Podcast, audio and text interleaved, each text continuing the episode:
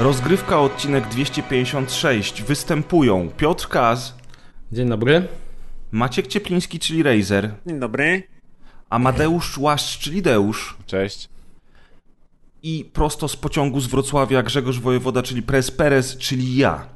I ponieważ jest to odcinek 256, to na rozgrzewkę Maciek ma dla nas bardzo ciekawy temat. Zanim zaczniesz, wytłumacz nam, Maćku, co takiego ważnego... Właśnie. o co chodzi. Co takiego ważnego jest w tym 256? I Słuchaczom i Kazowi, oczywiście. No przede wszystkim 256, no to kto ma wiedzieć, ten wie i tu w ogóle nie powinienem nic nikomu tłumaczyć. Bardzo ważna liczba, okrągła, okrągły odcinek y, mamy. Czekałem na niego już od dawna, muszę się wam przyznać. Y, Nawet kiedyś się zastanawiałem, czy to nie będzie mój ostatni odcinek rozgrywki. To Ale- 486. Ale raczej nie będzie. No kurde, 486 to też, no. Widzisz, to jeszcze kawał przed nami czasu. Raczej nie będzie, bo prawdziwa rozgrywka wróciła na własne tory, nie tak jak pociągi w Polsce. Ale to, To co nie będzie? wąskie tory? Czy... No nie A, będzie że ostatni odcinek. Dobra. No, no, no. W każdym razie, y, przygotowałem temat, yy, jako że się nam fajnie yy, rozmawiało na y, luźne tematy ostatnio, to przygotowałem na dzisiejszy specjalny odcinek specjalny temat, yy, o którym mi pisałem Mhm. wcześniej, ale Kaz dopiero przed chwilą się chyba dowiedział. Luźny temat. Yy, luźny temat pod tytułem Wasze pierwsze wspom- wspomnienia związane z yy, Z grami liczbą wideo. 256. Nie, z grami wideo, czyli co, jakby co, gdzie, kiedy pamiętacie, że mieliście jakiś y, pierwszy styk z grami, pierwszy raz je zobaczyliście, co, co to były za gry, dlaczego i jakie na was zrobiły wrażenia i co wam zostało z tamtych chwil, tamtych momentów. Te same gry, w które tylko grałem, bo nic lepszego nie wyszło. No a jakie to gry? To ja się, dobra, to ja się chwilę zastanowię, bo ja pierwszy słyszę temat, więc... Ciekawe, Ja mogę- że, że ja mogę- słyszy pierwszy raz ten temat, chociaż Maciek Zależy- o nim od zależy, miesiąca czy- mówi.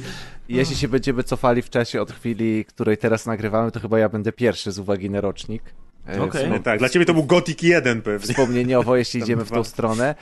I tak, nagrywamy, stronę, nagrywamy Deusz. 11 rok rozgrywkę, więc zdaje mi się, że kiedyś o tym opowiadałem, ale mamy też dużo nowych słuchaczy, ale moje pierwsze wspomnienia były takie, e, że z uwagi na to, że e, u mnie w rodzinie wujek się zajmował wujek się zajmował e, montażem jakby pierwszych stałych łącz na osiedlach w, w mieście.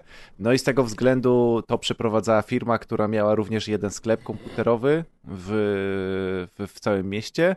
E, No i z tego względu gdzieś tam z jakichś tam używanych części dość wcześnie miałem komputer, czyli powiedzmy jak e, ja jestem urodzony w rocznik 9.2, to powiedzmy jak miałem ledwo co kojarzyłem, czyli miałem 3-4 lata, to już u mnie był w domu, e, to już u mnie w domu był komputer w połowie lat 90. z tego względu, w sensie pod, no, pod, no, w drugiej połowie lat 90., pod koniec lat 90.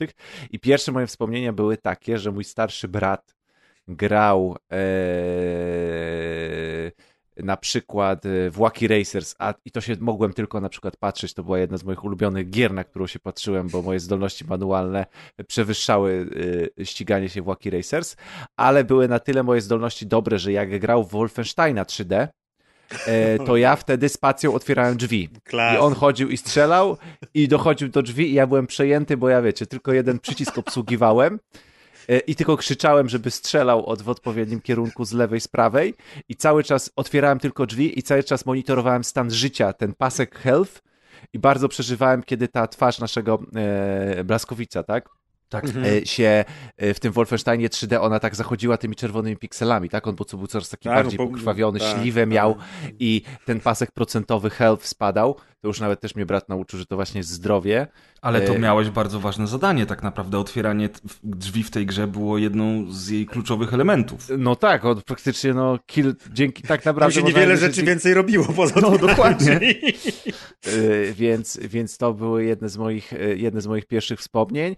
Y, Jeśli chodzi o, dodatkowo o konsolowe wspomnienia, to oczywiście Zaraz, ale czekaj, ale twój brat jest, nie jest młodszy od ciebie? starszy jest ode mnie. O trzy minuty. Starszy jest twój brat, ale ja, ja, ja myślałem, że on jest młodszy. A o ile jest starszy? O dwa lata. No to nie był dużo starszy jak on No grał, a nie, ty no, otwierałeś ja on drzwi. miał 6, a ja No miałem właśnie 4 i otwierałem drzwi. Dlatego wczoraj, jak opowiadałeś e, o tym, jak się z bratem za młodu kopaliście i szarpaliście, to mówiłeś z takim przejęciem właśnie młodszego brata, a nie starszego.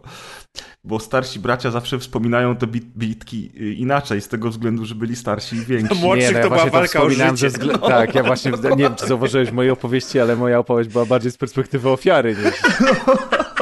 I coś mi się tutaj nie zgadzało właśnie, bo przecież poznaliśmy twojego brata na waszym weselu, znaczy twoim Gaby, bardziej a nie twoim i twojego brata. Kto bardziej wygląda? Byłem święcie przekonany, że twój brat jest y, y, młodszy. No, ja po pozdrawiamy. jak dziad. Yy, I w każdym razie to były takie, to są takie moje naprawdę, naprawdę wczesne w ogóle jakieś przebłyski wspomnień, a naprawdę byłem mały. Yy, I kolejne moje wspomnienia tutaj już z kolei konsolowe były takie, że no oczywiście jeśli Pegasusa yy, i gry kupowane na targu od Rosjan i Litwinów, ponieważ pochodzę z Mazur, więc u mnie Litwini również handlowali grami na targach, nazwiemy graniem konsolowym, to pamiętam o tyle o ile, że zawsze ten czas dzieliliśmy y, między mnie, brata i mamę, bo moja mama była namiętną graczką w Tetrisa. I zawsze marzyłem o tym, że kiedyś być takim dorosłym jak ona, bo ona po prostu tak grała w tego Tetrisa, że mi się wydawało, że to jest niemożliwe, że gra i że coś musi oszukiwać. I się tak zastanawiałem, czy, dorośli, czy dorosłość po prostu polega na tym, że się tak dobrze gra w Tetrisa i nie mogłem się doczekać, kiedy będę dorosły, żeby, żebym tak umiał grać w Tetrisa. No i nigdy się to nie zdarzyło w sumie, także... Jeszcze to przed tobą jest. Także, także to są takie moje dwa e, najbardziej e, wczesne wspomnienia, wspomnienia, e, tak, wspomnienia growe. No a potem to już, a potem to już się zaczęły, no to już była era, e, powiedzmy, czyli jak e, najlepszy rok w grach wideo, czyli 96 był, to ja miałem 4 lata, więc później jak już były wszystkie gry 3D i tak dalej, to już późne dzieciństwo i wczesne nastolenstwo to już to już były te wszystkie platformówki i, i szeroko dostępne, spiracone y, gry z, z PS2 i tak dalej, i tak dalej, więc to już wszystkie, wszystkie bardziej nowoczesne tytuły y, wpłynęły na, na, na, moje wczesne, na moje wczesne granie. Kurde, to powinieneś być fanem FPS-ów albo fanem gier, gdzie się dużo drzwi otwiera. No ale jak miał 4 lata w 96 roku? No to Wolfenstein. Znaczy Wolfenstein to już Doom, nie? No ale wiesz, jak kiedyś to w było, to się grało w gry... w a- 96 Nie no, Wolfenstein jest z 92, to jest mój... W Tak, 96 roku był Duke Nukem i był Quake już, tylko że po prostu czterolatek raczej lata nie wtedy, grał w no. to wtedy, więc A ciężko. jak nie grał? No, mógł Tak. grać. Mógł grać, no. Zresztą, Tak, nie, no ja- Ja to był grał od Zresztą 18 lat, to miał też- 4. No, Wiecie, ale teraz- wtedy to się nie liczyło, bo inaczej Zauważcie też, grafika że, że też my teraz sprawdzamy tak naprawdę, kiedy dane gry wyszły, ale kiedyś było tak, że zagrywałeś się w tytuł, pierwszy raz kładłeś ręce na tytuł, który na przykład, nie wiem, 4 lata temu miał premierę na przykład. Nawet nie było- wiedziałeś. Poczekaj, poczekaj, Kas, ty powiedziałeś, że wtedy było inaczej, bo inaczej wyglądała grafika, ale Oczywiście. pamiętasz jak wyglądał Duke Nukem albo Quake? No, To nie co- były gry dla dzieci. No ale Mortal Kombat sobie przypomniał, jak wyglądało, a mi się zawsze kojarzy, że to jest gra dla dzieci. I to, Aha, był bardzo roku- dorosły w jak 96 roku. Jak Mortal Nie, to w Kombat którym wyszedł, roku był Mortal pierwszy? w 92? 92 chyba. No to ja już Jak- chyba wtedy grałem, to miałem 5. I Kas mówił, Mortal ale Kombat- dla dzieci te gry, ten Mortal Kombat. Jak wyszedł Mortal Kombat, to świat jak po raz Tygrysia pierwszy Maszka w telewizji leciała, spojrzał no. w stronę gier komputerowych na poważnie, bo ten, ta gra wywołała taki ogromny skandal. Przecież te postacie w grze U mnie nie były... było skandalu, babcia siedziała obok, jak grałem i co? No i I zobacz, babciu mówiła, dla dzieci te gry, a Kas przytakował, zobacz- dla dzieci, dla dzieci. zobacz jak wyrosłeś, Kaz. No i zobacz. Bardzo fajnie. Całkiem spory jest. Kawał chłopa. Kawał chłopa, dokładnie. I mleka wcale nie pił i wszystko Pił, poszło pił. dobrze. Dobra, Piotrek, to teraz ty opowiadaj w kolejności No właśnie, od bo tak, tyłu. tak myślałem też, że w tej kolejności. Yy, Okej, to Na rozgrywce od tyłu, wiadomo. no wiadomo. Zawsze najlepiej. No w każdym razie y, u mnie to, mm, jak sobie tak wspominam, to są takie trzy y, wspomnienia związane z grami y, z dzieciństwa. Takie najbardziej teraz klarowne. To przede wszystkim, jeżeli chodzi o pierwszą platformę, jaką pamiętam, że grałem, chociaż nie wiem, czy to była pierwsza platforma, zawsze mi się to kojarzyło z Pegasusem, z tym pierwszym Pegasusem, czyli z takim, który wyglądał zupełnie jak Famicom, miał ten sam kolor i miał wbudowane gry Y, to jest, nie było Cartridge 168, tylko on miał wbudowane gry i wydaje mi się też, że te pady też były wbudowane. Podobnie jak w Famicomie, chociaż nie pamiętam, czy to jest prawda w 100%, ale pewnie można sprawdzić gdzieś na necie. E, no i oczywiście te wszystkie klasyki, czyli od Mario po Contrę. No chyba właśnie najbardziej Contrę wspominam, bo to była gra, w którą we dwójkę, oczywiście na większej liczbie żyć, dało radę przejść i najczęściej chyba w nią grałem. E, jeszcze była taka giereczka, zapomniałem chyba od Namco, gdzie taką myszą policjantem się biegało i się uciekało przed kotami. I ma jakąś nazwę, jest nawet dostępna dzisiaj, można sobie na Switchu pograć, jest taka seria chyba Namco Museum i tam jest ta gra, ale no teraz zapomniałem nazwy. Papa i pamiętam był, no dużo Donkey Kong był, było dużo tych gier. E, te rzeczy pamiętam, ale mi się też nakładają wspomnienia właśnie z czasów pierwszego Pegasusa i Amigi. To są takie moje drugie wspomnienia i w oba, na obu sprzętach jakby graliśmy z moim wujkiem, który ode mnie jest starszy nie tak dużo, bo 9 lat, więc to tak bardziej jak brat, zresztą mieszkaliśmy w tym samym miejscu. No i on jakby mnie wprowadzał w ten świat gier. Jeżeli chodzi o Amigę, to pamiętam bardzo dobrze sesję na przykład w taką grę, którą później bardzo długo szukałem, nie mogłem jej znaleźć, ale udało się. No bo dawniej wiecie, że jeszcze tak 20 lat temu, 15 lat temu, no to wyszukiwanie y, pewnych gier w Google'ach nie było wcale takie proste, jak jest dzisiaj. A chodziło o tytuł, który nie był tak znany. Best of the Best. Czyli chyba to było nawet na podstawie tego filmu e, o karatekach. I rzeczywiście ta gra polegała na no, okładaniu się na ringu. A, no tak. E, kickboxing chyba, czy karate, już nie pamiętam co to było. No i takie światełka. Pamiętam zawsze, że te światełka się paliły w przypadku uderzenia w postać. Zawsze taki fajny klimat był, bo tak jakby w ciemności na niebiesko skąpane tła i światła, neony się zapalały, jeżeli uderzenie było właściwe. E, pamiętam bardzo dobrze ten tytuł. E, bardzo dobrze wspominam też Walkera. Walker to jest taka w ogóle gra, którą też bardzo długo męczyłem. Opowiadałeś była... nawet o niej kiedyś na odcinku tak. specjalnym. Mhm. I jeszcze pamiętam jeden tytuł tak mocno, y, Apidia. Apidia to też była świetna gra, w którą bardzo długo się zagrywałem. O pszczole, która latała w prawo i strzelała. O tym też opowiadałem. Działka oczywiście miała mangowy klimat, więc to, to, już był mangowy klimat dla mnie znany, co to jest manga, co, znaczy co to jest anime, bo niektórzy twierdzą, że dowiedzieli się, co, że anime jest z Japonii, tam nie wiem, w roku 2000, bo kiedyś to nikt nie mówił. No nieprawda, no mówi, mówiono, ja wiedziałem wtedy, że wiedział, w 95, że te kreskówki na Polonii 1 to, to jest z Japonii. To nie pamiętam, czy to podawali, czy co, ale wiem, że Mimo, że po włosku o tym mówili, przekonany. Ja, Oczywiście, po mimo, że po włosku. Widziałem, widzę, że w tej Apidii to się z Kretem nawet walczyło. No tam cudowna gra, cudowna gra i o właśnie. Ja też dzisiaj walczyłem z Kretem biegnąc z pociągu. No. I on wygrał. Nie, na szczęście nie. W, w każdym razie... Dzisiaj to ja byłem pszczołą. Ty nakłuwałeś. Ale w każdym razie, jeszcze takie dwie gry, co pamiętam, ale to na tej zasadzie, że to nie ja w nie grałem, albo jeżeli ja grałem, to raczej rzadziej, ale właśnie ten wujek grał, to jest zawsze taki idealny motyw, to trochę jak Deusz opowiadał z bratem, bo tutaj też na podobnej zasadzie było. E, on się zagrywał, a ja patrzyłem jak on gra i to było zawsze takie dziwne, bo później jak już się wyprowadziłem w inne miejsce, to często przychodziłem do niego, żeby patrzeć jak on gra. Dalej czyli taki Twitch, czyli kiedyś byłeś fanem tak. Twitcha po prostu. E, tak, taki Twitch bez, bez offline. Twitch Ka kanapowy offline. Twitch. Tak, no. ale czasem, ale tutaj jednak brałem udział trochę, e, dlatego że na, pamiętam te dwie gry, gdzie akurat za dużo nie brałem udziału, to była Cywilizacja, pierwsza cywilizacja. A, to ciężko brać udział w cywilizacji, bo to taka gra tak. mało ekscytująca. Settlersy to jest druga. I jeszcze pamiętam Indiana Jonesa mocno, tę przygodówkę na Amigę. Oczywiście tam Mortal Kombat, a przy zapomniałem o jeszcze jednej grze, mojej takiej, jednej z ulubionych, Street Fighterze. Nie pamiętam, która wersja, tylko pamiętam, że nazywałem to Blanka, bo nie umiałem, nie, umie, nie umiałem wtedy czytać, więc dla mnie była Blanka. Pamiętam, że była Blanka, pamiętam, że był film, mi się podobał. Bo nie zrobić remake, ale, ale skąd wiedziałeś, y, że jedna z postaci nazywa się Blanka. Ja nie wiem, nie wiem skąd wiedziałem. Czytać. Prawdopodobnie wujek mi wujek powiedział, Blankę masz, Blankę. No to Blanką. Cały czas na to mówiłem Blanka. Do dzisiaj grasz Blanką. Kasa, widziałeś jak pokazywali Blanka ale nie 6 lubię... teraz na tych? Ale... no, na evencie Blanka Najlepsze jest to, że ja za bardzo nie lubię grać Blanką. ale ale wtedy pamiętam, że to była Blanka i byłem tak mega, bo to wszystko tak mi się kojarzyło właśnie z tą animacją japońską. Te no. ruchy postaci to była rewelacja, że zawsze ceniłem bardziej te biatykę niż Mortal Kombat. Franco oczywiście, no takie, no dużo było tych tytułów na Amigę. A jeszcze taki, czyli Amiga i Pegasus to się tak przenikało. Pamiętam, że w ogóle nie miałem do czynienia kompletnie z tytułami na na przykład Super Nintendo, czy z tytułami na y, Mega Drive'a.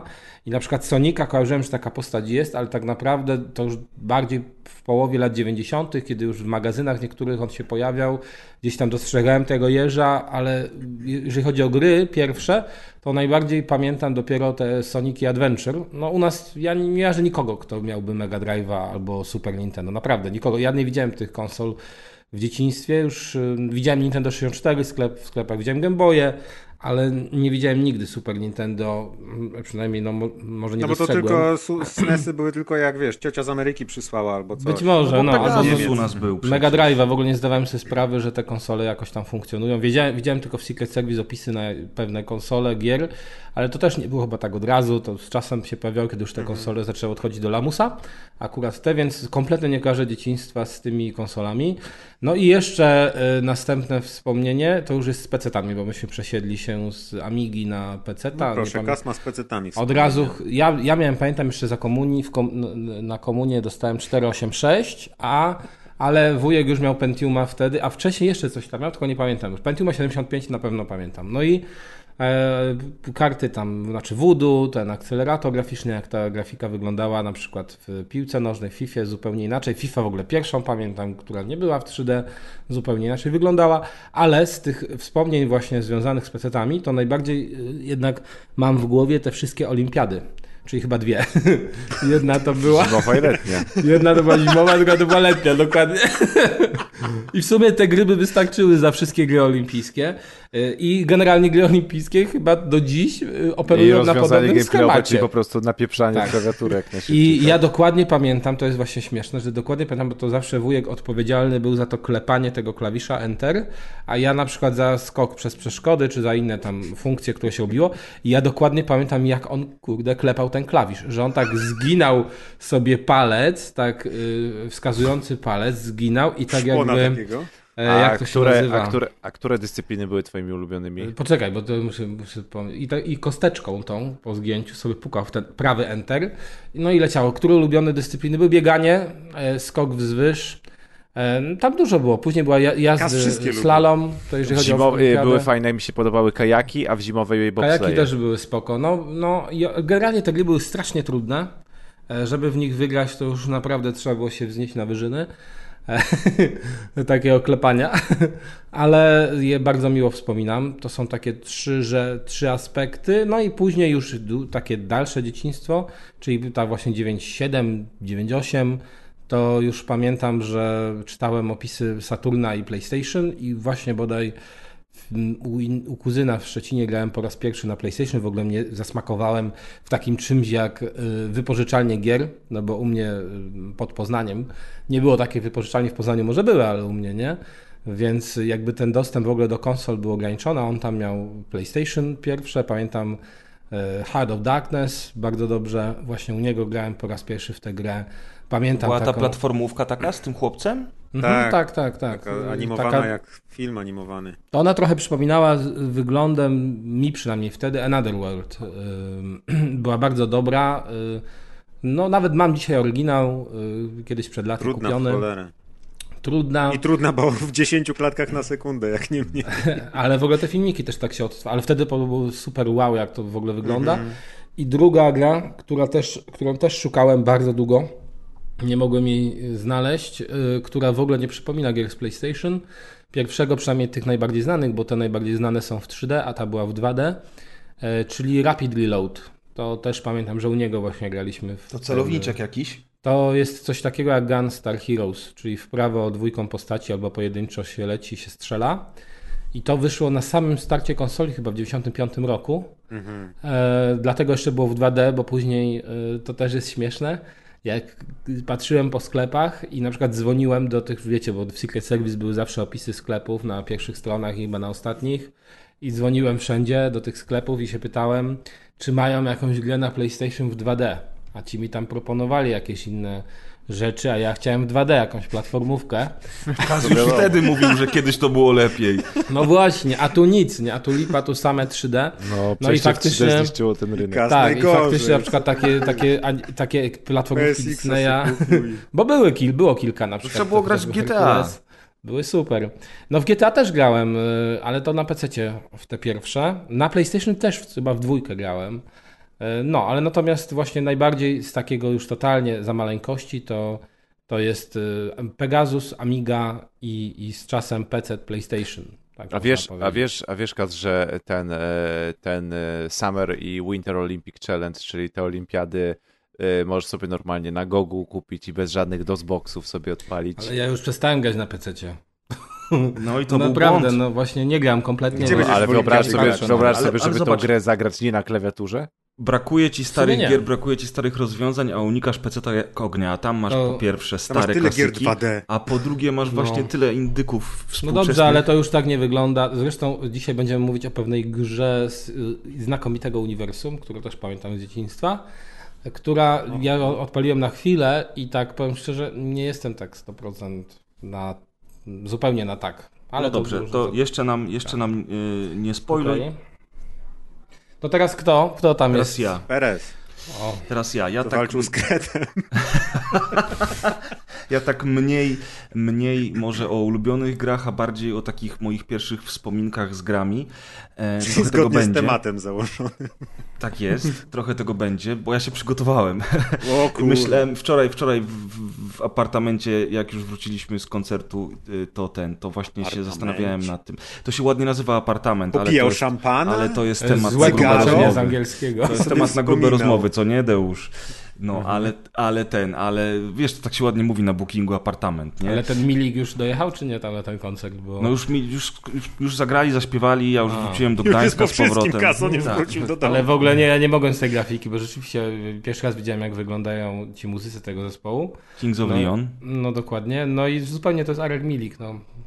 100%, to jest jak skóra zdjęta. Nie wiem, Bo czy to pewnie tak jest. nie? Nie wiem. Te Możliwe, horrory, dorabia. zdejmują i... Możliwe, że dorabia, nie? Wiesz, no. nigdy nie wiadomo. No dobra, w każdym razie tak. Moje pierwsze wspomnienie w ogóle z grami i to jest ciekawe, moją pierwszą platformą do grania była konsola i to Badminton. oryginalna, blisko jesteś, oryginalna konsola Pong, którą moje kuzynostwo sprezentowało nam, jak już się znudziło graniem i przywieźli nam z Niemiec Ponga, w którego graliśmy z bratem. Pamiętam właśnie czarną konsolę podłączaną jeszcze do czarno-białego Mogę ci tylko telewizora. przerwać sekundę, bo zawsze jak słyszę takie wspomnienia właśnie ludzi o tych dawnych grach, to zawsze ktoś miał brata w Niemczech, ciocię w Ameryce, wujka w Austrii. Mhm. No kurczę, ja nie miałem. Trzeba się było dobrze urodzić, no, No właśnie. No.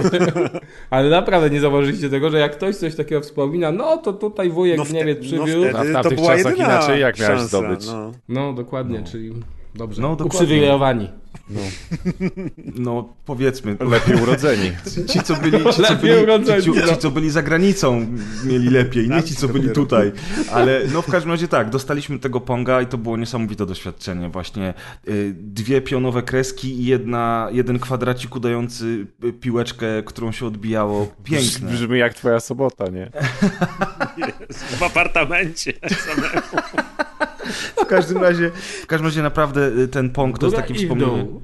wspomnienie, które zostanie ze mną e, już na A zawsze. to był ten pok z tymi kontrolerami, tymi takimi jak E, potencjometr? gałkami. Tak jest, z tymi, o, z tymi kręconymi góra-dół się No i- kręciło lewo-prawo. Ile ty mogłeś mieć lat wtedy? Nie mam pojęcia, stary, naprawdę. Ale byłem gówniarzem. Ale wiesz, jak im się znudziło, to nie mogli to przywieźć w Przed 92. studiami jeszcze.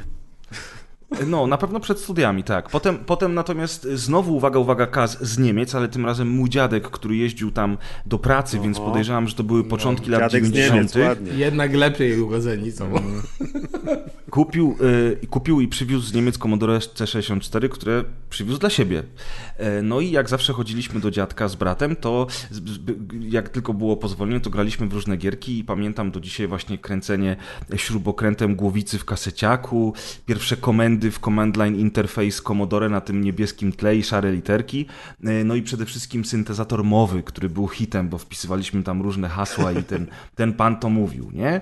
Ale z gier to pamiętam na pewno właśnie nie pamiętam takich typowych, klasycznych gier Commodore C64, które pewnie wam przychodzą do głowy, natomiast pamiętam grę Aliens, która wtedy była taka no dosyć toporna i kwadratowa, ale jednak była trudna, wymagająca i lekko straszna, zwłaszcza dla dzieciaków, a myśmy nie znali filmu wtedy, więc, więc, więc pamiętam, że to było takie dosyć ekscytujące doświadczenie. Jakie są grafiki w tych Aliensach? Dosyć realistyczne i brutalne, nawet rozerwany Bishop jest. Tak jest, tak jest. No i druga gra, którą pamiętam doskonale, to był Michael Jackson z Moonwalker, którego zresztą miałem oryginał, czy ja miałem, czy dziadek miał w takim fajnym, dużym pudełku. E, no bo wtedy też te kasety Commodore to się piraciło, na kaseciaku się przegrywało od sąsiada i tak dalej, ale Moonwalker był oryginalny i pamiętam tę grę do dzisiaj, bo tam każda misja była inna. I tu się ścigało e, na motocyklu w tym stroju tam osła bodajże, bo to chyba był osioł, nie wiem czy pamiętacie w ogóle film Moonwalker z Michaelem mm. Jacksonem. Tu się gdzieś tam walczyło, biegało po mieście, uciekało przed tymi grubasami, fotoreporterami. Naprawdę pamiętam to jak dziś. E, aż bym chętnie w to znowu zagrał. Jestem ciekaw, czy ta gra byłaby dzisiaj tak samo wymagająca, jak była dla mnie wtedy. No i potem oczywiście są już czasy e, Pegasusa, gdzie raczej grywałem w tego Pegasusa u kogoś. E, myśmy mieli Pegasusa dosyć późno, ale gdzieś w międzyczasie, już nie pamiętam dokładnie kiedy, pojawił się u nas w domu e, stary PC z, czarno, z czarno-zielonym monitorem. Kto miał, ten wie. Jeszcze te duże dyskietki, nie pamiętam ile one miały cali, ale to były te większe dyskietki. No i z tamtych czasów pamiętam doskonale dwie gry, a mianowicie Wings of Fury, i Prince of Persia oczywiście. Zresztą o Prince of Persia dzisiaj pa parę słów opowiemy z Maćkiem przy okazji omawiania Pixel Heaven. E, natomiast właśnie z tamtych czasów pamiętam, mm, pamiętam ten zielono-czarny monitor i tego księcia Persji najbardziej, plus właśnie samolot z Wings of Fury. W międzyczasie było tak, że Mój tata pracował w salonie meblowym, gdzie był projektantem e, wnętrz, przede wszystkim kuchni i to były lata 90. Tutaj uwaga, uwaga, Deusz, nawiązania do pana Tarczyńskiego i do początków biznesu lat 90. Jak pan Tarczyński tworzył swoją wędliniarską fortunę, to normalni przedsiębiorcy e, musieli sobie jakoś radzić i e, byli tacy państwo, pani Jowita i pan Jerzy i oni mieli wynajęty we Wrzeszczu takie duże dwa pomieszczenia, w zasadzie trzy i w pierwszym była część pana Jerzego, a w drugim była część pani Jowity, która właśnie prowadziła ten salon mebli kuchennych, gdzie pracował mój tata. A pan Jerzy miał sklep, w którym sprzedawał y, oryginalne gry komputerowe, co wtedy był, wcale nie było takie proste. Wiecie, te wielkie pudła fajne, piękne, które tak ładnie wyglądały na półce. Y, bitewniaki, karty do Magica, a jednocześnie prowadził też na zapleczu serwis komputerowy, gdzie naprawiali komputery. Więc lata 90. mali przedsiębiorcy próbujący układać sobie życie. No i właśnie y, spotkania towarzyskie typu śledzik albo imieniny kogoś, na które moi rodzice byli oczywiście zapraszani. Właśnie w tamtym lokalu odbywały się te imprezy, a ponieważ my byliśmy kajtami, to rodzice zabierali nas ze sobą i wtedy pan Jerzy sadzał mnie i mojego brata na zapleczu z tymi komputerami, co było niesamowite samo w sobie, bo tam były komputery pod sufit, y, pod zespoły, dyskietki. Pamiętam, że pierwszy raz widziałem komputer, który nie jest w obudowie, tylko wszystkie podzespoły leżą na stole, są podłączone i on wciska guziki i, komputer zaczyna działać. Ja mam takie, co? Jak to jest możliwe? Przecież ten komputer nie ma obudowy! wiesz, no po prostu coś pięknego. I wtedy pamiętam, że odpalali nam Duma albo e, The Three Vikings e, i siedzieliśmy sobie tam na tym zapleczu w tym takim wyjątkowym, naprawdę wyjątkowym miejscu dla dzieciaka. To było po prostu piękne przeżycie i graliśmy w, e, w, w The Lost Vikings. No a później gdzieś tam e, pojawił się już taki mocny PC w domu i, i Dimitr z Moskwy, który przywoził pirackie e, płyty CD z grami i z muzyką na rynek we Wrzeszczu e, i, i, pamiętam, że wtedy to był właśnie tak 96, 97, bo pamiętam doskonale Diablo, Dungeon Keepera i Tomb Raidera. Pamiętam, jak dzisiaj po prostu pamiętam te trzy gry, bo wiecie, te pirackie wersje były sprzedawane tak, że mieliście booklet, czyli książeczkę jakby, nie, okładkę i płytę, ale nie było plastikowego pudełka, czyli przynosiło się do domu taką płaską, y, płaską rzecz i w środku był ten CD-ROM, a pudełko trzeba było sobie kupić samemu i potem ten buklet wsadzić do środka. No i No i pamiętam jak dziś właśnie te trzy gry i to zagrywanie się wieczorami, kiedy już byłem na tyle duży, że rodzice pozwalali mi po prostu sobie odpalić, zainstalować, zagrać samemu. Zagrywanie się przede wszystkim chyba w Tomb Raider. E, oczywiście Dungeon Keeper i Diablo też, ale Tomb Raider chyba najbardziej zapadł mi w pamięć. No i potem reszta to już historia. Reszta to już historia i boomer shootery. A tak z ciekawości, no bo właśnie wspomniałeś o tych zakupach, no to pamiętacie, gdzie kupowaliście gry? Ale W tamtych czasach, ale właśnie no, gdzie na rynku? Bo ja pamiętam takie dwa miejsca w Poznaniu, No, gdzie można na było rynku dostać. wełku, ale myślę, że nie ma ani jednego słuchacza, który wie, gdzie jest rynek wełku. No nie wiem, zdziwiłbyś się. No, na Ja pewno jakiś Tam Tak. byli, tam byli panowie z Litwy i to, były, i to były stanowiska między tak. e, Na początek wchodziłeś i tak, były patelnie, jeansy, e, litewska wódka bez banderoli, e, papierosy litewskie, no i takie straganiki z grami. Także ty- mniej, więcej, mniej więcej to była tak, tak, taki była rozkład alejki i tu uprzedzając, że czemu akurat gry przy papierosach i wódce, każda alejka rozpoczynała się papierosami i wódką, także to było najczęściej występujące stanowisko, które było zarówno przy meblach, yy, tak No zwanych holenderskich, Na przy wschodzie tam jeansach, przy bluzkach, oczywiście przy okularach po 10 zł przeciwsłonecznych.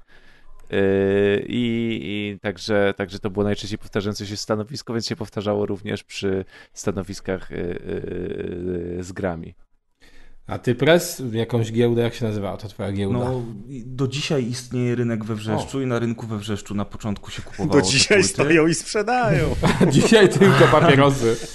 A, a, a, a Dimitr stał zawsze po drugiej stronie ulicy w parku. Znaczy na początku nie, ale później już tak, bo Dimitr miał Parku? więcej towaru, lepsze ceny i, e, i te polskie pseudogangusy lat 90. e, go przeganiały. E, no, no i generalnie rzecz biorąc, to, to w tamtym rejonie wszystko się kupowało. No plus ja tak jak mówiłem, na przykład był sklep pana Jerzego, gdzie były oryginalne gry i tam można było dostać, to był jeden z pierwszych sklepów, gdzie można było w ogóle dostać gry, a potem drugi sklep z grami otworzył się też we Wrzeszczu na ulicy Grunwaldzkiej e, była księgarnia e, i e, jakby księgarnia była tak podzielona, że na- z przodu była księgarnia, a z tyłu było takie małe zaplecze, gdzie był sklepik z grami komputerowymi. I a propos, jak już mówimy, to przypomniała mi się jedna rzecz, to jest ciekawa historia. Mój brat bardzo ją lubi.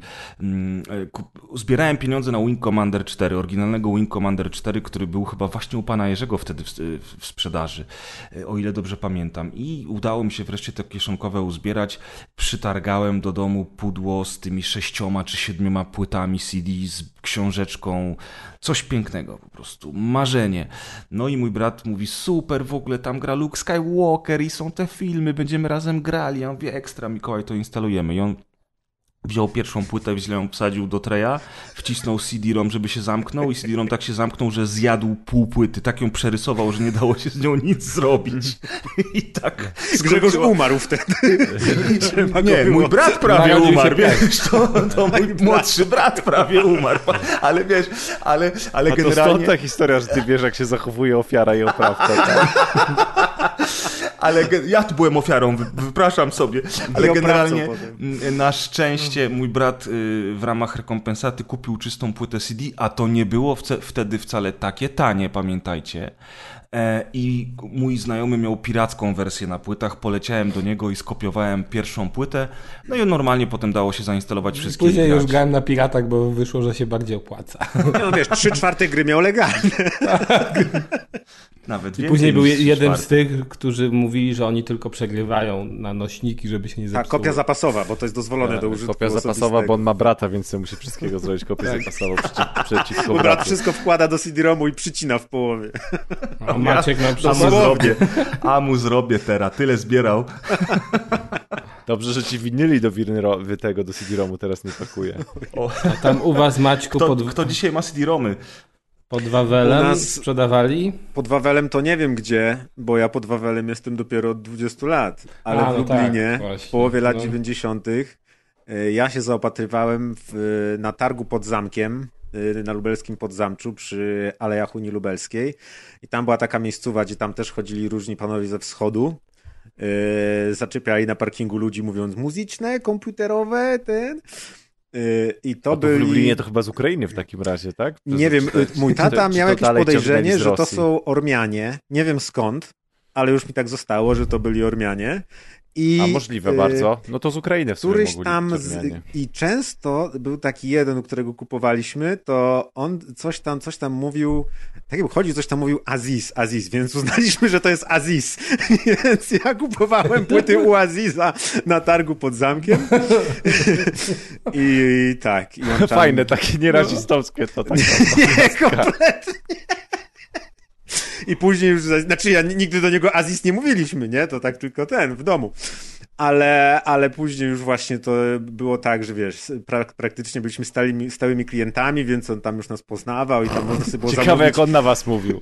Ale w ogóle to, że Maciek tak mówił w domu, to w ogóle nie jest rasistowskie. Nie, Bo nie, nie wychodził z tym na zewnątrz. To były lata 90. w Polsce. Nie, jeszcze- nie istniał rasizm w latach 90. Tak, tak. Dokładnie. I prawa e, autorskie tak samo nie istnieją. Makumba sobie biegał i szukał Tak. Heleny. O, dokładnie. Mhm, Więc tak, więc tam wtedy można było też dokładnie między meblami i, i innymi rzeczami, papierosami kupować. Byli specjaliści, którzy mieli tylko muzykę. Aziz akurat miał właśnie gry komputerowe, ktoś tam miał na, na, na, PlayStation pewnie jakieś płyty, tak, tak.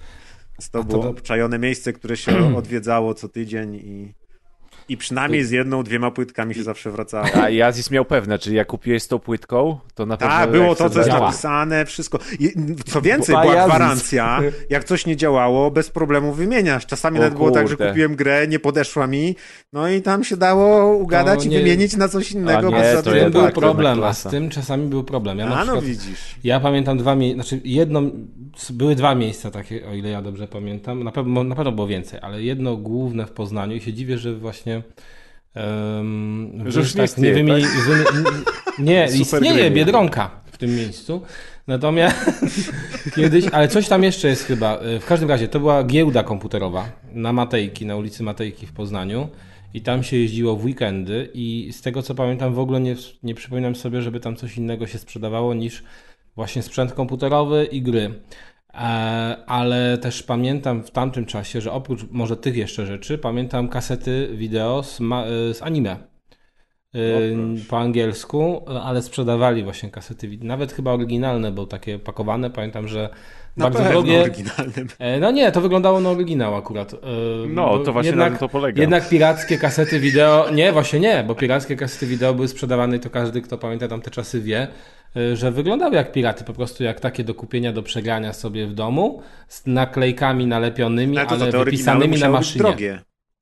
No mówię, były bardzo drogie, dlatego ja nigdy sobie A, nie kupiłem okej. tej y, kasety z anime, bo się szło zawsze do pana, który przegrywał y, jakieś gry na dyskietki. E, To jest takie jedno, mm, jedno miejsce zaopatrywania się w Poznaniu, a później, już bardziej później, bo nie pamiętam, że to w tych, w tych samych czasach było, bardziej mi się kojarzy, że to jednak troszeczkę minęło. E, To był taki, e, takie targowisko właśnie w Poznaniu najbardziej znane, Bema. E, Dawna chyba nazwa tej ulicy to była Bema i stąd było targowisko Bema. I wszyscy szli na Bema, jak na przykład na PlayStation chcieli kupić gry, czy właśnie chcieli kupić jakieś płyty CD z muzyką i tak dalej. I ciuchy, jak chciałeś kupić, tam papierosy, to wszystko tam było i tam rzeczywiście też e, zdarzali się bracia ze wschodu, ale na giełdzie komputerowej nie, nie pamiętam takich akcji, że bracia ze wschodu sprzedawali. Natomiast na Bema to było powszechne, ale właśnie to mnie tak teraz przypomniało mi się, przypomniały mi się dwie sytuacje właśnie z tego Bema. To już czasy PlayStation pierwszego i kiedy byłem e, kupić sobie jakieś płytki i pamiętam, że panowie policjanci zaczęli, bo to było jakoś rano, byłem z mamą, mama jechała gdzieś tam e, no, do pracy i z nią się zabrałem. No i oczywiście pierwszy, to pierwsze miejsce, gdzie chciałem pójść, to nie do kina czy nie do McDonalda, tylko na Bema, żeby, żeby sobie jakieś giereczki nabyć. No i e, pamiętam, że zaskoczyli nas panowie policjanci. W trakcie transakcji. E, no właśnie nie, podchodziłem coś kupić, oglądałem, oglądałem sobie płytki, bo gość wystawiał, to było I wcześniej. nagle rano. na glebie się znajdujesz, nie? No właśnie i teraz, i teraz już, wiesz, ja wiedziałem, że jeszcze byłem mały, ale pamiętam, że wiedziałem, że nic złego nie zrobiłem, ale bo nic nie kupiłem. Tylko sobie oglądam. No i pan policjant podchodzi i tak mówi, co on zrobi? Czy tego gościa tu złapie, czy nie tego, co sprzedaje? Akurat Polak sprzedawał. No ale pan policjant tylko podszedł, wskazał na chyba pięć tytułów palcem, dostał te pięć tytułów i poszedł, A, poszedł dokładnie. dalej. Więc to tak wyglądało. Y, Kolejna taka y, śmieszna sytuacja, y, znaczy dwie jeszcze były. Jedna śmieszna sytuacja była taka, że właśnie to z tą wymianą gier. To nie zawsze było takie fajne i przyjemne, bo pamiętam, że poszedłem do pana i powiedziałem mu, że ja chcę wymienić tę grę. I co to było wtedy?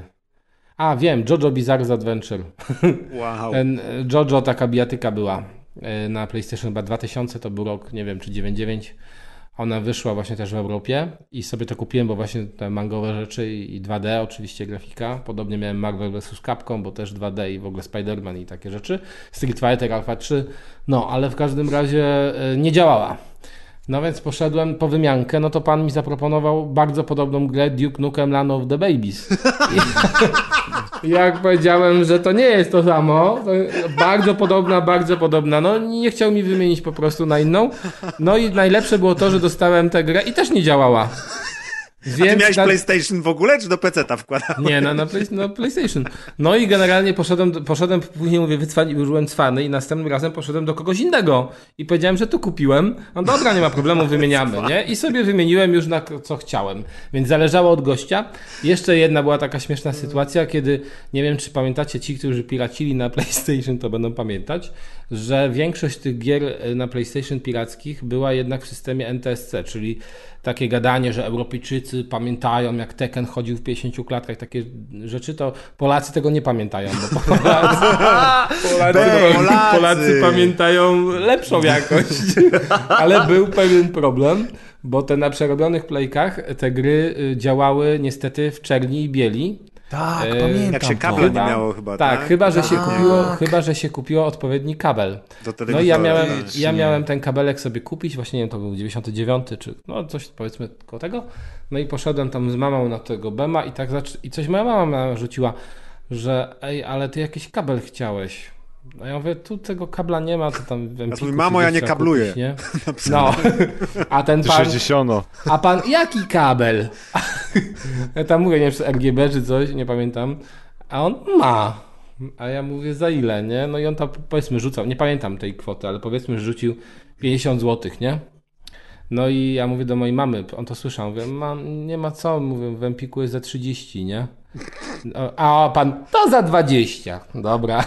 Kaz był, widzę, wymiataczem bazarowym. Poznań represent. tak jest. Tak, tak się odróżniało później, czy Adidasa kupiłeś oryginalnego, czy nie po metce, także takie sprawy się wiedziało. Dywan OG też. Kaz. No, no więc y, takie wspomnienia, te dwa targowiska. Oczywiście, jeżeli chodzi o oryginały, to ja nie pamiętam takich. Są w Poznaniu jeszcze dwa takie sklepy stare. Jak chodzi o oryginały, to ja nie pamiętam. Można by, znaczy, bo nie, ja tam nie kupowałem, bo jakby pamiętam, że jeżeli chodzi o oryginały, to ja najczęściej zamawiałem sobie przez e, telefon, no bo wtedy nie internet, tylko przez telefon, właśnie z tych magazynów growych, z oferty i jakie to było drogie. Boże, ja pamiętam, że zamawiałem przykład Lwa Leona na peceta i jako dzieciak, dzień dobry, poproszę Lwa Leona i później mama musiała, oni oddzwaniali po paru godzinach i mama musiała potwierdzić, że synek tak, tak, zamawia Lwa Leona, nie? Żeby oni nie wysłali bez sensu, bo wtedy koszt wysyłki byłby, a dziecko nie może zamawiać samo. I przyszedł ten fajny Lew Leon właśnie w tym dużym big boxie z otwieraną taką wkładką na początku, także jak książkę się to otwierało. No i niestety później jakoś, nie wiem dlaczego te wszystkie pecetowe pudełka chyba szlak trafił, pewnie wylądowały w piecu, bo nie mam, nie mogę ich zlokalizować.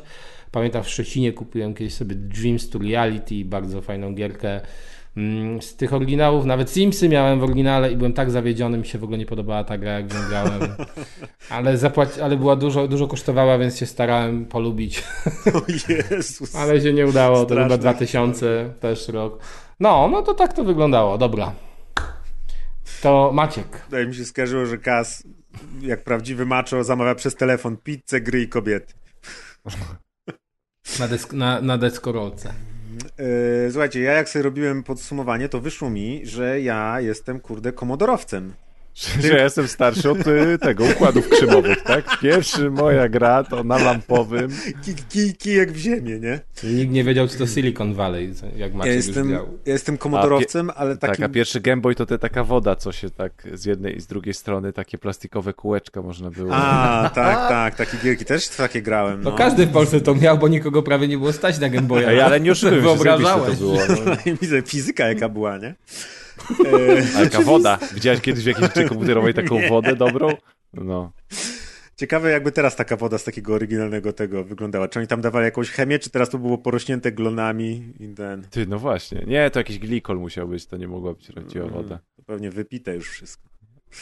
Y, No, jestem, jestem komodorowcem, ale takim byłem przyszywanym komodorowcem, bo zawsze chodziłem y, do kolegów na komodora i tak jak sobie patrzyłem, to trzech moich kolegów Patrz, miało Kas, właśnie kolejny, komodora. który miał Ale- i, jakiś kolegów miał z Commodore, nie? A ty No nie ale czyli tak, żadnego ale to kolegi. tak już od razu wiedzia, wiadomo było, że jest, będzie z Krakowa, że nie, że się przyprowadzi do Krakowa, bo tak już no, skąpił i chodził do kolegów. No, no. I to były lata, jak teraz sobie tak patrzę, to gdzieś tak między 89 a 93.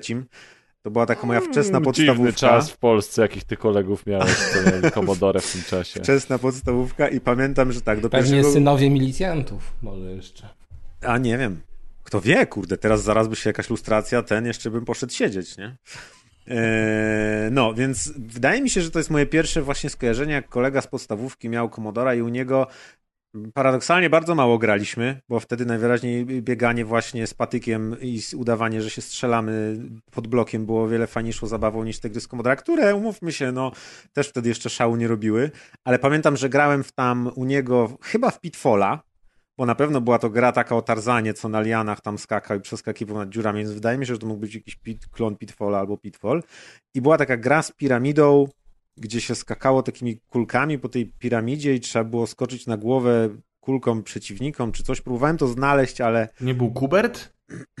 Nie? Kubek nie. ale Kuber miał chyba taką trójwymiarową y, piramidę, a to była taka piramida, gdzie jeszcze można było y, trzymając fire na joysticku złapać jednego klocka, wysunąć go tak, że się robiła dziura i jak ta kulka tam wpadła, to mogłeś go To zgnieść. Tą- dzisiaj w to grał przed nagraniem. To, czyli to było to, to było to. Później mojego drugiego kolegi, który y, to, to też się fajnie złożyło, bo nasze babcie mieszkały naprzeciwko siebie i jak ja byłem u babci na wakacje, to on też zdarzało się, że był u babci na wakacje, bo on był z Łodzi i wtedy y, on też miał tam swojego komodora i u niego pamiętam, że uwielbiałem grać w Zorro. Boże, ile ja się tam w to Zorro nagrałem, pewnie nie opuściłem pierwszej planszy, ale pamiętam, że tam się można było odbijać na, na sofie, żeby gdzieś tam wskoczyć na pierwsze piętro, że coś tam, jakiś klucz był w y, studni i coś tam jeszcze i nawet nie wiem, pewnie cały czas w to samo graliśmy, ale chodzenie tam po tym, po, po tym takim jakimś tam, taka hacienda była z boku widoczna i tam można było chodzić tym Zorrem i to było takie fajne. Więc to mi się to Zorro mega tam z nim za, zapamiętało i skojarzyło. A później, jak się w połowie, ja się w połowie podstawówki w czwartej klasie przeprowadziłem y, do innego miejsca w Lublinie i zmieniłem szkołę i miałem nowych kolegów. I tam naprzeciwko mnie mieszkał kolejny kolega, który miał Commodore 64. I tamten kolega był bardzo zajawiony na y, motocross. Co, co śmieszne, później, lata później, nie miałem z nim wiele lat kontaktu, ale znalazłem go, wiecie, po 20 latach gdzieś tam na Facebooku i okazało się, że wyjechał do Stanów Zjednoczonych i jeździ na motocrossie. Widziałem jego zdjęcia, gdzie niczym ci wszyscy mistrzowie skacze na takich wielkich hopkach, więc nieźle, że mu się to spełniło marzenie dziecięce, a wtedy pozostało nam w, tym, w tych latach 90. granie na, w motocrossowe gry na Commodorku i Wiem, że graliśmy na pewno w Kickstart, to jest taka gra motocrossowa i tam nawet na dwie osoby można było jeździć. Graliśmy w ATV Simulator, czyli All Terrain Ve- Vehicle i tam można było kładami jeździć i skakać i pamiętam były takie plansze gdzieś tam w, w Egipcie z jakimiś piramidami w tle i tam się na chopach skakało i to było takie super. No i oczywiście International Karate, trzech karateków Mm. na jednym ekranie, super płynna animacja, po prostu obłęd jak to wyglądało. Bruce Lee, tak samo, Kopanina. Gianna Sisters, ja wtedy nawet jeszcze nie wiedziałem, co to jest Super Mario, a po prostu Gianna Sisters była genialna wtedy. Jak mówisz o Gianna Sisters, to taki news, że w tej chwili na Prime Gaming można odebrać Gianna Sisters Twisted Dreams, więc jak macie Amazon Prime, to możecie sobie odebrać nową wersję Gianna Sisters. Łe, Na, nową. na pecety. No, oczywiście, że na PC. -ty. Na Ja już coś mówiłem. Kas. No Ale właśnie. generalnie ta, ta nówka też jest spoko. No widzisz. No widzisz, to za darmo masz teraz. Yy, pamiętam jeszcze Rainbow Islands. To było też takie coś jak Mario albo coś. Biegało się ludzikiem i on mógł takie tęcze stawiać i na nie wskakiwać i stawiać tęcze na tęczy i takie się schody budowało i można było skakać też dalej. Pamiętam Boulder Dasha, który mi się mega podobał. Ileż ja się w Boulder Dasha tego zagrywałem. czy tam O, jakiegoś klona. piękna gra. Coś wspaniałego, jak się te tunele budowało i później ten kamień z góry spuszczało i on spadał i tam coś przygniatał. Super. Jeszcze była taka gra w Rick Dangerous, pamiętasz może? Rick Dangerous? Pamiętam te nowe wersje. a o, oryginału to nie, nie kojarzę. Nie, te nowe to jest, ty myślisz o tym gościu na motocyklu. Es, nie, o Spelanki pewnie myślę. Albo... A, albo o Nie, Spelanki. no. A, a Rick Dangerous to, no... mm. I jeszcze pamiętam, że była gra, ja wtedy byłem fanem, wciąż jestem Powrotu do przyszłości, ale wtedy to było na czasie i była właśnie chyba trzecia część Powrotu do przyszłości na Commodore i pamiętam, że tam się i gdzieś tam po tym pociągu chodziło i frisbee rzucało w tych kowbojów czy coś i to było nawet fajnie, to była taka gra, jedna z pierwszych gier, którą właśnie kojarzę na podstawie filmu i że o, fajnie ten. I Blues Brothers też było chyba na Commodora i to też było, ja wtedy też byłem świeżo po Blues Brothers pewnie, więc mi się podobało. To chyba też na Amigę było, ten Blues Brothers. No, możliwe. Właśnie z Amigą, z Amigą miałem ze dwa razy w życiu kontakt i, i jakiś taki super krótki przez kolegę, kolegi, kolegi, więc niestety z Amigą się rozminąłem kompletnie. E, Później e, w kolejności, jak miałbym czy mniej więcej w tym czasie, między tymi wszystkimi komodorami, ja miałem komunię i dostałem Atari 2600, przy czym to był ten klon e, Rambo, czy jakkolwiek się to tam nie nazywało. Ale to Atari, to ja wiedziałem, że to jest bez porównania do tych yy, gier właśnie, nawet na tych Commodorach i to były takie, ja, ja na to mówiłem, że to są gierki, nawet nie wiedziałem, że po latach się dowiedziałem, że to było Atari 2600. Wtedy to były gierki i tam też był jakiś boks, czy tenis, czy jakieś tam wyścigi. River Ride tam miałem, czy klon River Ride'a oczywiście i w to się pamiętam uwielbiałem zagrywać. A później, a propos uprzywilejowania, to słuchajcie, tak się złożyło, że mój tata e, dwa lata pod rząd chyba e, załapał się na e, paromiesięczną pracę w biurze architektonicznym w Luksemburgu i dwa, dwa lata było tak, że tam na miesiąc z mamą do niego przyjechaliśmy i zaznałem życia zachodniego trochę w pierwszej połowie lat 90., gdzie t- ch- tam mam po prostu super wspomnienia właśnie z tymi wszystkimi rzeczami, których w Polsce nie było, których ja oczywiście też nie, nie kojarzyłem z nazwy, ale tam je odkrywałem, bo tam, tam już był czas, kiedy były takie supermarkety, jak są u nas teraz, że są otwarte półki i chodzisz, wybierasz, a u nas wtedy to wszystko, bo że wchodzisz do sklepu, jest lada, sprzedawca i sobie tylko oglądasz, co jest za ladą, nie?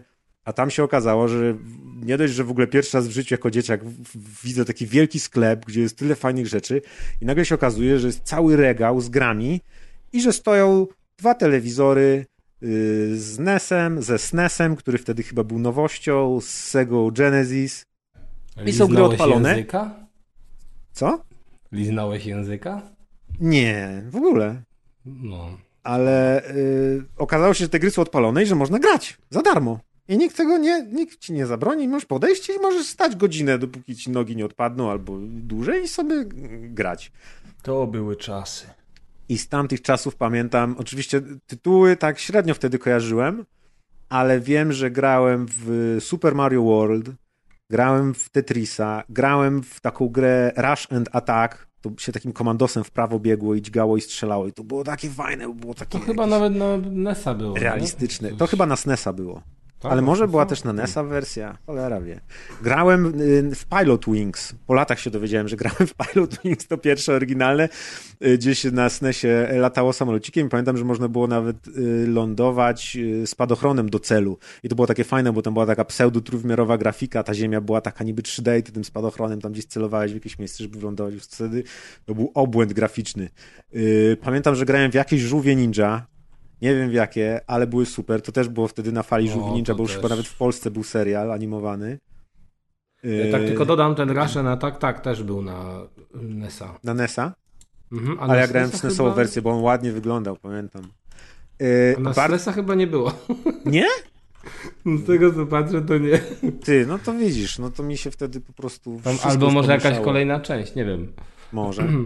Yy, bardzo mi się pad od Segi Genesis spodobał, ten taki batarang zakrzywiony czarny z y, trzema dużymi przyciskami. Mhm. E, O, o wiele bardziej mi się podobał od tych SNES-owych, innesowych, kwadratowych. I pamiętam, że uwielbiałem, jak gdzieś można było w Streets of Rage zagrać na Sega Genesis w jakimś sklepie. Oj, to wtedy to nie chciałem wychodzić z tego sklepu. Nie wiem, która to mogła być część, czy pierwsza, czy już może jakaś druga była. Wszystko jedno, było Streets of Rage, a chciałem grać. I wiadomo, tam kontra, Sonic. Próbowałem Sonika, ale za, zawsze mi się nie podobało, że ten Sonic tak szybko biegnie i ja nie, tak. nie widzę, Ciężko co jest. unikać przeszkód. No. Tak, nie widzę, co mi zaraz wyskoczy, więc uznałem, że ta gra jest bez sensu. Fajna, bo się dużo dzieje na ekranie, ale ja nie widzę, co się zaraz stanie, więc to było ja bez też sensu. tak mam trochę z tymi 2D i muszę w końcu jakoś tak, bo jednak to musi coś w tym być. Więc no tak, coś ci ludzie w tym muszą widzieć, ale ja nie wiedziałem. Więc tak, więc to jakby właśnie granie w tych sklepach, obcowanie z tymi wszystkimi padami i ten, i, i te gry, które, no wiecie, to był, nie była ziemia w porównaniu z tymi komodorami, co, co, co miałem do czynienia dotychczas. No to było naprawdę coś niesamowitego. Plus jeszcze była super sprawa, że wtedy było mnóstwo w tych sklepach różnych folderów i książeczek reklamowych a propos tego. I ja do dzisiaj mam kilka takich, gdzie na przykład mam książeczkę Nintendo, taki mały format, tam B5 czy coś i tam to miało ze 30 stron i tam były, wiecie, jakieś reklamy, zdjęcia, akcesorów konsol, zdjęcia, okładek i tak dalej. Ja sobie nabrałem, czy tam rodzice mi nabrali tych różnych yy, folderów. Ja pamiętam, że ja później lata w domu spędziłem po prostu oglądając to nie? i wracając do tego, jak do jakichś albumów graficznych albo coś. Ja do dzisiaj pamiętam mnóstwo okładek na pamięć z tamtych czasów, po prostu się wpatrywałem w nie, jak one są kolorowe, jak to niesamowicie wygląda. To w ogóle super to, co o tym mówisz, teraz wyszła, znaczy teraz, nie wiem czy teraz, ale widziałem chyba na Amazonie, jest taka cała książka, gdzie tylko są na przykład okładki z gier na Game Boya.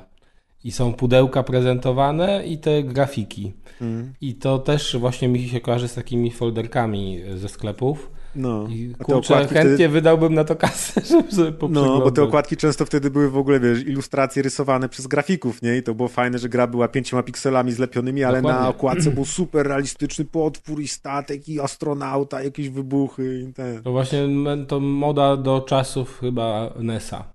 Później trochę się to zmieniło, ale też pamiętam no, wiele gier, gdzie się naciąłeś, bo myślałeś, że graficznie to będzie tak wyglądać. Właśnie na Game Boya tak było zazwyczaj. Mm. No a się okazywało, że to jest coś innego.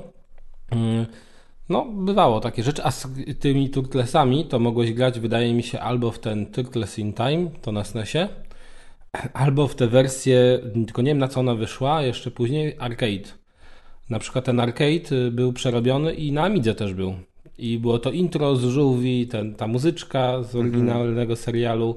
To też było rewelacyjne. Ja też mm. bardzo pamiętam ten tytuł właśnie na Amidze. No, to jest niezłe. Mam, mam jeszcze, pamiętam z tamtych czasów, wtedy była taka moda, e, czy nawet jeszcze w latach 80., tam na zachodzie mieli różne takie e, no, zabawki kosmiczne, których też u nas w ogóle nie było. I pamiętam, była taka seria. I gry. I gry, gry takie w sensie... planszowe. A, planszowe? Mhm, na przykład na bazie filmów czy seriali. Albo te wszystkie tam MB, MB, to był MB, nie? Ta firma, mhm. która produkowała te wszystkie tam twistery i tak dalej. Ja pamiętam na przykład, że mi się strasznie marzyło, ale to już właśnie 90 lata, ale trochę później. I to już było wcześniej w Stanach i było wcześniej na Zachodzie, że takie karate fighters to się nazywało, że były takie postacie karateków, takie jakby ludziki i sterowało się takim urządzeniem nimi, jakby się stawiało nogę tego karateki na tym urządzeniu i się do przodu, do tyłu poruszały, on A się tak, tak obracał. on mógł się obracać, kopniaki robić. Tak, no. I takie właśnie na zachodzie, właśnie w niemieckich pamiętam też później programach gdzieś na satelicie, bo często takie były reklamy, więc na pewno w tych folderkach, co ty mówisz, też No dokładnie, było. to były takie, później jeszcze miałem tam z G.I. Joe, z takich innych rzeczy, e... ale pamiętam właśnie, tu wam wkleiłem zdjęcie robotów firmy Tomy, Yy, I wtedy to był szał na tamte roboty. Pamiętam, że one gdzieś tam były i możecie sobie też na przykład wygooglać Omnibot 2000. Ja nie wiem. O, ja nie, wiem. Nie pamiętam, pamiętam nawet reklamy tego Omnibota 2000, jak tam w tej zachodniej telewizji leciały czy coś i po prostu to był szok, że taki wiesz, Artuditu z Gwiezdnych no. Wojen praktycznie jeżdżący, który coś tam ci gada. No, i, i w ogóle w tamtych czasach to nie wiem, czy ja dobrze to kojarzę, czy nie, wydaje mi się, że dobrze, że te wszystkie urządzenia, które były zdalnie sterowane, to one były, jeżeli były w miarę przystępne cenowo, to była to totalna lipa, totalna tragedia. A jeżeli były niedostępne cenowo, no to tylko wtedy jakoś tam działały. I zawsze pamiętam, że moim marzeniem właśnie w dzieciństwie było dostanie czegoś takiego zdalnie sterowanego. Co, które by dobrze działało, bo pamiętam, że dostałem jakiś taki samochodzik, który No jeździł tak. cały czas w kółko. No, I trzeba było tylko do przodu, nie? I tylko w momencie do przodu ruszał i jak puszczałeś, to znowu zaczynał w kółko jeździć. I niestety te baterie się wyczerpywały po jakichś 10 minutach, więc no. takie właśnie rzeczy jak My to, wie, na zachodzie to- mieli na radio, a my mieliśmy na kablu, nie? I trzeba było biec za tym O, samochodzikiem. albo też Super takie było, no. Tylko przód tył bez skręcania. Właśnie, no tak, przed tym. Genialne. Ale te samochodziki na trasach, które jeździły, to było. O, miałem takie. Ale Hashtag to- uprzywilejowani. No, No to ale też wiesz, takie miałem na To akurat musiałeś idealnie prędkość dostosować do zakrętu. Ale tak się to psuło. Ja robiłem taki jeden wielki, długi, prosty tor i wystrzeliwałem te samochodziki. Chociaż nie wiem, czy to nie musiał być zamknięty obwód, już nie pamiętam. Chyba musiał być Chyba zamknięty musiał. obwód. No, Już może się tam dało, wiesz. Ze starości już ci się No. Może- Nie, ale nie, może po prostu na- zamknąć kabelkiem. po Ale wystarczyło, właśnie, że na, że- wystarczyło, że na zakręcie dałeś speeda i ci wyleciał. Ta.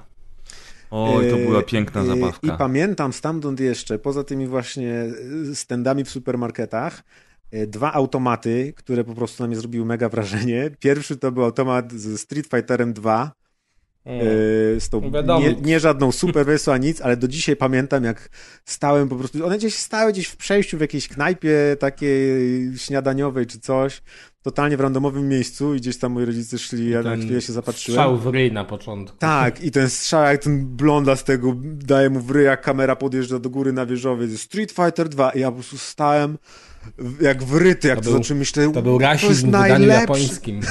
myślę, to jest najlepsza rzecz, jaką w życiu widziałem, nie? A później się kończy to intro i jest demo, jak te postacie walczą i sobie myślę, wow, czy to jest serial animowany, tylko że w grze i możecie mi sterować, jak to wyglądało, właśnie to było niesamowite. A drugim automatem był Outrun, Yy, taki prosty automat, gdzie się stało, ale była ta kierownica, ten Mhm. pedał gazu i po prostu też ten czerwony samochód pędzący na ten wiecznie Blondi. pojawiający się horyzont, wyjeżdżający ten, to też mnie zahipnotyzowało totalnie, kompletnie. O ja, ale ja zapomniałem jednej jeszcze grze na Amidze, którą mega lubiłem. Lotus. A, Lotus no. to ta seria cała, no była świetna. Też właśnie coś takiego jak Outrun, Outrun właściwie bardziej z automatów kojarzę, a Lotusa z Amigi totalnie. I No, no i później, później już, yy, to już było tuż chyba gdzieś tak koło właśnie 9.4, 9.5, bo ja miałem pierwszy swój komputer w 96. To tuż zanim miałem jeszcze ten pierwszy komputer, to chodziłem też do innego kolegi, on miał starego 286, ale u niego się zagrywaliśmy w Golden Exa, w Prince of Persia i w SimCity. I To są też te trzy tytuły, które pamiętam, że też tłukłem niemiłosiernie w, w kółko. to Yy, też było niewiarygodne, jak właśnie Prince of Persia wyglądał pod względem. No, chociaż ja już go dosyć postaci. późno widziałem, ale, ale i tak mi się podobał, bo właśnie mimo tego, że już były gry, które lepiej wyglądały i tak dalej, to, to jednak coś było fajnego w tym trudny. przemierzaniu, tak, tych właśnie śmiertelnie niebezpiecznych korytarzy i tak dalej. Boże, jak sobie przypomnę te czasy, to było straszne, że nie było zapisów w trakcie gry. To była katastrofa. Dzisiaj bym nie, pewnie nie potrafił. A, tego kto się tym wtedy przejmował? Grałeś od nowa zawsze. No właśnie, grałeś od nowa. No. Totalnie mi to nie przeszkadzało, że w takiego Króla Lwa grałem non-stop od nowa. No. Ginąłem w tym samym miejscu, zawsze pod koniec. Ale dzisiaj to jest nie do przejścia. No i mam jeszcze jedno ostatnie wspomnienie z takich, które mi się właśnie wryło, jak y, kiedyś nad morzem w y, Karwi y, wlazłem do wozu Drzymały klasycznego i tam zobaczyłem coś, co jeszcze nie wiedziałem czym było, a to był pierwszy Mortal Kombat. I właśnie też tak zobaczyłem te wszystkie tam napisy tego, usłyszałem głos tego komentatora Shao Kahna, czy tam Shansунga, który tam wtedy komentował i to wszystko i śmiał się i mówił round one i ten i po prostu ta grafika też na tym telewizorze migającym, wypalonym pewnie już i przekłamującym kolory, ale, ale to było coś, co jeszcze właśnie nie byłem tak z grami obyty i w ogóle i te gry dalej dla mnie były jakoś tam, wiecie, jedną z wielu rzeczy, które są na świecie. Yy, To pamiętam, że ten Mortal Kombat też na mnie zrobił ogromne wrażenie. Nie wiedziałem, co to jest, nie wiedziałem jak, nawet nie zagrałem wtedy, ale po prostu zapamiętałem to i później po latach sobie przypomniałem, że kurde, to był Mortal Kombat 1 wtedy, co widziałem. Ja pamiętam właśnie też tak, w wozie drzymały, to pamiętam z kolei Asterixa, tego z arcade'ów. On tak ślicznie wygląda. On zupełnie, on po prostu wyglądał jak jeden do jeden wyjęte postacie z kreskówki. Y, I też y, taka ciekawostka, go bardzo trudno jest emulować, on ma jakieś tam problemy. Znaczy cały czas można emulować go, ale są problemy z uruchomieniem tej gry, bo próbowałem. Uruchomiłem, ale no niestety to nie jest takie proste, idealnie proste. Natomiast y, świetny też tytuł. W ogóle te gry wtedy, niektóre na automatach, to też było takim znakiem tamtych czasów, że one wyglądały znacznie lepiej niż na kompach. No tak, I bo wtedy automaty, właśnie, tak. tak, tak. Że naj, przecież pamiętam najdroższa konsola chyba w dziejach, czy najdroższe gry w dziejach na tę konsolę, to była przecież ta Neo Geo. I to był koszmar, jeżeli chodzi o cenę, ale właśnie oferowała jakość z arcade'ów. To dzisiaj brzmi śm- śmiesznie, Mhm. ale wtedy to było Wtedy, coś. tak, wtedy grafika na automatach była bez porównania do tego, co się miało w domu. No. Tak, bo automaty miały mocniejsze podzespoły, pamiętajcie wtedy. Komputery nie miały jeszcze takich podzespołów, jakie się działo już w automatach. No Zresztą konsole też no, często No i to były- przewyższały dzi- 90% PC-ów, które były w I to były momencie. dedykowane gry wtedy też, nie? Na automacie. To, to, to, to inaczej. Tak zwane Ale eksy. tak, jakby kto, jakbyś Kas chciał bardzo zagrać, to zapraszamy do Krakowa, do Muzeum Arcade, jedynego takiego miejsca w Europie. Byłem Asterixa, automat. nie było chyba. Był teraz po Dragonsach Tego byliśmy, jest. grałem z. Simplexem w Asterixa. O, w Asterixa to bym zagrał, Byłem to muszę Obelixem. przyjechać. Było I, śmiesznie. I mówiłeś, że Cadillacy i dinozaurzy też są, są. No, przeszliśmy to do też- końca. To było... jest nie, Punisher, nie, co przeszliśmy? Chyba tak, Cadillaców przeszliśmy. A ja to najchętniej zagrał w AVP i w Punishera. Też są. A ja To są, bo to pamiętam, że przyjechać. jak byliśmy wtedy, to i pamiętasz jak byliśmy wtedy, to pamiętam, że było AVP. Punishera nie pamiętam. Te gry są straszne, to zawsze można zagrać dwa pierwsze poziomy, które się pamięta, a później to, to jest taki koszmar i taka męczarnia. No ale w grania. tych automatach chyba teraz można robić continue bez przerwy, Tak, nie? tak, ale Tak, nawet, tak. nawet mimo tego, że cię ręce bolą, już masz dosyć, a tu jeszcze Znaczy trzy nie, my, myśli, myślisz, że nie umiesz grać kompletnie w nic, bo tam cię atakują z dwóch stron, nie masz żadnych szans na ucieczkę i tam w zasadzie, no, wiadomo, dzisiaj to też wiemy, wtedy nie wiedzieliśmy, że to polega ewidentnie na tym, żeby wrzucać monety i żeby nie Tak. móc wygrać. E, No teraz jest inaczej i dlatego te gry, no dzisiaj A teraz się płacisz sprawdzają. 4 zyla za Game Passa No i to masz inaczej, 100 no. gier. No i w ciągu dwóch tygodni od premiery gracze w y, Diablo Immortal y, wydali już 24 miliony dolarów. No i dobrze im tak. tak. Niech się zadłużą, ja im życzę. Po, pomyśl sobie, ja, ja tak czasem sobie myślę, nie jak my mieliśmy z jednej strony fajnie w dzieciństwie, a z drugiej strony jak tragicznie względem obecnych dzieci, jeżeli chodzi o dostęp do właśnie takich źródeł popkultury. No nie wiem, chociażby, kurczę, chciałeś sobie obejrzeć y, serial jakiś na wideo i teraz kup to, tę kasetę wideo Oj, za kas, 40 ale złotych. wtedy jak wychodziła Dramat. jedna rzecz, to się nie ucieszyłeś przez 3 lata, a No, teraz a właśnie dla, i mo, włączasz być może to nie było y, streaming i nie wiesz co oglądać, nie? To nie wiem, Włączasz. co jest lepsze tak naprawdę. Włączasz, a kas włącza. Nie, Słuchaj, włączam. y, Ja włączam. skończyliśmy ten kącik, bo, bo ja mam Tak. jeszcze jedną anegdotkę, Dajesz. którą chciałem szybko powiedzieć, o której ci mówiłem już dawno temu. O. Mm, y, A więc, a więc y, Commodore A C64... jemu to możesz powtórzyć. Nie chciałeś. O, dobre, dobre, Kas, dobre. Y, Commodore C64 i moje pierwsze growe porno, które pożyczył mój kolega z bloku obok, Dan, z, Danuta, z on kamienicy tak obok. nazywał? Nie, nie, nie, Nie, to słuchaj, to, był cały zestaw, to był cały zestaw, słuchajcie, gier porno. Pamiętam, że tam był między innymi strip poker, ale były też różne takie główne Pres sobie w gierki. zeszycie zaznaczył 9 na 10. Nie? I pamiętam, że już tam tak było dużo, tam były, tam był jakiś, e, jakiś Tetris, że jak układałeś te klocki, to się tam pojawiała e, coraz, coraz większa część obrazka, gdzie była jakaś naga laska.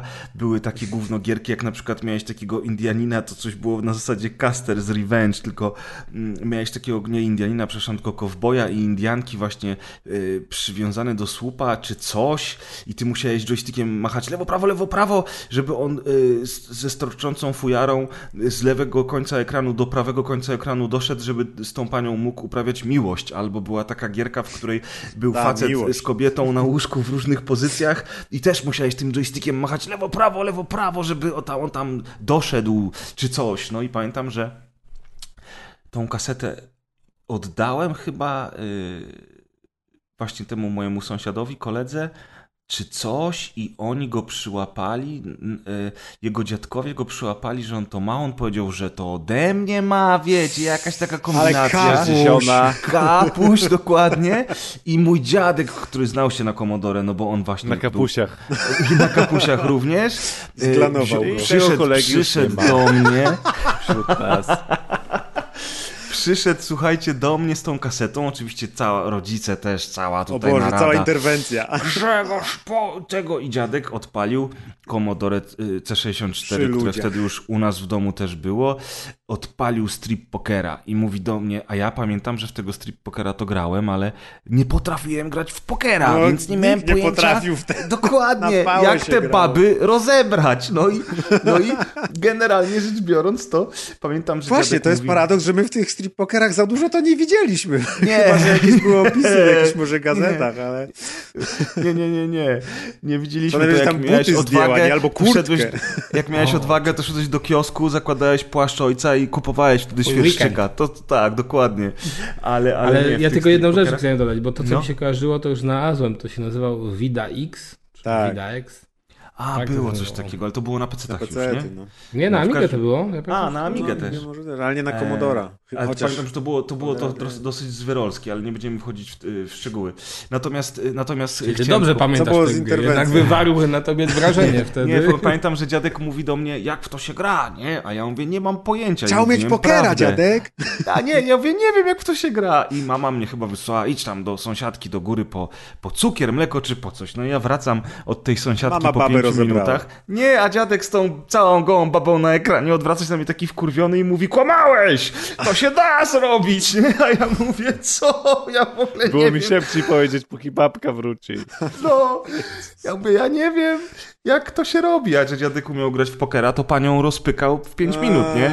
No widzisz. Ja ten, ja tam u kolegi próbowaliśmy coś właśnie z tymi pokerami, ale słabo to wyglądało, a poza tym kolega wiedział, gdzie jego wujek y, trzyma stertę magazynów Cats, więc mieliśmy o wiele lepszą jakość, jak chcieliśmy sobie oglądać, niż jakieś tam piksele komodorowe, więc to nie robiło na nas wrażenia już wtedy. Przeskoczyliśmy na wyższy poziom. Od razu. No, to były czasy, jak, jak starzy chowali VHS-y z pornosami po, po tych, po szafkach i potem właśnie kol, koledzy z podwórka się chwalili, Chyba że twoi. znaleźli. No A zatrzymali na wierzchu. Od razu. Na półeczce obok klasyki. To dla dzieci Pana Tadeusza. obok Obok telewizora obok takie stał, portala. żeby każdy widział w salonie. nie? Półeczka dla dzieci. I Nie, wiesz, wie, wiesz, taka, nie, serwetka była na telewizorze i tam... A no tak, bo każda, dla Kaza Mortal był grą dla dzieci słabą i tu też. Co, Mortalem. pornole to dla I z, dzieci. tą, I z tą niemiecką wersją y, y, rysowanego porno królewni, królewki Śnieżki, No. króle, królewny Śnieżki i siedmiu krasnoludków. To na święta oglądali zawsze. Kto, kto to widział właśnie? Kto to widział ten wiek? Porno, słabe, już skończył. Cienias. Krótkie były. A fabuła gdzie? To czy tam była fabuła? Tam była cała fabuła z królewni a kostiumy? Nie no, wszystko było rysowane jak u Disneya, człowieku. Jezu.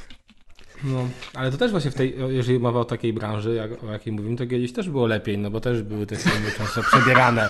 Piraci na przykład byli. Ale dalej są takie wykazy, Tak, jak są? byś chciał, To oczywiście. nie, nie, nie wiem, może... Trzeba bardziej szukać, no niestety. Nie w temacie. Trzeba bardziej szukać. Kaza się, się Są, zapytając. są nawet takie, że są nieprzebierani za postacie ludzkie. No. No, No. są Już tam na przykład piraci, tylko piraci, lisy piraci. Jak to się nazywa? F- f- f- Furies, tak? piraci. Furies chyba to się nazywa. Mały książę. Dobra, jedziemy. Jedziemy, masz rację, y, Kaz, więc y, po tym krótkim wstępniaku, który trwał ponad godzinę, przechodzimy do sekcji newsów i zaczynamy od relacji z Pixel Heaven e, 2022, na którym e, byliśmy razem z Maćkiem. E, No i może Maćku, ty jako stały bywalec tego typu imprez e, opowiesz pokrótce, Ja jak to opowiem. wyglądało. Było fajnie. Dziękujemy. No dobrze, to skoro Maciek już się wypowiedział, to, to ja tylko dodam od siebie, że to chyba był mój- mój pierwszy Pixel Heaven i e, ja jestem trochę zawiedziony, dlatego że ta impreza jest bardzo mała, e, z, jednym, e, z jednym takim barakiem powiedzmy. Za mało alkoholu. Ona, ona Nie, była mała w nie, tym roku, bo musieli było niestety dużo. zmienić miejscówkę w ostatniej chwili. I rzeczywiście, jak sobie tak później przypominałem, co się działo na poprzednich i, i jakie tam były stanowiska, ile tego było, to było tego sporo więcej. Więc tu rzeczywiście e, ta tak naprawdę jakby pomyśleć, że była tylko jedna sala, gdzie były wykłady i jeden ten namiot y, za, zabunkrowany pod ziemią No praktycznie. kiedyś było lepiej, no. y, z tymi, z tymi stanowiskami do grania i tak dalej, to, to w poprzednich latach, jak było w tej zajezdni autobusowej, to było sporo większe. Tak, no i, no i generalnie rzecz biorąc to E, generalnie rzecz biorąc, to faktycznie przejście tej hali e, wystawowej ze starymi komputerami, na których można było zagrać, i to jest oczywiście fajne, ale wiecie, no, ile razy można jechać gdzieś, żeby zagrać w te same River Ridy i jakieś inne Boulder Dashe, w które tak samo można zagrać w domu. A ja masz rozumiem... myszkę do PSX-a, żeby w Command A, to było super, zagrać? tak, tak, to było super. Nie wiedziałem, że była myszka do PSX-a i w ogóle, że był port Command Conquer Red Alert na PSX-a i to było bega. No i generalnie można było tam obejrzeć te stare komputerki, trochę sobie pograć. Było parę, parę wystawców, którzy sprzedawali, nie wiem, tam figurki z Warhammera, CD Projekt miał swoje stoisko, było parę stoisk twórców gier, którzy pokazywali swoje rzeczy, między innymi Bluebird Team wystawiał się z, z tą grą taką o, o nadprzyrodzonych rzeczach. Maciek, The Medium. Medium? Mm. Tak. No i przy, przy, przy stoisku The Medium była pani e, wróżka, która wróżyła bodajże z ręki. No ale ogólnie rzecz biorąc, wiecie, tam było mało rzeczy i to wszystko było do przejścia naprawdę w 30 minut. Można było dorwać stare różne gry na różne konsole, stare komputerowe gry oryginalne i tak dalej. To jest spoko, jeżeli ktoś takie rzeczy kolekcjonuje. No a poza tym to mieliśmy jeszcze mm, tą salę z wykładami. No ja byłem na wykładzie takim o o, o mieszaniu, się, o mieszaniu się gier Minecraft. z popkulturą, ale to nie do końca było to, czego się spodziewałem, natomiast e, można było również. E, Zrobiłbyś to lepiej, tak? Znaczy wiesz co, no, przyjaciel mój, który był z nami, którego serdecznie pozdrawiamy, Michał, e, który spędził z nami tamten dzień i się zakumplowali z Maćkiem i teraz oni są przyjaciółmi. No tam się Pre... zakumplowali, przyjaciel od razu. Prez is, is no longer my friend, now Maciek is my friend. W każdym razie, w każdym razie to, to był ze mną na tym wykładzie, on stwierdził, że takiego pierdolenia to on może posłuchać na rozgrywce, wiesz. No, ale były też, był też wywiad z twórcą Prince of Persia, był wywiad z, z, z jednym z założycieli Team 17, więc jakby te te, wykłady mogą być interesujące. Jak ktoś Natomiast... się interesuje takim właśnie retro z lat 80., y, 90., to naprawdę się tam mógł poczuć jak ryba w wodzie. Tylko, a... że na tej, a, na tej sali było strasznie, strasznie duszno i gorąco. Jeżeli nie siedziałeś na samym o, końcu, tam gdzie był nawiew. Nie było najgorzej. Czasami bywało gorzej. No ale wiesz, no, masa, masa, masa spoceńców, wiesz, zero powietrza. No to e, prawidłowo. No, no, niestety... No lata 90. sam mówiłeś. No niestety to nie, jest, to nie jest coś, co jest komfortowe, chociaż oczywiście jakość tych wykładów innych... Przyjedź na Dragonsy za rok, to zobaczysz komfort. No, w każdym razie jakby spoko, najbardziej, że mogliśmy się, mogliśmy się byli zobaczyć ze słuchaczami niektórymi, z ludźmi z branży. Pozdrawiamy oczywiście Ktoś serdecznie. Poznał? Tak, poznawali nas ludzie, podchodzili się przywitać, e, ale... Ale Razera nie było, pamiętasz? Tak, jednego, jeden, jeden słuchacz pozdrawiam, nie poznał. Pozdrawiam słuchacza, któremu powiedziałem w oczy wprost, że nie ma Razera, bo jeszcze, jeszcze nie przyszło. Tak, bo Maciek ściągnął okulary po operacji, zgolił brudkę z wąsem, ma teraz trochę in, e, in, inny zarost i, i chłop go po prostu nie poznał. A Maciek bezczelnie powiedział mu w twarz, że nie, Razera nie ma. Wiesz, po prostu... A ci się skręcali koło mnie ze śmiechu po prostu. Mi było głupio. Ale sobie pomyślałeś, ty może rzeczywiście go nie ma. Kurwa, gdzie jest ten Maciek, nie? Natomiast, y, natomiast y, fajnie było się spotkać z Dachmanem z Fantasmagierii, ze Starym Graczem, czyli z Rafałem Szychowskim i z Simplexem z M, M kwadratu, więc ogólnie rzecz biorąc i też inni byli ludzie. W ogóle był Dawid Maron i Robert Fiałkowski Było sporo ludzi, chociaż też cię zasmucę, że w poprzednich latach było zdecydowanie więcej. Oczywiście, że było więcej, ja się domyślam, ale wiesz, po tych dwóch latach takiego siedzenia w domu i tych mniejszych takich Dobra, ale kontaktów... dlaczego było mniej w tym roku? Tak jak myślisz, No bo ludzie chyba się znudzili trochę, wiesz, i jakby właśnie o, to jest to, o co mi chodzi, że jeżeli chodzisz co roku no na to kiedyś samo... było lepiej, więc co roku musi no być właśnie, no. no właśnie. No to w końcu, w końcu mam filozofię życia. Ktoś prowadzi. Ale, ale było spoko, było fajnie zobaczyć i tam się przywitać z Borkiem i fajnie było zobaczyć Wojtka z Hyper Strange. Naprawdę to jest największa wartość y, tej imprezy, zresztą o tym już wcześniej wielokrotnie opowiadał Maciek, ja się z nim zgadzam, że, że to jest event, na którym, na którym faktycznie warto się pojawić, jeżeli chce się spotkać z ludźmi z branży, ze znajomymi, ze słuchaczami i, i, i miło spędzić czas. No i myśmy tak w sumie miło spędzili czas, bo większość dnia spędziliśmy e, na trawce, na, na słoneczku e, i było bardzo przyjemnie. Jeżeli chodzi o takie rzeczy przyjemne, to, to niestety były tylko cztery food trucki bodajże i nie było zbyt dużego wyboru żywieniowego. Nie, żeby to był duży problem, ale ja po prostu spodziewałem się dużo większej imprezy, a... Lubisz żywność po prostu, pres. No inwestuje w siebie. A kto nie, a kto nie lubi jeść, dokładnie. No padło nie, ale dobra, ale no tak to brzmi biednie trochę, jak opowiadacie. No bo przecież... tak było troszkę biednie, no ja nie ukrywam, że ja byłem lekko y, zdziwiony, że jest tak, To zależy inaczej. czego się spodziewasz. No Pyrkon to to nie jest ani PGA, nie? A- Ani takie rzeczy. No to może akurat lepiej właśnie, bo tam No jest widzisz, takie, to takie tłumy, zaletą. że... No. Natomiast Bo, bo wiesz, bo my sobie się, tamci ludzie, jedni spoceńcy siedzieli na wykładach, bardzo interesujących prawdopodobnie, yy, inni spoceńcy sobie siedzieli w namiocie pod ziemią i tam na konsolach starej grali, a my sobie siedzieliśmy z aperolami pod yy, tym, na leżaczkach pod parasolami i sobie śmiechaliśmy ze znajomymi. No i y, powstała, powstał pomysł na naklejkę, która się pojawi... Na wiele może- naklejek powstało. Na wiele Dziękuję naklejek, tak, wszystkim ale- za świetne pomysły. Ale Maciek dosłownie notował, naprawdę notował Tak, pomysły. bo to się zapomina. Więc to, to będą takie naklejki, które no, nie będą już takie typowymi hasłami z rozgrywki, więc będziemy pewnie musieli wytłumaczyć ich genezę, no ale to, co Maciek wspomniał, obsługi. Bo... inwestuj w siebie, to był piękny tekst, ponieważ chłopaki tam siedzieli za perolami, a ja zamówiłem sobie e, sernik mango i kawkę. No i ten sernik mango i kawkę pani przynosi, a, a chłopaki tak na mnie wszyscy patrzą i mówią, co, nie pijesz alkoholu, kawa, sernik w ogóle? I tak zdziwieni, a, a jeden taki znajomy, który siedział z nami, e, tak patrzy na mnie, mówi, dobrze, dobrze, pres, mówi, inwestuj w siebie. I to było, i to było dosyć zabawne. No i właśnie to jest to, że to naj, największą siłą tego piksela, przynajmniej dla mnie, to, to byli ci wszyscy ludzie dookoła. A co prawda same parówy i troszeczkę od tego stulejki dostałem, tak. bo tam prawie lasek nie Ale było co poradzić, no takich masz znajomych, no. Nie, no to taka, naprawdę taka impreza. dziewczyn? Nie Znaczy, no, wiesz, jedna było była gdzieś bardzo mało dziewczyn. Jak na Były na jakie dziewczyny, Kas, jakbyś zobaczył, jakie dziewczyny browary nalewały y, w, w sobotę, to No to właśnie tylko te opłacone były, no i to. Nie, było, było trochę dziewczyn. Przecież jest trochę dziewczyn w branży, ale jednak mimo wszystko, no to taka impreza, wiesz, nie wiem jaki tam był procent, 70 do 30, czy nawet jeszcze mniej. Parówkowa. No, nawet To wiesz, lata 90., więc wtedy, No kiedy jeszcze nie było. No, tak. Same parówy, no dobra. Czyli To generalnie powinno za ci się rok... podobać, Kas, tak jak No niezbyt. Generalnie za rok jedziecie czy nie? No, wiesz, to zależy, bo jak się Organizujesz okaże, wszyscy, swój pixel. że jak wszyscy przyjeżdżacie i mamy się Bez spotkać przyjeżdżają inni ludzie, to Tak. wiadomo, że Z przyjadą. koleżankami preza. Dobra, to ja się piszę Ja na się ten, co Kas koleżankami. wspomina o tym.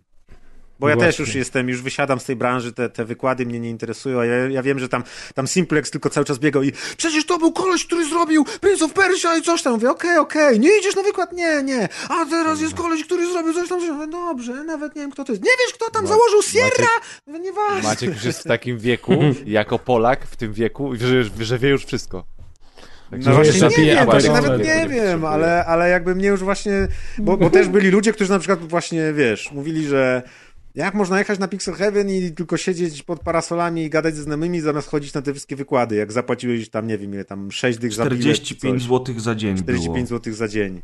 No ale no, każdy jedzie po to, co lubi, nie? Ja tam jadę się właśnie, to jest dla mnie okazja, żeby się spotkać z dużą ilością znajomych ludzi, bo tak to nie ma takiej okazji, nie? Nie ma tak, Tak że... jest właśnie na rozgrywka party, żeby się pośmiać O, jedziemy. dokładnie. To była dobra też okazja, żeby wyjść z domu i do ludzi. Może byś Kaz zorganizował coś na tych kontenerach. No. No to ustalone. No to ustaliliśmy. Przyjeżdżajcie. Załatwiłem. Znaczy, jak- A jak pytali już- się ludzie o rozgrywka party, wiesz, Kaz? Pytali się ludzie o no. rozgrywka party. No, Mówili, oczywiście kiedy zorganizujesz coś na kontenerach. Skoro mamy już końcówkę czerwca, to pewnie się domyślacie, że w tym roku rozgrywka party nie będzie. Natomiast Chyba, że zimą. Pierwsza edycja była zimowo-jesienna. są pewne plany, są pewne myśli, mamy pewne tropy z Amadeuszem. Może w przyszłości się nimi podzielimy. Na razie Jest po polsku muszą- takie stwierdzenie, że macie tropy? Czy to Pewnie nie. anglicyzm? Skauci. Pewnie nie, pewnie nie. Tylko nie ten. kaucie żadne, co to jest w ogóle? Skauci. W każdym A razie, w skauci. każdym razie, nie no mam trop, trafiłem na trop, prawda? Ale tropy, ja, w sensie tropes? To chyba nie. Nie, nie, nie, dobrze, nie wiem, kurczę. Dobra, no nie. nie znamy się nigdy, nie zna, nie, nie, nie, No znamy się, nie nic- W zna tym roku nie angielskiego. ma, zobaczymy co później. Tak. Tak, może inne rzeczy na razie powin, powinny wystarczyć wam nasze głosy. Kto się z nami spotkał, ten się z nami spotkał. Kto nas nie poznał, no Kto dotknął, ten dotknął. kto dotknął, Kto ten dostał dotknął. naklejkę, ten dostał. To i jadł sernik CD projektowy, ten jadł, był pyszny.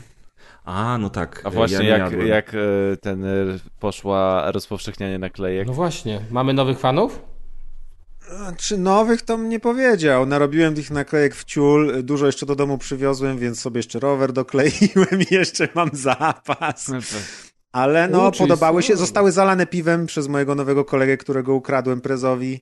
Yy, I jeszcze trochę w, ziemi się wytarzały, więc sporo To przeszły. tym bardziej ale, jak lata 90. Tak, ale działają, ale, lepią ale się. jako test merchu jest okej wstępnie. Jest spoko, tak. Były wycinanie ploterem laserowym, y, spoko działa, więc te, technika jest sprawdzona, będzie, będzie dobrze. No, a jak, jak już jesteśmy przy relacjach, to mamy drugą relację, bo tydzień po tym, jak, jak byłem z Maćkiem na Pixel Heaven, wybrałem się do Wrocławia, gdzie mogłem się spotkać z kolei z Amadeuszem, więc teraz niedługo twoja kolej, Kaz, i Poznań. E, Poznań za- jest rozwa... rozje... Dobra, rozwalony jest, więc w tym roku... Nie generalnie, jeżeli przyjeżdżaj. Ktoś... Aha, czyli Jeżeli ktoś by okej, nie chci- chciał do zrozumiałem, Poznania, Kaz, żeby sobie pozo- zobaczyć dokładnie, to nie przyjeżdżajcie. No przyjedźcie sobie za rok. Bo jak teraz to tam... Dzień, zrozumiałem, Kaz. Tak, prezydent no, Jaśkowiak po prostu podziękuje jako obywatelowi tego miasta, że tak Za zachwalasz. promocję. No bo w tym momencie jak ktoś przyjeżdża i wiesz, nie jarzy miasta jak ono wygląda bez remontów, no to może być zawiedziony, bo na przykład po rynku sobie nie pochodzisz za bardzo, tylko bokami i A kontenery jak tam? jak chyba, że jesteś fascynatem tych ym, nowoczesnych maszyn typu koparka, no to możesz sobie przyjechać. A kontenery działają, tak, na kontenery to zapraszam. No proszę. A to taka koparka, ten przedsiębierna, zasiężutna. Nie, to ta bitcoinów. Też, też, ta, ta, i taka, i taka jest. Okej, never mind. Y, W każdym razie, y, z okazji tego, że, że, że, że, że poszło hasło, że będziemy się widzieli z Deuszem we Wrocławiu, Antek Kurzeja z Motion Systems, y, a również nasz słuchacz, zaprosił nas do, do takiego miejsca, które nazywa się Apex One. Dobrze mówię, prawda, Deusz? Tak, Apex One. I Apex One znajduje się w, bo ja nie pamiętam nazwy tego budynku. No w budynku, jeden z najbardziej znanych budynków Wrocławia, czyli w budynku Sky Towera, Sky Tower, e, na pierwszym piętrze, więc w sumie łatwo zapamiętać, jak ktokolwiek kiedyś albo jest w Wrocławiu, albo kiedykolwiek ktoś będzie we Wrocławiu i na przykład jako e, punkt e, e, obowiązkowy wycieczki będzie wjeżdżał na ten punkt widokowy, który jest e, na Sky Tower, e, no to właśnie na pierwszym piętrze Sky Tower się znajduje Apex One. I Apex One to jest taka knajpa, która poza tym, że serwuje y, drinki, napoje różne, to przede wszystkim służy do tego, żeby sobie grać na niej w, y, na, na takich symulatorach.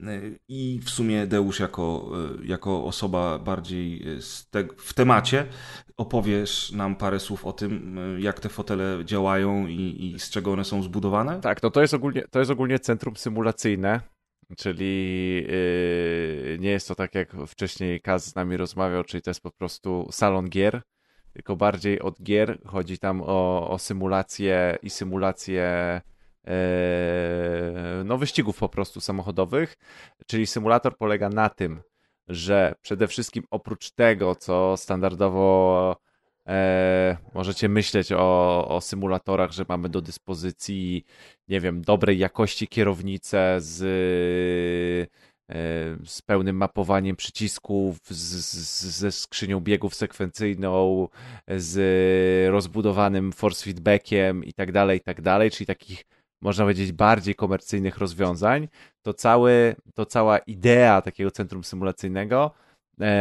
to jest fotel, do którego siadamy, bo tak naprawdę wdrapujemy się do takiego fotelu, e, do takiego fotela kubełkowego. E, Prawdziwy e, fotel wyścigowy kubełkowy, który tutaj nas trzyma w lędźwiach. No i ten fotel kubełkowy zamontowany jest najogólniej, najprościej mówiąc, zamontowany jest na takim systemie siłowników, odpowiednio, odpowiednio ustawionych względem siebie siłowników. No i zadaniem tych siłowników jest e, odtwarzanie fizyki, którą e, wyrzuca e, gra, na aktualne położenie tego fotela, w którym się znajdujemy. Czyli kiedy, kiedy gramy i gra mówi, że samochód jest w takiej takiej pozycji albo coś samochód uderzyło, to te siłowniki mają za zadanie zasymulować właśnie takie uderzenie, takie podbicie, taki przechył auta e, i tak dalej, i tak dalej. No i w centrum są dostępne, e, jest dostępnych, można powiedzieć, kilka symulatorów e, kilka stanowisk, które, mm, które umożliwiają e, realizację, realizację tego ruchu. No i najprostsze, e, najprostsze, e, najprostszy to jest taki system, który umożliwia jakby ruch w trzech stopniach swobody. Jest system bardziej rozbudowany, który umożliwia ruch w czterech stopniach swobody. E, no i, e, no i akurat jak byliśmy, to na przeglądzie był, ale również jest e, system, który umożliwia taki najbardziej, najbardziej zaawansowany, symulacyjny, który umożliwia ruch w 6 stopniach swobody. Ale już w zasadzie te 4 stopnie swobody tak, to była i, no ale właśnie, które to są jazda. stopnie swobody? Co to już, robi? Już ci mówię. Już Degrees mówię of Freedom, no wiem, tak zwane, to... Tak, o stopniach swobody, czyli zaczęliśmy naszą zabawę od symulatorów tych zaawansowanych o 4 stopniach swobody, czyli przede wszystkim E, oczywiście mamy wychylanie prawo-lewo, niezależne od siebie sterowniki. Mamy pochylenie przód-tył. E, oczywiście każdy z tych siłowników e, może wybić cię e, chwilowo, tak, że nadać przyspieszenie, czyli można powiedzieć, że masz te takie podbicia, wstrząsy. E, dodatkowo e, ten cały system ruchu obsługuje wysokie częstotliwości, E, więc nawet sam fakt tego, że twój, twój samochód e, wchodzi na obroty, mm -hmm. to na siedzenie masz podane wibracje od obrotów silnika. Wiecie, to takie mruczenie. I to wszystko czujesz pod, pod tyłkiem. No a symulator o tych czterech stopniach swobody jeszcze daje ci ten taki e, swing, sway, czyli, na, czyli czujesz podsterowność i nadsterowność. O ja. Czyli jadąc w zakręcie, jak samochód się staje podsterowny, to odpowiednia masa pod fotelem się przesuwa i wychyla, tak że normalnie czujesz, jak ci ucieka fotel na przykład pod sterownością albo nad sterownością i to totalnie czuć. Znaczy, totalnie super. czujesz pod tyłkiem nadsterowność i możesz w chwilę zareagować i skontrować na przykład. Oczywiście systemy, oczywiście te systemy i tak, e, e, w centrum jest dostępny, jest dostępna taka najbardziej benchmarkowy tytuł, czyli Assetto Corsa ponieważ e, jako, jako, jako tytuł, jako gra Assetto Corsa wyrzuca bardzo dużo informacji o fizyce gry. No bo te informacje, jak możecie sobie pomyśleć, są używane potem, żeby odpowiednio wysterować ten fotel. E, oczywiście jest całe też oprogramowanie, e, cała też mapa tego, jak tą fizykę z gry przenieść na ten fotel, tak? Czyli są, można, są robione odpowiednie mapy, żeby to dobrze zrobić. Bo może tutaj powiedzmy, że, że sama firma Motion Systems poza tworzeniem takich foteli y, gamingowych y, symulacyjnych. symulacyjnych y, tworzy tego typu sprzęty na zamówienie dla różnych klientów i między innymi prawdziwi rajdowcy wykorzystują ten sprzęt. Tak, dla firm motoryzacyjnych, dla, dla firm rajdowych, tak, dla jakichś rozwiązań, no przeróżne rozwiązania wszędzie, gdzie nauki różnych y, zachowań na drodze, przeróżne symulatory i nie tylko symulatory takich samochodów wyścigowych, tak? Tak, bo nawet Ale... i robią symulatory ciężarówek, pamiętasz tak, z tego, tak, co tak, opowiadali? ciężarówek, e, więc, e, więc to jest cały e, system, bo cały PIT polega na tym, właśnie na tym odwzorowaniu tym ruchem naszego fotela całej, całej tej jazdy i największe zaskoczenie jest takie, jak silny jest to system.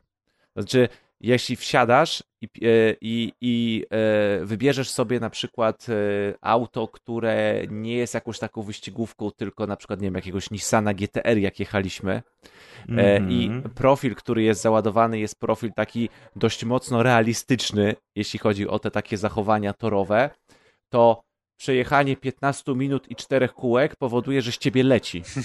Po prostu leci. Masz całe bicepsy napompowane krwią, bo ledwo potrafisz utrzymać kierownicę w rękach, bo tą kierownicę ci potrafi po prostu wyrwać. Czy mm -hmm. wpadniesz pod sterowność, zacznie ci samochód obracać, próbujesz kierownicą coś zrobić, walniesz w bandę i po prostu wyrywa ci z kciuków. No i e, sam fotel i, i, i kierownicę, a dzieje. fotel cię wyrzuca po prostu, wiesz, e, e, a fotel cię wyrzuca, a fotel cię wyrzuca przed siebie. Mamy zresztą takie nagranie, jak uderzasz w bandę, to czasami jest tak, że słuchawki, które trzymasz, zostają w miejscu, a twoja głowa idzie do przodu, wiesz, bezwładnością i, i lecą ci, i lecą ci no i słuchawki. w ogóle no. jest opcja multiplayer graliśmy z żoną Deusza, Deuszem i właśnie z Antkiem oraz z Kubą, który biedny musiał trochę zostać dłużej, żeby nam e, pokazywać rzeczy, e, a który tam pracuje. A bo graliśmy jeszcze tylko powiem, dwie opcje multiplayer. Najpierw Tak. trzy osoby na torze na tych symulatorach o czterech stopniach swobody robiliśmy wyścigi na Silverstonie, klasycznym y, wyścigowych multipli. Tak! Ścigaliśmy się multiplami. Także Które i mia- one miały wyścig siedem zakończył się biegów, sukcesem, hello. bo moim jedynym zadaniem na torze było przeprowadzenie perfekcyjnego mane- pit manewru na prezie, To było tak żeby go wywaliło z tego Wiesz, w ogóle wyobraź sobie Maciek, że mamy, że mamy, że, że tak, prezes nie ma prawa jazdy. Jedziemy multiplami, które mają 7 biegów na Tak. manualu i ja prowadzę. I co robi ten dupek? Pit manewry oczywiście. Bo wiesz, pit manewr powoduje, że tak ci ten fotel wyjeżdża z tyłu nagle, bo ta masa się w moment przesuwa, że to ci po prostu wytrąca z gry, bo, bo naprawdę bardzo często jest tak, że już jak się zaczyna jakaś podsterowność, nadsterowność, bo oczywiście można, można oczywiście, jeśli ktoś nie chce, można sobie włączyć zarówno automatyczną skrzynię biegów, ale można sobie włączyć i system trakcji, i ABS, tak? To I wszystko sobie fizykę regulujemy. zmniejszyć. Tak, fizykę zmniejszyć tak, że to nie jest tak, że osoba, która y, nie umie jeździć, wejdzie tam i nie przejedzie. Nie, spokojnie można zacząć z powłączanymi fizykami, spokojnie można zacząć sobie od, y, od y, włączonych różnych asyst i powoli sobie to regulować, nawet w trakcie jednej gry, jakby takie rzeczy jak asysta nawet w ramach, w ramach jednej gry sobie można wyłączać, wyłączać, ale tak jak mówię, po wyłączeniu wszystkich asyst, jazda autem to jest walka po prostu. Y, Czasami y, to jest jedna wielka Albo walka. czasami jak kumpel po prostu zrobi ci taki manewr, że wyrzucicie z mapy, a fotel ci tak przetrzęsie plecy, że ledwo z niego schodzisz. To wiesz. No tak, a z, kolei, a z kolei wyścig multiplayer dla czterech osób, o którym, o którym też Press mówi, to z kolei rozgrywaliśmy właśnie e, na, Na tych, tych symulatorach o trzech trzy. stopniach swobody, które, e, które jakby nie mają tego uczucia podsterowności, nadsterowności, ale graliśmy to takimi typowymi torowymi samochodami, które jeżdżą, wiecie, ponad 300 na godzinę, na takim torze z kilkoma zakrętami, ale z bardzo długim zakrętem owalnym pod kątem 40 prawie tam 5 stopni. I te symulatory normalnie, jak wchodzisz w ten zakręt, to ci ten fotel się przechyla idealnie od ten kąt, co jedziesz w zakręcie. I to jest po prostu tak Daytona niesamowite USA. wrażenie, że totalnie wtedy zapominasz o jakichś Daytona, podsterownościach, dokładnie. nadsterownościach, tylko totalnie się jarasz tym, że wiesz, że cię po prostu przechyla O. w tym fotelu. Jedziesz poczuć 300 jak na Tom godzinę, Cruise kierownica ci się-. Kierownica ci się trzęsie, a tu jeszcze wiesz, ktoś nadjeżdża i krzyczy: Wjadę ci w dupę, wjadę ci w dupę. No, Co z umówmy tym, się, że- zawsze jest z tym, straszne. że, y, z tym, że generalnie rzecz biorąc, y, zderzenia na co dzień są w Apexie wyłączone. Tak, no. My bo- jako podcasterzy dostaliśmy opcję przetestowania Aha. tych zderzeń, natomiast na co dzień one są wyłączone, dlatego że ludzie niestety lubią się zderzać dla zabawy czasami, a to niestety, o, wiecie, ten sprzęt się zużywa, a Mhm. jeden taki fotel kosztuje 20 tysięcy euro. O. To lepiej, żeby się nie Także- zużył za tą cenę. Lepiej, żeby się nie zużył, e, tym bardziej, że miejsce jest świetne, ma świetny wystrój, mega klimat i jest Tak, bardzo no mówię, no przyjemne. ale, ale taka jazda to nie dość, że wrażenia. Ja to press się śmiał, że ja to, bo ja wyglądałem jak zahipnotyzowany, wiecie, zakładam słuchawki i w ogóle nie licząc tego, że po prostu ciało już nie wytrzymuje i się męczysz fizycznie na tym, to ja po prostu się zakochałem i mógłbym tam, wiesz, siedzieć, siedzieć i e, uczucie jest nawet takie, że możesz cały czas resetować tor, bo y, y, y, przyjemność sprawia ci tylko i wyłącznie na przykład pokonanie jednego zakrętu Mhm. i ciągłe tylko, a dobra, to zmienię bieg później. Albo nie, nie zrzucę tak nisko biegu, albo wychodząc z zakrętu dam trochę więcej gazu, bo ja czuję tą podsterowność w fotelu.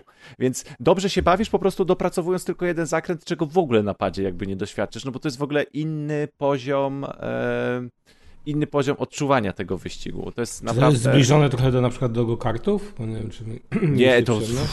zupełnie w ogóle go-karty to jest, wiesz, to jest koci, No, ale- koci łapci w porównaniu do Aha, wrażenia jazdy tak? i do... Naprawdę? Tak.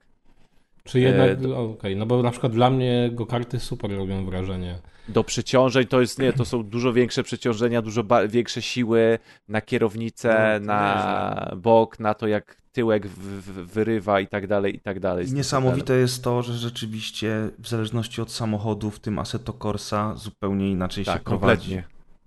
I masz zupełnie inne przeciążenie, masz zupełnie inną trudność w utrzymaniu Inna kierownicy. skrzynia, inny ciężar samochodu w ogóle czujesz, y, inaczej środek ciężkości odczuwasz. A dlaczego, nie wiem, bo tak patrzę na te wasze zdjęcia, nie wiem, czy mo- może wspomnieliście mnie, przez chwilę nie było, Y, nie ma na to gogli VR? To znaczy, można grać w goglach VR. Przy, testach grają w goglach VR, natomiast tam w salonie nie ma. Tam Mhm. w salonie gra się na, yy, na monitorach. One są wystarczające do zabawy, yy, tym bardziej, że wiesz, w takim salonie dużo czasu nie spędzisz. Natomiast cały pitch polega na tym, że to jest w ogóle polska firma i jakoś u nas w Polsce się o tym nie mówi, a oni sprzedają ten sprzęt na cały świat. Oni są w zasadzie jednym z największych producentów tego typu sprzętu na świecie. Robią wszystko w Polsce, nie na podzespołach, tylko Wszystko od początku Polsce. jest zaprojektowane w Polsce i poszczególne części, nie licząc jakiejś drobnej elektroniki, układów elektronicznych, wszystko jest zrobione, oprogramowywane, budowane w Polsce. Tak, i Antek opowiadał nam, że już tacy, tacy fanatycy, którzy sobie takie sprzęty kupują, grają w VR-ze, testerzy też mogą grać w VR-ze i tak dalej, natomiast w samym Apexie, e, przynajmniej z tego co zrozumiałem, Deusz, może się mylę, ale tam chyba nie ma możliwości grania w VR-ze. Yy, nie, chyba nie. Natomiast, natomiast z tego co wiemy, to, to, to przy, nadciągają zmiany i nowości do samego salonu, dlatego że obecnie w tej chwili e, dostępna jest tylko Assetto Corsa. My mieliśmy okazję zagrać w Dirt e, Rally 2.0, natomiast to też było tylko i wyłącznie dla nas na jednym sprzęcie. Bo Mm, możecie, możecie też się umówić, zamówić, przyjść z grupą 3-4 osoby i wtedy zagracie jeden wyścig, albo jakby zagracie, kto wykręci w określoną liczbę czasu najlepsze, e, najlepszy czas, tak? I tam, tam, tam oczywiście wszystkie czasy zejdą, tak? Zostanie, będziecie podsumowani. E, jak chcecie kilka razy przychodzić się uczyć, to cały czas wasze czasy są. E, lista najlepszych czasów jest również aktualizowana, tak? Profile zawodników, więc cały czas te czasy można pobijać. E, Są też ligi organizowane, takie bardziej e, regularne, więc, e, więc mówię, więc, więc tam warto też, też nawet z grupą znajomych kogo, kogoś przytaszczyć.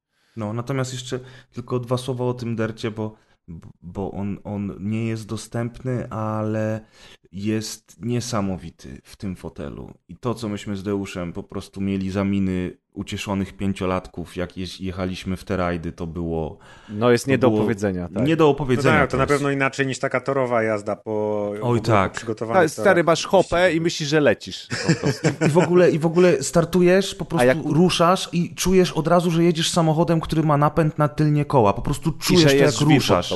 Ja... Tak. To jest, to jest nie do opisania. To jest po prostu nie do opisania. Natomiast, no, tak jak mówimy, w tej chwili jest Assetto Corsa. E, mają przyjść jakieś nowości, o których my nie wiemy, więc nie będziemy nic wam tutaj obiecywać, ale, ale nowości nadciągają. Natomiast możemy wam obiecać już teraz, że do końca sierpnia, jeżeli przyjdziecie do Apex One we Wrocławiu, to na hasło rozgrywka dostaniecie 20% zniżki. Tak, hasło Prawie rozgrywka za darmo. 20% zniżki do końca sierpnia. Yy, wiesz, prawie za darmo. Cenowo Nie, no nie wiem, czy. Nie wiem, ja nie wiem, nie jak, nie wiem żartuję. jak to. Aż żałuję, że mam do Wrocka tak daleko. A właśnie, tego nie ma gdzieś jeszcze już w innych miastach? Nie, No, nie. A nie, czekaj, to za a, a Chorzów? On, a, aha, w, w Chorzowie. W, w, Chorzowie jest ten symulator lotu w kosmos, który A, w ogóle, słuchajcie, Jezu. tam stoi kapsuła do symulacji lotu w kosmos, ale ona nie Ubierają jest cię w ten strój uruchomiona. Nie, ale wchodzisz do takiego. Jak na filmach NASA, wchodzisz do takiej jakby kuli zbudowanej z trójkątów, takiej trochę heksy przypominającej, która się może po prostu obracać 360 stopni. O kurna. E, zamykany jesteś w tej kuli. No I i, po masz tam Worek na na żygi. Tak, masz wiara, tam zakładasz wiara i tam po prostu jesteś obracany odpowiednio tak, jak jest w tym wiarze lot jakby w kosmos przeprowadzany. Także No, to ciekawe też. od, od razu z y, wewnętrznych informacji y, technicznych pro, projektując zostały zaprojektowane tak tam gniazdka elektryczne na wypadek jakby ktoś w kosmos nie był przystosowany do lotu. Czyli by się zżygał. Albo co innego. Także jest wszystko, za, jest wszystko zabezpieczone i Ale autentycznie niesamowite to jest. Y, I w ogóle jakby skala tego przedsięwzięcia i to, do czego służą te rzeczy, bo na przykład symulator ciężarówki no nie jest po to, żeby ktoś sobie go kupił do domu, bo ja pierwsze moje głupie pytanie, nie? Wojewoda. po co, tak, po co komu symulator ciężarówki? Kto by na to tyle pieniędzy wydawał, nie? No nie, to nie jest po to, to jest po to, żeby właśnie ludzie mogli, którzy ćwiczą jazdę e, ciężarówkami i pra prawo jazdy chcą zdać na ciężarówkę i tak dalej, mogli, mogli to robić. To jest, Więc żeby się szkolili. To jest najśmieszniejsze, że symulator, zanim powstały symulatory takie do grania dla graczy, to po prostu symulator to była maszyna, na której się szkolili piloci, No, myśliwców przede i tak dalej. Nie? I właśnie, na to komu symulator? Na potrzeby, na potrzeby wojska pierwsze przecież symulatory powstawały. No, No, no. No i w ogóle Zresztą też, dalej też, powstają. Też, też się dowiedzieliśmy paru ciekawych informacji o symulatorach dla wojska. W każdym, w każdym razie, w każdym razie jeszcze jeśli chodzi o przyjście, to nawet wzięcie, nie wiem, taty czy brata, który nie gra, albo kolegi, który nie gra, a jeździ autem, albo lubi auto, albo lubi motoryzację, jest fajne, bo wiemy też z pierwszej ręki, że nawet jak osoby, które przychodzą, które totalnie nie mają nic wspólnego z grami wideo, a na przykład jeżdżą autem i na przykład jeżdżą dobrze autem, wsiadają i grają, bo jakby tam nie ma nic z gier wideo, tak? Tam jest bardziej po prostu no jazda samochodem, No tak? Tam tak. niczego nie trzeba umieć z gier wideo, bo tam masz po prostu pełną symulację. No i nawet kierowcy rajdowi tam też testowali, jak są eventy różne robione. E, Zresztą oni mieli nawet swój wystawiony ten symulator chyba na evencie promocyjnym e, Forcy ostatniej, tak? Na Chyba E, tak, chyba, Chyba tak. tak. Chyba tak. W każdym razie nawet kierowcy rajdowi, którzy czasami przy jakichś eventach przychodzą i wiecie, nie grają w żadne gry, wsiadają i kręcą od razu czasy jedne z lepszych, bo po prostu czują od razu wsiadają, aha, to dobra, to jest moje, a to, to jest moje auto. I też co zabawne w ogóle, y, te, to co opowiadałem o tym ustawieniu profilów, to, profili, jest też tak, że te profile są ustawione tak, że jak ja wsiadam i zaczynam grać, to mam to uczucie, wow, no tak mi się wydawało, że tak jest w, sam- w bolidzie rajdowym, a to jest nieprawda, bo jak tam grają kierowcy rajdowi, to oni mają swoje profile i podobno normalny człowiek na takim profilu już sobie nie pogra. Yy, bo, bo, bo, tam są te poustawiane takie profile, jak zwykły świertelnik myśli, że trzęsie w, i wiecie, Tak, i tak. są przeciążenia w normalnym w samochodzie jak- a jak rajdowym. profesjonaliści Natomiast siadają do natomiast tych ci profili- rajdowcy wsiadają i mówią, no co wy, no podkręcamy, przecież to nie jest tak. Czyli oni No to- bez to żadnych jest asyst jakby jeżdżą. Taka fizyka jak w Need for Speedzie trochę. Tak, tak, tak. I oni grają na takiej bym fiz- tak oni grają na takiej fizyce, że jak ja bym tam wsiadł, bym zakrętu nie przejechał, bo mi kierownicę wyrwało, dupę odjechało, nie bym ci popłakał. Zagrałbym Need for Speed albo Burnouta, żeby No było właśnie, prędkość to chciałem 300 na godzinę, zderzenia, Stary, się jak on mnie, i jeszcze jak on mnie, policja. jak on mnie wyrzucił z, z, z trasy w multipli, to mi prawie prze, przetrąciło kości. A ty byś chciał w burnaucie, No tak? tak No. dzwon w betonową barierę przy 300 na godzinę. No. no i okazuje się, widzicie, że nie mam prawa jazdy, ale tak jak powiedział Deusz, to nie jest gra, to jest jakieś że nieprawdziwym samochodem. Czyli I przez długi czas Więcej na w tej miejscu, multi- tam na multi- miejscu, więcej na miejscu, na odwagę możecie wypić piwko, wsiadać za kółko, bo to tylko symulator. O, elegancko, można się Bo jest normalnie, bo tak, bo jest normalnie bar z piwem kraftowym, Narkotyki e, zresztą, wrocł- zresztą wrocławskim i ten. Tylko i dla podcasterów sobie narkotyki. Ten, się ścigać do piwa. E, No także bardzo przyjemne miejsce. Pamiętajcie, do końca sierpnia y, na hasło rozgrywka dostajecie 20% zniżki. Więc jeżeli macie ochotę, to się wybierzcie. Trzeba się zapytać, jaki będzie Polecamy. sukces tej A kampanii. jak się powie pięć razy rozgrywka, to się sumuje? To nie, jest, to nie jest kampania, wyobraź sobie kas, bo ja też zapytałem kolegę Antka, czy on nas zaprosił, żebyśmy opowiedzieli i tak dalej. No bo wiesz. A on no wam jednak kazał u- zapłacić po prostu No i wy tacy smutni, no dobra. Ugości, Bez ugościli nas. A oni rozgrywka! Nas, To jeszcze nie działa. nie, nie, nie, ugościli nas cudownie. Ja powiedziałem, słuchaj, no y, na pewno chętnie opowiemy o tym, bo to jest fajna zajawka. A on mówi, że on w dupie Tak, to bo jakby ktoś z- Dupie cię mam w ogóle. Ale nie, bo jakby ktoś z słyszę słuchał, to to nie jest fragment sponsorowany. Dokładnie, jakby wiesz, on mówi, nie, on, słucham waszego podcastu, dowiedziałem się, że przyjeżdżasz do Deusza, to chciałem wam pokazać, nie? Więc jakby to było wszystko na zasadzie zajawki. Ale może to także- było takie coś, że on chciał, żebyś poszedł na prawo jazdy. Oj, to był ale- pierwszy krok. Myślę, że Ale ma teraz prawo traumę jazdy- po tym, jak go Myślę, że jakby się prawo jazdy zdawało na multipli, to miałbym szansę, wiesz. Ale nawet, ale nawet jakbyście sobie chcieli wygooglać, to powiedzcie mi, ile rzeczy na mapach Google ma 5 gwiazdek na 5 i ma same 5 w ocenach. To już nawet statystycznie jest trudno trafić na coś, co ma Nawet jako ocena czegokolwiek, bo O. tam po prostu ludzie minusują dla zasady. Więc nawet samo to potwierdza, że to nie jest tylko moje wrażenie impreza, ale... To są e, dwie oceny, Deusza ale i wszystkich tych, ale 5-0. wszystkich osób, No które... to super. To by im się wiodło z całym biznesem. No, także, także ta, ta, tak to wygląda. Y, Myślę, że możemy już iść do przodu Fajnie, chyba, trochę co? Bo- zazdro. Też bym sobie tak pojeździł. No Tak, to- ale no to co, jak kiedyś będziemy we Wrocławiu, to myślę, że na pewno No, na hasło rozgrywka. Na hasło, ale tylko do sierpnia. Do Antka, do Antka się odezwiemy. Antek bardzo chętnie się spotka, więc nawet możemy sobie nasz zjazd czteroosobowy zrobić we Wrocławiu. To wtedy z, z kodami, z kodą Octavio, tak się pościgamy. Tak, ale może już bliżej, bliżej końca lata, bo żebyśmy się tak nie pocili, kurczę. Żebyśmy się tak nie spotykali za często, bo on. Albo, no, druga sprawa, no bez przesady. dobra, no. Koledzy kolegami, No, ale hasło. szanujmy się. No dobra, słuchajcie, no więc y, wszystko już wiecie. Y, Nasze gry z dzieciństwa, relacja, relacja z Pixel Ale Heaven, relacja z Apex One, a teraz Jeszcze mamy... w połowie nie jesteśmy nawet. Jesteś, nawet nie jesteśmy, w... Ja zaczynamy idę dopiero spać za pół godziny.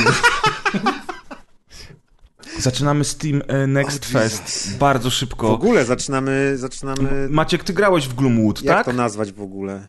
Maciuś, ty grałeś w Gloomwood? Nie, właśnie się zastanawiam, dlaczego Dlatego ja skreśliłeś. skreśliłem, bo nie zdążyłem ograć tego Ojej, demka. no ale Gloomwood to jest nowa gra. Znaczy w ogóle, znaczy już lecimy tak? W ogóle to Tak, tak. mówimy o Steam Next Fest, czyli o tym festiwalu. Poproszę, Tak, bo nie wszyscy tak. słuchacze Znaczy, są pecetowi. Wprowadzenie Steam Next jest Fest. ogólnie takie, że nie będziemy omawiać wszystkich tych konf, które się działy, bo było ich mnóstwo. Wiemy, że... Ale mówimy teraz o Steam Next Festie, No- a nie o konfer- No wiem, ale odbyło się mnóstwo rzeczy, nie tylko Steam Next Fest, ale było Capcom, Srapcom i inne tam Aha, te... w ogóle tego nie mamy w rozpisce, Przecież sorry. wszystko się działo teraz. No, to jedyne sensowne. Wtedy, to kiedy my się upijaliśmy na Pixel Heaven, to się działy te wszystkie rzeczy i konferencje, i streamy, i pokazy i tak dalej. I my bardzo dobrze wiemy, nasi drodzy słuchacze, że wy słuchacie też innych podcastów, nie tylko nas, że nas zdradzacie z innymi podcasterami. I już w międzyczasie, póki się ta rozgrywka ukaże, to już wiem, że inne podcasty zrobiły swoje relacje omówienia, więc jak chcecie sobie posłuchać o wszystkich konfach i o wszystkim po kolei, co się działo, to już sobie gdzieś tam gdzie indziej posłuchaliście, a my jesteśmy po prostu leniwe świniaki.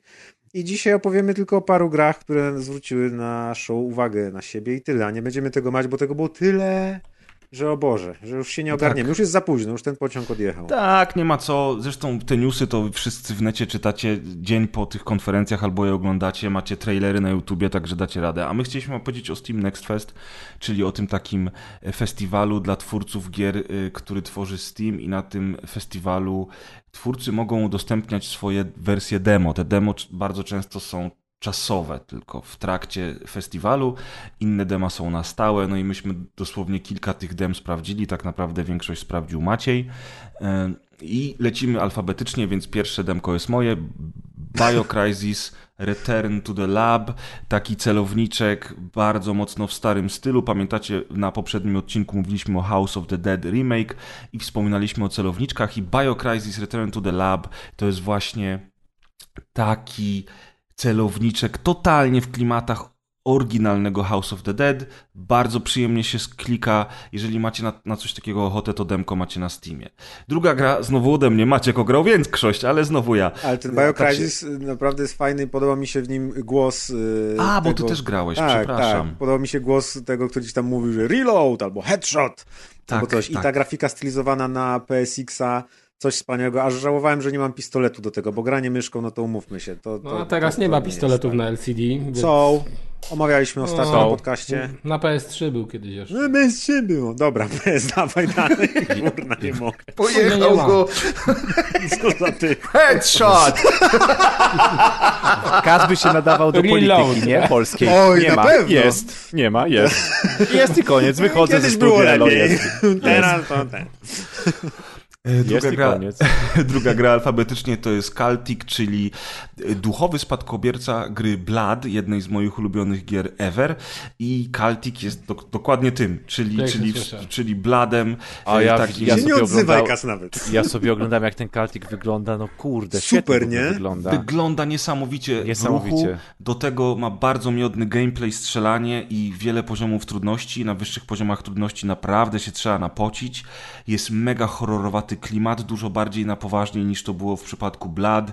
Celtic demo chyba jest dostępne w ogóle cały czas. Cały ale, czas jest dostępny. Ale tak. z okazji tego Steam Next Festival zaktualizowali to demko, w związku z czym sprawdźcie. Bardzo fajnie się gra, jest, y, bardzo fajne są te elementy takie, y, że możesz na przykład podnosić przedmioty i je gdzieś tam rzucać czy przestawiać, albo na przykład możesz wziąć latarnię i ją rzucić, czy tam postawić, strzelić w nią i z niej się ogień rozlewa, czy coś. Więc takie rzeczy, które jakby takie nowsze elementy interakcji z otoczeniem wsadzone w tą taką niby grę, która jest takim właśnie starym boomer shooterem. Ja też grałem y, i mi się bardzo spodobało. Na pewno bym chciał w całość zagrać, bo, bo właśnie wizualnie mi się mega podoba.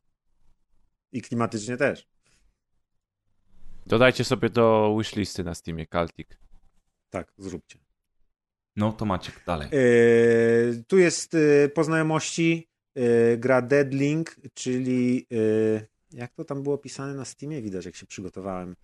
Ale grałeś przecież nawet. No grałem chwilę. To jest taki roguelite'owy boomer shooter w cyberpunkowym klimacie, gdzie sobie biegamy po mieście, strzelamy i To z taką bardziej kartunową grafiką. taką, taką stylizowaną, no. Yy, I, I no, przemierzamy takie, to jest taki arena shooter, bo ewidentnie przechodzimy korytarzami do kolejnych aren, które się tam losowo generują. Na tych arenach się strzelamy z przeciwnikami, są yy, wyskocznie niczym z Quake'a trzeciego, zbiera się tam yy, właśnie amunicję, jakieś tam upgrade'y, można się linką przy, przyciągać albo do przeciwników, albo do takich kulek, które mają w sobie tam amunicję bodajże i tak dalej i, i, i oczywiście co jakiś czas dostajemy wybór na przykład jaki element y, naszego wyposażenia chcemy sobie zupgrade'ować. No i jak nas zabiją, to siup, zaczynamy od nowa kolejny run, bo to jest, cała gra polega na tym jakby historia, że jesteśmy sklonowaną duszą umieszczoną w robocie bojowym i dlatego niby możemy umierać i, i odradzać się nieskończoną ilość razy. Mi to tak nie do końca przypadło do gustu, bo jest tam system taki trochę podobny do Duma tego Eternal, gdzie na przykład właśnie, żeby mieć apteczki, trzeba zabijać przeciwników, a żeby mieć amunicję, trzeba rozwalać te kulki i tak dalej. I jakby jakoś nie wiem, kurde, no Co, nie... czemu polecałeś mi Nie tę podeszło grę? mi to. E, Polecałem, żebyś zagrał, bo to jest e, hashtag poznajomości, bo przy tej grze pracował e, koleś, którego poznałem na Dragonsach, na Afterze. E, Michał, pozdrawiam Michała, pozdrawiamy. który tam robił level design. I no i tak mi polecił tą grę i ja właśnie po- postanowiłem ją sprawdzić, no ale niestety w moje gusty nie trafiła, ale pomyślałem, że trafi w twoje. Sprawdzę, bo podoba mi się wizualnie, chociaż y, ten motyw, jak wspominasz o Doom Eternal, nie jest jednym z moich ulubionych motywów, a widzę, że coraz więcej gier zaczyna go stosować. E, Zobaczymy. I z kolei kolejną grą na liście jest Gloomwood, w które miałem zagrać nie zagrałem, natomiast powiem tylko tyle, że jest to oczekiwany duchowy spadkobierca serii Thief, trochę taki steampunkowy, w sumie Thief też był e, i niewiele więcej o nim wiem, ale fajnie, że jest demko, bo bardzo, bardzo chętnie w niego zagram, No to bo jest jest to jedna z tych gier... Mhm. Gry... Jak ona się nazywała? Zapomniałem. Chciałem, żebyś ty dokończył. No, to, to nie jest chyba twórcy Thiefa.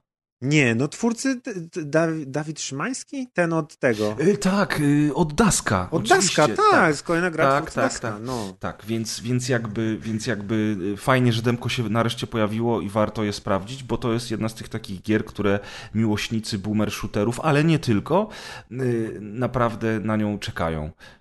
Mm. A potem mamy jakieś karate chyba, Maciek, co? Och Jezus, Midnight Fight Express to jest coś, co ja śledziłem od bardzo dawna na Twitterze, gdzie twórca wrzucał jakieś krótkie zajawki i gify z tego, jak y, ludek chodzi i bije i mi się to bardzo, bardzo podobało i teraz z okazji właśnie tych wszystkich targów ukazał się taki trochę dłuższy zwiastun, który trochę we mnie wprowadził niepokój, bo tam się bardzo dużo rzeczy działo, typu jakieś wybuchy, pościgi samochodowe i tak dalej. Sobie myślę, oj, taka była fajna gra, taka y, y, y, swojska, że tam koleś chodzi po jakichś tam powiedzmy ogródkach i kogoś bije na imprezie domowej to było takie fajne i, i, i, i, w małej skali, a tutaj nagle jakieś takie rozpierdziele, ale też wyszło demko na Steamie.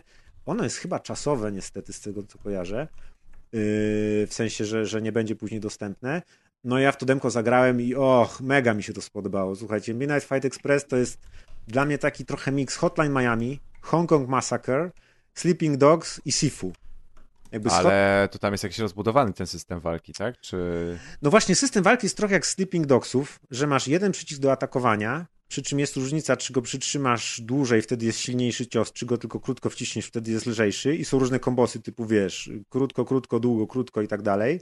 Jest do tego jeszcze drugi przycisk, którym na przykład w, miarę grania odblokowujesz sobie różne umiejętności i na przykład masz umiejętność, że po dwóch krótkich atakach możesz wcisnąć yy, prawy bumper i yy, twoja postać robi jakiś rodzaj finishera na przeciwniku. To jest na przykład super obrotowy kopniak, albo na przykład zachodzi go od tyłu i takiego suplesa mu zakłada, jak w wrestlingu czy coś. Co bardzo fajnie wygląda, bo, bo ta gra jest świetnie animowana. Więc to mi się właśnie tak trochę Sleeping Dogs skojarzyło, bo też jest na przykład pod Y jest kontra. I jak się zdobywasz bardzo szybką umiejętność kontrowania, to nad przeciwnikami się pokazuje, jak w Batmanach, nie? Ikonka, wciskasz Y, to się kontruje. Jakoś tak z te Sleeping Dogsy mi się kojarzyły. To Sifu mi się kojarzyło, bo są grubsi przeciwnicy, którym trzeba rozbić najpierw takich pasek, powiedzmy, staminy. Trzeba to zrobić mocnymi atakami albo rzuca, rzucając w nich jakieś przedmioty i dopiero później można ich przeatakować. Hong Kong Massacre wydaje mi się, że ujęcie jest dosyć podobne, bo to jest taka kamera dosyć oddalona, te postacie nie są takie duże jak w typowych chodzonych bijatykach i taki właśnie widok trochę z góry. No i Hotline Miami, bo nie wiem, no jest ten taki vibe tego, że wbiegasz i jest rozwałka i jak cię zabiją, w sumie nawet nie wiem co się stało, jak jak, jak cię zabiją, bo chyba nie dałem się zabić, bo jestem profesjonalnym graczem i umiem grać w gry wideo. Na easy przynajmniej, albo na medium. Ale ta perspektywa w ogóle nie przeszkadza, bo... Nie, nie, absolutnie. Właśnie bardzo... Ona jest taka dla mnie izometryczna, ale no. Trochę tak. Właśnie to jest dziwne, że to jest taki brawler e, w, w takiej izometrycznym widoku, ale sprawdza się to bardzo dobrze. Postać jakby jest, ma taką dużą trochę jak w Batmanie też było, że jakby jak kierujesz gałkę w stronę przeciwnika i wciskasz atak, to on bardzo dużą odległość jest w stanie doskoczyć do tego przeciwnika, więc to nawet nie jest tak, że musisz do niego dobiec, tylko często bijąc się w tłumie, ci wciskasz prawo atak, lewo atak, a ta postać przeskakuje właśnie jak Batman między tymi przeciwnikami. Y, jest bardzo dużo interakcji z otoczeniem, można podnosić broń po przeciwnikach, można podnosić pistolety i masz tam właśnie, o tak jak właśnie w Hotline Miami, że jak podniesiesz pistolet, to masz tam jeden magazynek, możesz go wystrzelać, potem musisz go wyrzucić albo rzucić nim w przeciwnika, podnieść następny. Yy, są rolki, turlanie się, więc tam rzeczy typu unik, bo, bo, bo, bo cię za dużo kolesi atakuje, potem łapiesz jakąś broń, turlając się jeszcze. Trochę trzeba ogarnąć to sterowanie, bo oddzielnie jest właśnie przycisk od podnoszenia broni i tak dalej, ale w demie były bodajże trzy etapy i już pod koniec trzeciego etapu yy, w miarę ogarniałem, co się dzieje. Fabuła jest taka, że nagle się budzisz, Y, dostajesz paczkę do domu, z której wylatuje dron i mówi do ciebie, że hej, nic nie pamiętasz, bo jesteś uśpionym agentem, ale w mieście właśnie y, rozgorzały zamieszki i musisz teraz pomóc i bić złych typów, nie? I wychodzisz na ulicę i zaczyna się rozpierducha. Kompletnie pretensjonalna y, fabuła, ale bardzo fajna i jest bardzo fajne ujęcie, bardzo fajne animacje, te postacie się tak fajnie ruszają. Ta grafika jest taka trochę kartunowa, trochę taki cel shading, mhm. też mi się to kojarzy no, z tymi takimi grami z PS2 na przykład. Kurczę, mi się kojarzy trochę teraz jak patrzę na to, na, z tą taką super gierką na PlayStation, Jackie Chan Stuntmaster, nie wiem czy kojarzycie. No. Ona też była, ta kamera trochę wyżej zawieszona, też była tak jak ty mówisz, taka trochę kart no powiedzmy kreskówkowa. No, trochę tak. I Tam jeszcze były elementy takie zręcznościowe, tak, platformowe, no, nie? No, no. Tutaj mhm. póki co tego nie było, ale bardzo fajne są y, etapy, gdzie zaczynasz nagle, jesteś wrzucony już w trzecim etapie na pociąg, bijesz się na początku na pociągu, potem skakujesz do środka do pociągu, z boku leci helikopter, się strzela, no jest naprawdę non-stop rozpierducha. Właśnie tak jak w Hong Kong Massacre, że to nie jest tak, że wiesz, teraz będziesz rozmawiać, potem jeden przeciwnik czy coś, nie, od razu cię wrzucają i się napierdzielasz i jest po prostu chaos i jest super, więc mi się mega spodobało. Zagrałem w to demo tylko raz, bo, bo bo, bo już chcę zagrać w pełną wersję i chcę grać w to wszystko, więc to wszystkim fanom tych gier właśnie, co, co wymieniłem, z czym mi się to kojarzy, to bardzo polecam albo sprawdzić demo jak zdążycie, a jak nie, no to, no to później sprawdzić gdzieś jak będzie gdzieś do ogrania, bo to jest naprawdę, to jest chyba najfajniejsza gra, którą tutaj wyhaczyłem i miałem okazję zagrać i którą na pewno, na którą na pewno będę czekać. Midnight Fight Express. Mhm. Już sobie dodałem. Dobrze, bardzo dobrze. Kaz dodałeś sobie? nie wiem gdzie, na Switcha może wyjdzie, nie wiem nawet. No, jak wyjdzie. Dobra, Selako. Grałem w Selako, ale to Presnik się wypowie. A ja nie zdążyłem w to zagrać. No co nie! mogę powiedzieć? Co za ty? Selako to jest gra, która powstaje na silniku pierwszego Duma. Ojej, pierwszego, czy, pierwszego. Generalnie wszystkie Bardzo... FPS-y plus Maćka Kung Fu i tyle, tak? tak, tak. Nie dziwię się, tak. że pamiętasz, nie oglądałem pamiętasz, tego jak chłopacy czegoś... mówili, żebyś się nie odzywał, to... Albo, że nie chcemy już nagrywać z tobą rozgrywki. No. Nie, w każdym Jeszcze razie, nie. w każdym razie Selako jest o tyle ciekawe, to jest że na tak silnik, starym tam silniku... G-Doom czy tam coś, tak? Tak, tak, GZ Doom, tak, tak, to jest open source'owy i to jest gra, która też jest jakby super, y, że, że już pojawiło się to demko, bo ona od dawna e, wśród fanów boomer shooterów jest na językach, natomiast wreszcie można w nią zagrać i no niestety ja nie zdążyłem, ale Maciek zagrał no, i nam zagrałem. opowie parę słów. E, zagrałem i mm, no, też nie do końca mi podpasowała, chociaż widziałem nawet jakieś tam porównania z Firem, że to AI przeciwników jest niczym z Fira. Rzeczywiście tu akurat w demie były takie etapy, gdzie biegamy po takim kompleksie biurowo-mieszkalnym i były tam niby okazje, że ci przeciwnicy mogli mnie zachodzić czy coś.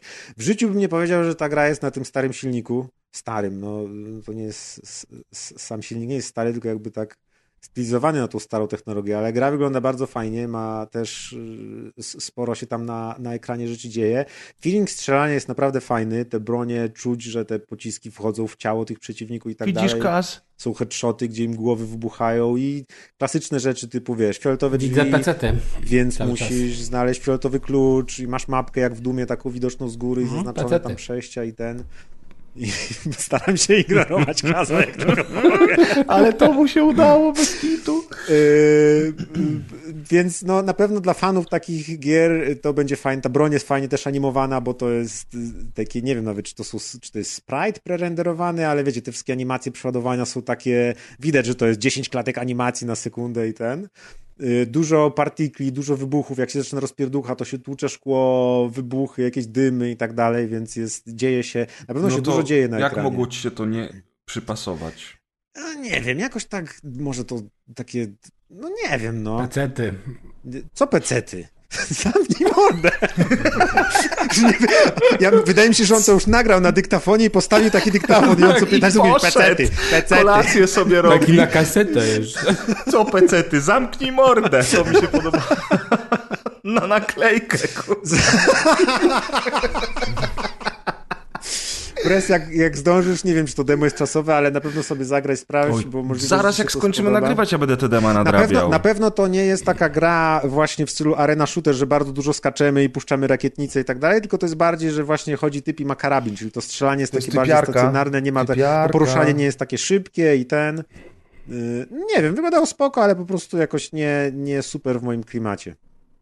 No rozumiem. Ja będę, no ja przypominam, że ja prosto z pociągu przybiegłem nagrywać, więc nie miałem okazji niestety... Teraz jest jeszcze ubrany i on sprawdzić. trzyma na kolanach walizkę. Tak, tak, dokładnie. I, sp- i spryskuje co chwilę ręce tym, wiesz, dezyn- do dezynfekcji tak. rąk, nie? Jak w pociągu po pięciu godzinach. Ale cię nie zdążył umyć. Dobra, czy coś jest poza FPS-ami? Conscript, o tym sobie posłuchaj. Albo zobacz, o jak tym to wygląda na YouTube. O, no. Oj tak, i w to nawet ja no, też grałem. Posłuchać no. to muszę, a... No. Wcale nie musisz. Y, Maciek, zacznij, bo ty znalazłeś tę grę. Tak, ja to znalazłem nawet jeszcze zanim się te wszystkie niby E3, nie E3 zaczęły.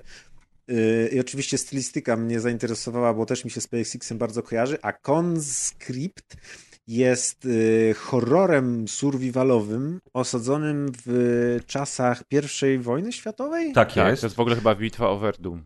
Tak, dokładnie tak. Y, I w widoku takim izometrycznym z góry. Trochę jak Blood Omen Legacy of Kane. Z, y, y, z tym, że perspektywa jest równoległa. Właśnie nie wiem, nie jak wiem, to jak określić, to nie? To z kolei wygląda jak Game Boy Advance. Że się idzie do góry, do dołu i w prawo i w lewo. To nie jest ta taka przekrzywiona tak, o 45 tak, stopni, tylko taka... Tak, bliżej tak, dalej. Tak. I oczywiście jakby tła są nawet nie wiem, jak to jest zrobione, ale jest takie wrażenie, że tła są w 2D, a postacie biegające po nich w 3D. Czyli Właśnie, totalnie... bo to jest taka grafika, że jak widzisz w ruchu, to się zastanawiasz, jak to oni to zrobili. Tak, nigdy tak. takiego nie widziałem Ale wcześniej. totalnie to wygląda jakby, wiesz, zaginiona gra z PSX-a, nie? O której nikt nie słyszał. Ja mówię, Game Boy Advance takie. Ten, ale nie, no, ale nie, no trochę tak. Trochę tak. Trochę Game Boy Advance. Muszę się zgodzić, tak. Tylko bardziej szczegółowy. Tak, tak, tak. tak. I jest to survival horror bardzo, moim zdaniem, wzorowany na klasycznych rezydentach, bo mamy i zapisywanie gry w konkretnych miejscach, i zbieranie przedmiotów, i, i jakby układanie ich w plecaku, a la Tetris. I dużo elementów takich widziałem, że ewidentnie to jest jak z Residenta, jak z Residenta, jak z Residenta. No i to jest taki survival horror z krwi i kości. Bardzo tak. mało amunicji, bardzo łatwo zginąć. I jest to gra, przynajmniej dla mnie, bardzo ciężka w klimacie i no, nawet na tyle takie ciężka... zdanie, żeby pokazać, patrzcie, pierwsza wojna świata, tak to wyglądało. Tak, ale też jakby nie tylko chodzi o to, że wszędzie jest y, klimat beznadziei, śmierci w męczarniach, cierpiących ludzi z urwanymi kończynami, jęków i tak dalej, ale też ci przeciwnicy, którzy nas atakują, yy, trochę są jak zombie, w sensie harczą, y, jakieś takie jęki wydają i można mieć wrażenie, to nie są, wiesz, żołnierze, którzy tam krzyczą, tylko biegnie na ciebie taki i tylko słyszysz, że on sapie i z tą saperką biegnie i chce cię zarypać. I jest taki nieludzki. I to, co mi się właśnie spodobało, że ten no to, ale to jest tak jak Deusz powiedział, że to specjalnie tak jest No, no możliwe, że tak. Tylko to, co mi się spodobało na zwiastunie, co mnie zachwyciło, później mnie tak zdołowało, że ja, że ja po, po, po nie wiem, tam 15 czy 20 minutach grania Tak jest, odłożyłem pres, tą mamy go grę po swojej stronie w końcu. Także i stwierdziłem, że ja nie dam rady bez, w to nadziei, grać. bez nadziei życia. To, to mi się bardzo podoba, ale ta gra jest tak, ona mnie tak dołuje i przeraża, bo ci przeciwnicy są tacy nieludzcy i, i w ogóle to jest śmieszne, że w takiej grafice może to robić, ale naprawdę ona mnie tak zdołowała, Niesamowity klimat. że ja napisałem, że ja nie dam rady w to grać. Mimo, że mi się bardzo podoba, to ona mnie tak dołuje, że jest tak właśnie, nie wiem, smutna, przerażająca, wzbudza jakieś lęki we mnie czy coś, Tak, że no tam nie dam rady. Ale mimo wszystko bardzo polecam, żeby właśnie też spróbować, bo no bo jest taka też nietypowa. To ujęcie takie wydaje mi się nietypowe, jakby tej akcji całe. poza, jakby poza tym klimatem trochę horrorowatym, który się dzieje w samym gameplayu, to tło fabularne stara się przynajmniej w demie, z tego co widziałem, być y, y, realistyczne. I oczywiście mamy didaskalia w postaci notatek, czyli tutaj listów, które czytamy, no i te listy jakby, czy- sam pamiętnik naszego bohatera są takie no realistyczne, one traktują tą pierwszą wojnę światową jakby ona naprawdę była... Pierwszą wojną światową, a nie tym takim horrorem, którym rzeczywiście jest gra. I tam się czyta na przykład o losach kolegi, który, mm, który wyzdrowiał po ostatnim postrzale i, i będziemy znowu musieli iść na kolejny patrol, a coś tam i potem na przykład znajdujemy tego kolegę, który jest śmiertelnie ranny i umiera chwilę później po tym, jak czytamy w pamiętniku, że super, on żyje, przeżyliśmy kolejny dzień. I to są też takie motywy, które faktycznie potrafią zdołować, bo, one, bo, bo one w bardzo surrealistyczny sposób, ale jednak przekazują nam, jakim horrorem i koszmarem jest wojna, nie? Na wielu płaszczyznach, więc w takiej malutkiej gierce udało im się upchnąć coś naprawdę niesamowitego. Ja bardzo czekam na, na, na pełną wersję gry i z przyjemnością w nią zagram. Okej. Grałeś we The Fridge is Red? Nie, w to wszystko, co masz teraz, nie grałem już w ogóle, nie? Weź tą Jak definicję, mnie to olał w trzeba mieć... Grałeś w Tadeusz? No gdzie tam, bez przesady, jak słuchacze sobie zobaczą, jak to wygląda, to będą wiedzieli, czemu ja nie Ja nawet nie odpalałem filmików, tylko sprawdzałem, bo oczywiście tych dem są miliony, więc nie da się tego samemu ogarnąć, więc ja wszedłem, wiecie, na 10-15 tych zestawień, top 10 dem, które musisz sprawdzić. Patrzyłem po screenach, co jest fajne i sprawdzałem.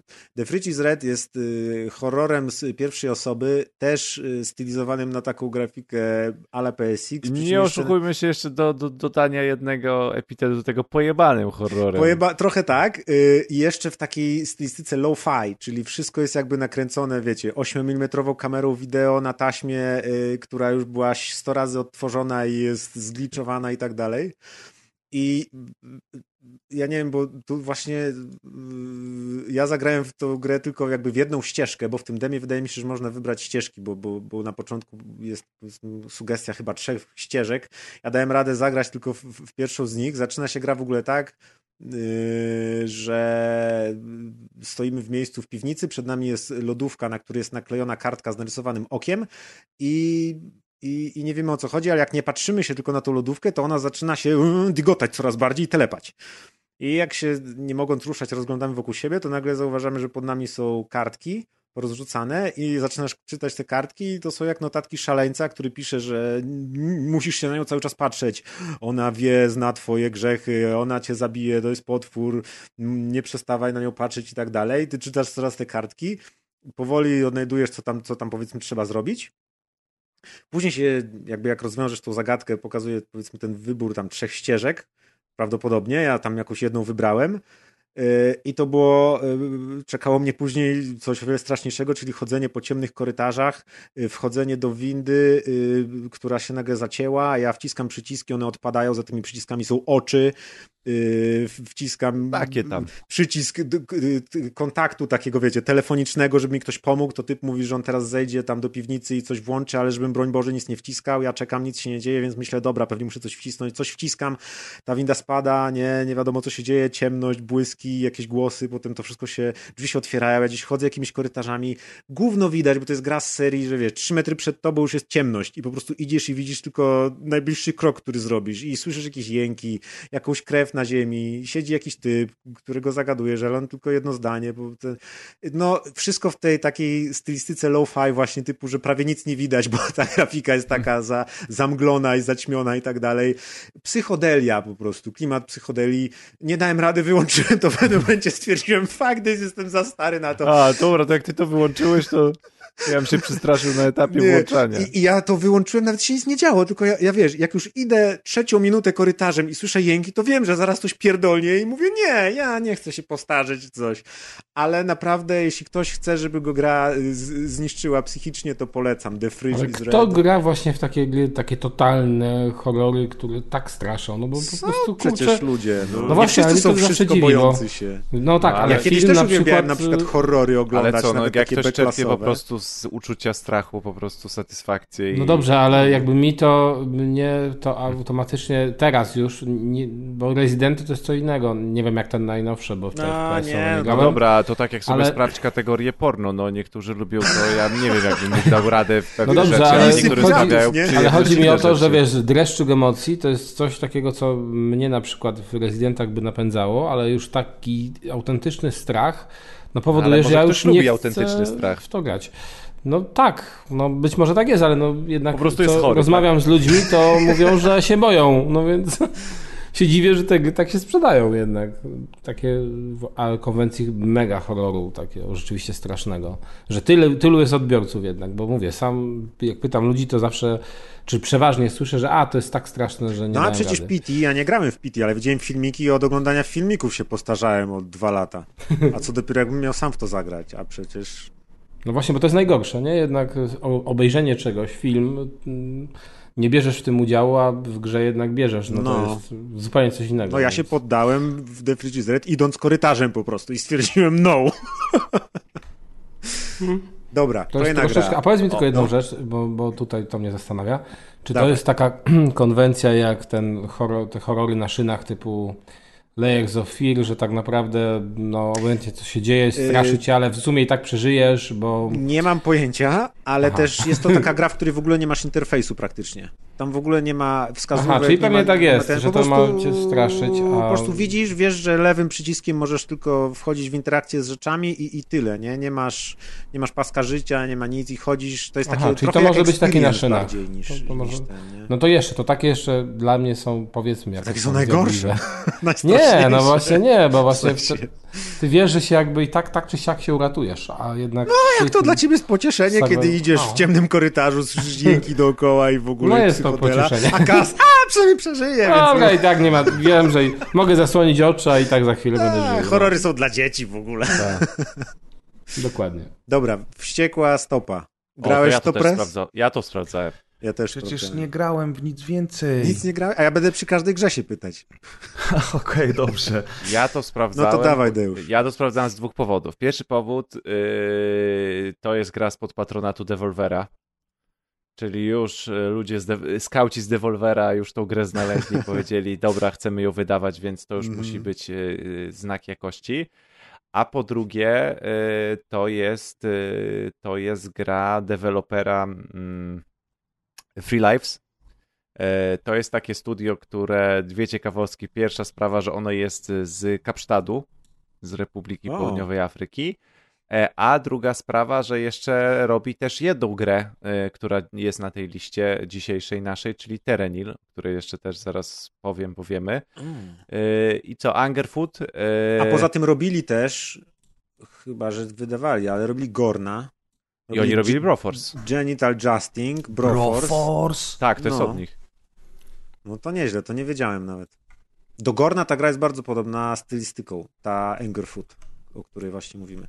Tak, Widać czyli... w zwiastunie, co robili, bo w zwiastunie jest, y, jak idzie gość i wykopuje drzwi właśnie z nazwami tych tytułów, które wspomnieliście. O, proszę. O, ja grałem w Food jeszcze no przed... I FPS jakby. No, no to, to jakiś czas temu było No, to jest, to jest takie, y, to jest takie... Mm, Taki Hotline Miami. Hotline Miami, Hotline Miami z pierwszej osoby z, z wykopywaniem drzwi. No tak. to mam opowiadać, czy nie? Ja już nie chcę więcej opowiadać. Opowiadaj dalej. Już nagrywać z nie, no wiesz co, jeżeli mam być szczery, to jak usłyszałem teraz, że to jest twórców y, Broforce, to jestem zdziwiony, bo mnie ta gra dosyć szybko znużyła.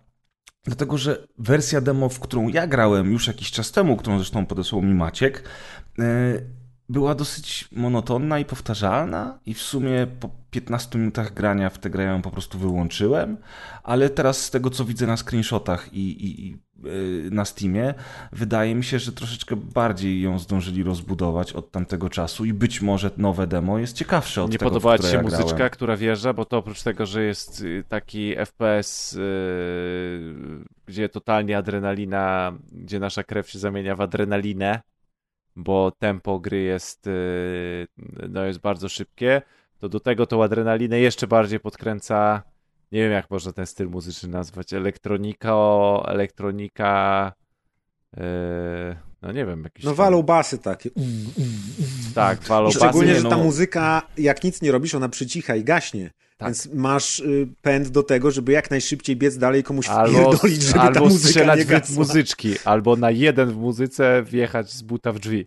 No tak, dokładnie. I nie, też no, oczywiście, jest... że muzyka jest bardzo przyjemna. To jest też fajne, że w tej grze, już nie pamiętam, ale chyba są takie zwolnienia czasu w niektórych tam momentach takich powiedzmy oskryptowanych czy coś, że właśnie jak tak. wpadasz do pomieszczenia i wykopujesz te drzwi, to przez sekundę czy tam coś jest takie slow-mo. I w ogóle klimat jest taki gangsterski taki, ale taki komiksowo w ogóle gangsterski. Taki punkowy trochę tak, powiedzmy, bo jest mnóstwo kolorów, te postacie są jakieś takie typu dresiarz, ale ma głowę krokodyla na przykład. Tak, tak, tak, ale coś. oczywiście jest głowę krokodyla, jest zielony, się świeci, ale ma niebieski, tfu, fioletowo-jarzeniasty dres, nie? I tak, ściany taka... w jego melinie są pomalowane na żółto, e, i tak dalej, i tak dalej, więc jest mhm taki bardzo, bardzo ciekawy, bardzo ciekawy. No i tam się nie tylko kopie, tylko można też podnieść tak, pistolet i strzelać. Tak, broń. I ten.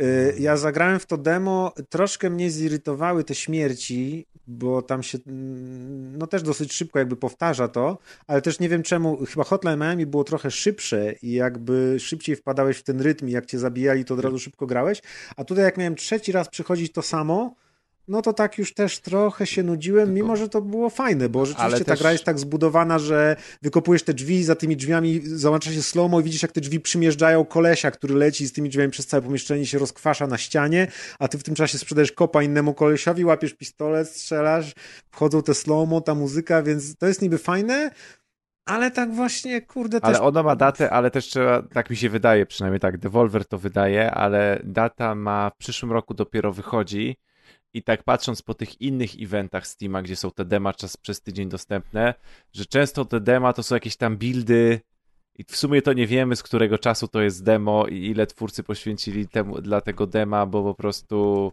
chcieli dać demo, a ile w sumie musieli dać demo, żeby było o tej grze przy okazji tego festiwalu, żeby się zaczęło o niej mówić, więc tak naprawdę czasami te dema, przynajmniej z poprzednich festiwali było tak, że te niektóre dema to jakiś był taki build, który, który dość mocno odbiegał od tego później finalnego produktu, więc, więc w sumie nie wiadomo, jak ta gra będzie ostatecznie wyglądała. Mhm. No tu jedyne co zauważyłem, to by się przydało, żeby się jakby nie zaczynało kompletnie od początku tego poziomu, mhm. bo ja nawet nie skończyłem tego dema, bo jak miałem tam trzeci raz zaczynać, to już stwierdziłem, dobra, no nie chce mi się, już wiem jak mam w to przejść, ale jakoś tak, nie wiem, no nie było... Idę do następnych 40 dem. No, trochę tak.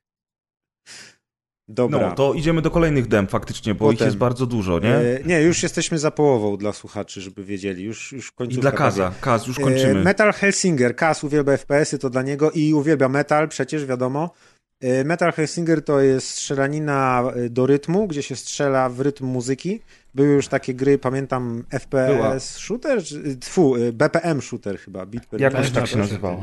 I coś tam jeszcze innego było. Sprawdziłem to kompletnie z ciekawości. Y, i jakby jako sama strzelanina jest to całkiem kompetentne, trochę tam powiedzmy w klimacie tych dumów nowych, nie? jeśli chodzi o poruszanie się, pojawiających się przeciwników i tak dalej. I wciąż nie byłem przekonany do strzelania w rytm muzyki i dalej nie jestem. Tutaj jest taki system, że cały czas do naszego celowniczka, do, do crosshera zbliżają się z boku takie strzałki i wiadomo, że jak do niego wlecą, to wtedy należy wykonać akcję i to jest też rytm muzyki.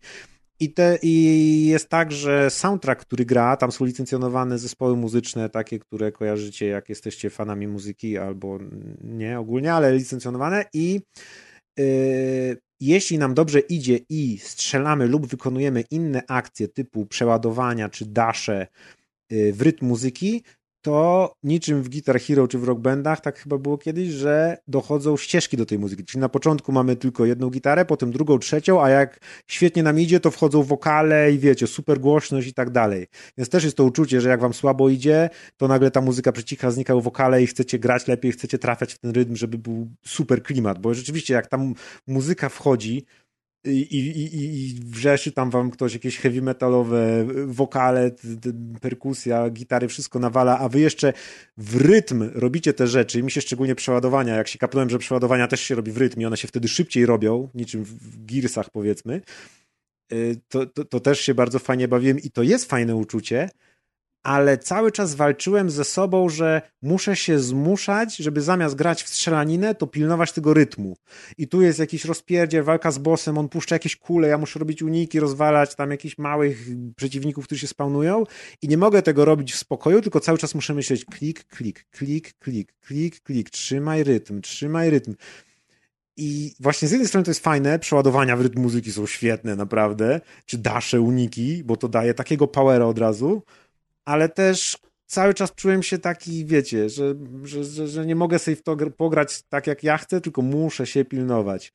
Więc zauważam to, co może być fajne w tych tytułach, ale dla mnie na przykład no, nie, nie chwyciło mnie to. Tak jak już się po tym właśnie BPM shooterze czy coś spodziewałem, w którego w ogóle nie grałem, ale tak myślałem, no kurde, zmuszają cię, żebyś grał w odpowiedni sposób, co przy takich szybkich grach, jak, jak właśnie takie boomer shooterowe FPS-y, jest takie mm, trochę dla mnie ograniczające, więc no też polecam sprawdzić, bo jest to ciekawe doświadczenie, żeby jakieś, żeby ograć demko, ale mnie ten pomysł jednak nie kupuje ze, ze strzelaniem w rytm. Może przy jakiejś innej grze, może przy jakiejś bijatyce, może przy, cholera wie, może przy wyścigach jakiś, żeby tam nie wiem co, przy takim burnaucie, żeby robić rzeczy w rytm muzyki, może bardziej, ale przy FPS-ach no nie, nie, nie kupiło mnie to. No cóż, przykro nam Macieju. Mm, dobra, krótka wspominka o grach, które śledzę od 10 lat, czyli od ich pierwszej zapowiedzi. Scorn i Routine. Scorn to jest ta gra z pierwszej osoby, która wygląda jak mokry sen fanów Geigera lub mokry sen Geigera. kompletnie w jego stylu, strasznie w ogóle tego Skorna się boję, bo od bardzo dawna właśnie, naprawdę z 10 lat temu już były jakieś materiały, jak oni startowali na jakimś To jest w ogóle polska produkcja, prawda? Skorn? Polski? Mi się wydaje, że to jest polska produkcja, ale mogę kłamać, więc nie słuchajcie Może mnie. kłamiesz, ale nie wiem, ale nie kojarzę. Yy, więc jakby nie, nie, wiadomo, jak ta gra ostatecznie się skończy, to, to nie będzie strzelanina, to jest bardziej jakieś... Serbska. A, serbska. No, jak serbski film. Okej. Okay. to nie. E, trochę to wygląda jak taka gra o szukaniu chuja w śmietniku, czyli że chodzimy i coś tam się dzieje, ale nie Ale strzelamy też z chuja, z tego co widziałem Trochę na filmikach. się strzela, ale to nie jest strzelanina, wydaje mi się. Właśnie... Ale przepraszam, czy to demko jest tego, chciałeś powiedzieć? Chyba nie ma. Ale teraz aż nie wiem, wiesz, bo nawet nie szukałem, bo nie widziałem, nigdzie nie było napisane, że wiesz, play demo now, więc, więc nie sprawdzałem. Chyba nie ma. Yy, więc jakby jak, jaki gameplay będzie, to nie wiem, ale Geigerowa jest ta gra w 200% i na pewno w to zagram, bo różne gry były, wiecie, inspirowane Geigerem czy coś, ale oni tu idą 100%, wiesz, full Geiger, The never go full Geiger, oni poszli. I obrzydlistwa, jakie są w tej grze, jakieś postacie, które są, wiesz, połączeniem ciał zmutowanych, które wyglądają jak, że chce ci się wymiotować od razu. Mua! Molto bene po prostu, coś wspaniałego. Więc na pewno w to zagram ze względu na same wizualia. A drugie routine to jest taki też FPS, retro science fiction i nawet nie wiem, co z tej gry teraz wyszło, tylko kojarzę, że kiedyś ją śledziłem i wspominam ją tu tylko a propos tego, że też pasuje do Skorna, bo to jest kolejna gra, która w bólach powstawała przez 10 lat, to jest gra też w stylu y, chodzimy gdzieś tam po bazie i to jest taki retrofuturyzm i, I, miała też ciekawy styl wizualny 10 lat temu. Przez ten czas już się trochę takich gier retrofuturystycznych pokazało, więc, więc nie wiem, jak to rutin teraz wyjdzie. No ale dobrze, że wychodzi, chociaż widać niektóre gry się w takich bólach rodzą, że ciekawy jestem, jak tam ci twórcy, czy oni po takich 10 latach na przykład się hurra, cieszą, że jest premiera, czy na przykład on już sobie żyły podcina, już mu jest wszystko jedno. Eee, potem od naszego e, wspomnianego studia Eleven Beat The Alters. Ale to, nie, to miało demo, to nie miało dema. Nie miało dema, ale Maciek miało przeskoczył zwiastun. w jakieś zwiastuny, a jeszcze nie, nie dokończyliśmy dem. No ale dobra, no już A no to możecie dem... No nie, Nie, no, no dobra, dobra, mów, po mów, kolei. mów. Właśnie, bo ja listę czytałem, ja już myślałem, przegapiłem demo. A, że demo. Nie, nie, nie, nie. Jeszcze no, będą, nie, nie. Jeszcze Al- będą Alters dema. miał tylko zwiastun renderowany w świetnym klimacie z muzyką zespołu Kombi. Gra i trąbi zespół Kombi. Yy, polecam obejrzeć, bo, bo, bo jest świetny. Yy, bardzo mi się kojarzył z filmem The Moon z samym Rockwellem. Yy, jakaś opowieść science fiction, typ się budzi w bazie i nagle widzi, że in, inni kolesie w tej bazie to są on. W sensie wyglądają tak jak on. I co z tego zrobił Eleven Beat nie wiadomo. Nawet nie wiem, jaki to jest gatunek. Tam gdzieś słyszałem, że to ma być też jakaś taka przygodówkowo-strategia, czy coś, nie mam pojęcia. Ale zwiastun jest świetny. Warto go obejrzeć, bo jest bardzo fajny prerender, jest fajny klimat, jest typ z polskim wąsem, yy, nazywa się Jan, główny bohater. Właśnie to jest właśnie największy problem, że się będzie grało Polakiem, nie? No, to No. jest, wiesz, dla mnie to jest... Od razu ocena w dół. Okej, ale, ale jest kombi, więc wiesz, jest plus dwa i już jest, już jest do przodu. Każde pokolenie. No proszę, najmłodszy, a wie o co chodzi. I jeszcze jedna rzecz też w polskich klimatach, czyli The Invincible, niezwyciężony bodajże, polski Tak. tytuł, na podstawie Lema, nie wiem, bo nie czytałem tego Lema. Tak, to niezwyciężonego nie czytałeś? Nie. Ale ja To prawie nie- nic nie czytałem, Niezwyciężony. to nie znaczy. To nie jest najlepszy lem. To jest jeden, to jest chyba, chy- wydaje mi się, że chyba to jest moja ulubiona powieść science fiction, jaka jest. O W kurde. Jeszcze patrząc na to, kiedy to Lem pisał, Niezwyciężony jest niewiarygodny, jak ktoś nie czytał Lema. Jak, jak ktoś nie czytał Niezwyciężonego. To jest absolutne arcydzieło. To jest po prostu wybitna, wybitna ta, ee, wybitna powieść Lema. Także najlepszy i w ogóle topka science fiction, jeśli chodzi o jakiekolwiek powieści science fiction. No to nieźle. To robi studio z Krakowa i gra jest, bardzo mi się z Firewatchem skojarzyło. Bo to jest też y, z pierwszej osoby, dużo się chodzi, dużo się rozmawia przez radio i są rozmowy takie y, a propos tego, co się akurat dzieje na ekranie, nie? Czyli ej, dotarłem do tego miejsca, co teraz robić? A, to coś tam, coś tam, ten. I po prostu... Ciekawe, jak bardzo jeden do jeden to będzie. Czy to jest tylko tak inspirowany takim pomysłem z tego, czy. Mhm. czy... Bo ogólnie to jest takie retro science fiction i to jest takie science fiction, jak było, nie wiem, właśnie w latach 60., gdzie macie, wiecie, takie pistolety, które strzelają, powiedzmy, okrągłymi promieniami, a jak jest jakiś tam No, urządzenie ciekawe, z ciekawe, ekranem. Czy dlatego, że to jest science fiction z lat No 60. właśnie. Możliwe, Maciek. coś Myślisz? kojarzy- Myślę, że Myślisz? tak. I jakieś, wiecie, u, urządzenia y, komputerowe na lampy i na diody Mm, i na taśmy, na hmm. szpulach, takie rzeczy. Ciekawostka, moi drodzy, niezwyciężony Stanisława Lema jako słuchowisko jest od audioteki dostępny za darmo na YouTube. O kurno. A tam Olbryski w ogóle gra w tym słuchowisku. Olbryski, Marcin Kowalczyk, Wiesław Komasa, Arkadiusz Jakubik I bardzo i fajne inni. słuchowisko, też słuchałem. No proszę. No proszę, elegancko. Bo to jest to z efektami i tak dalej. To jest Tak. to słuchowisko, które jest ma dograne ścieżki, efekty. Super produkcja nawet pisze, mój drogi. Super produkcja. Także jakby co, to znajdziecie od audioteki na YouTubie. Ej, już znalazłem, ale 40. A nie, dobra, nieważne. Jest coś tam. Dobra, yy, no to teraz już lećcie do tych demek swoich. E, No, to nie, to jeszcze Tadeusz. tylko wspomnę o tym, o Terranil, czyli tak jak powiedziałem od, e, od Free Lives, czyli od tych panów od kopania. Terranil już ostatnio oni, o tej grze wspominaliśmy, bo ona się pojawia na kolejnych targach, targach i konferencjach z rzędu, czyli strategia, w której no budowanie domków, gdzie musimy po prostu to. planetę, wyschłą planetę zalesić, zawodnić, Sterraformować. steraformować, doprowadzić do stanu używalności. Tak naprawdę no, mamy budowanie domków, ale budowanie domków nie w grafice takiej typowej 3D jakiejś realistycznej dla budowania domków, tylko nie można powiedzieć, że w pikselowej? Chyba tak. Taki high-resowy pixel art. Tak, high-resowy Taki pixel. Red Alert Zakaza. 2. I po prostu to, jak woda płynie, gra muzyczka, ptaszki sobie przelatują, klucze ptaków tam sobie przelatują i, i, i się tym robi budowanie domków. To jest po prostu taka definicja y, połączenia budowania domków z grą Zen, że to jest niesamowite, a jednocześnie no, sam fakt, że to jest taki przepiękny, high-resowy piksel, więc to też nie jest tak, że potrzebujecie czterech komputerów, jak bardzo rozbudowujecie, tak jak nie wiem, tam w jakichś strategiach, gdzie jak się rozrasta to miasto, to po prostu potrzebujecie jakiejś supermocy e, i wydajności, że, mm, że, że tą Terranir warto śledzić. Bardzo fajne są takie mechaniki dotyczące tego, e,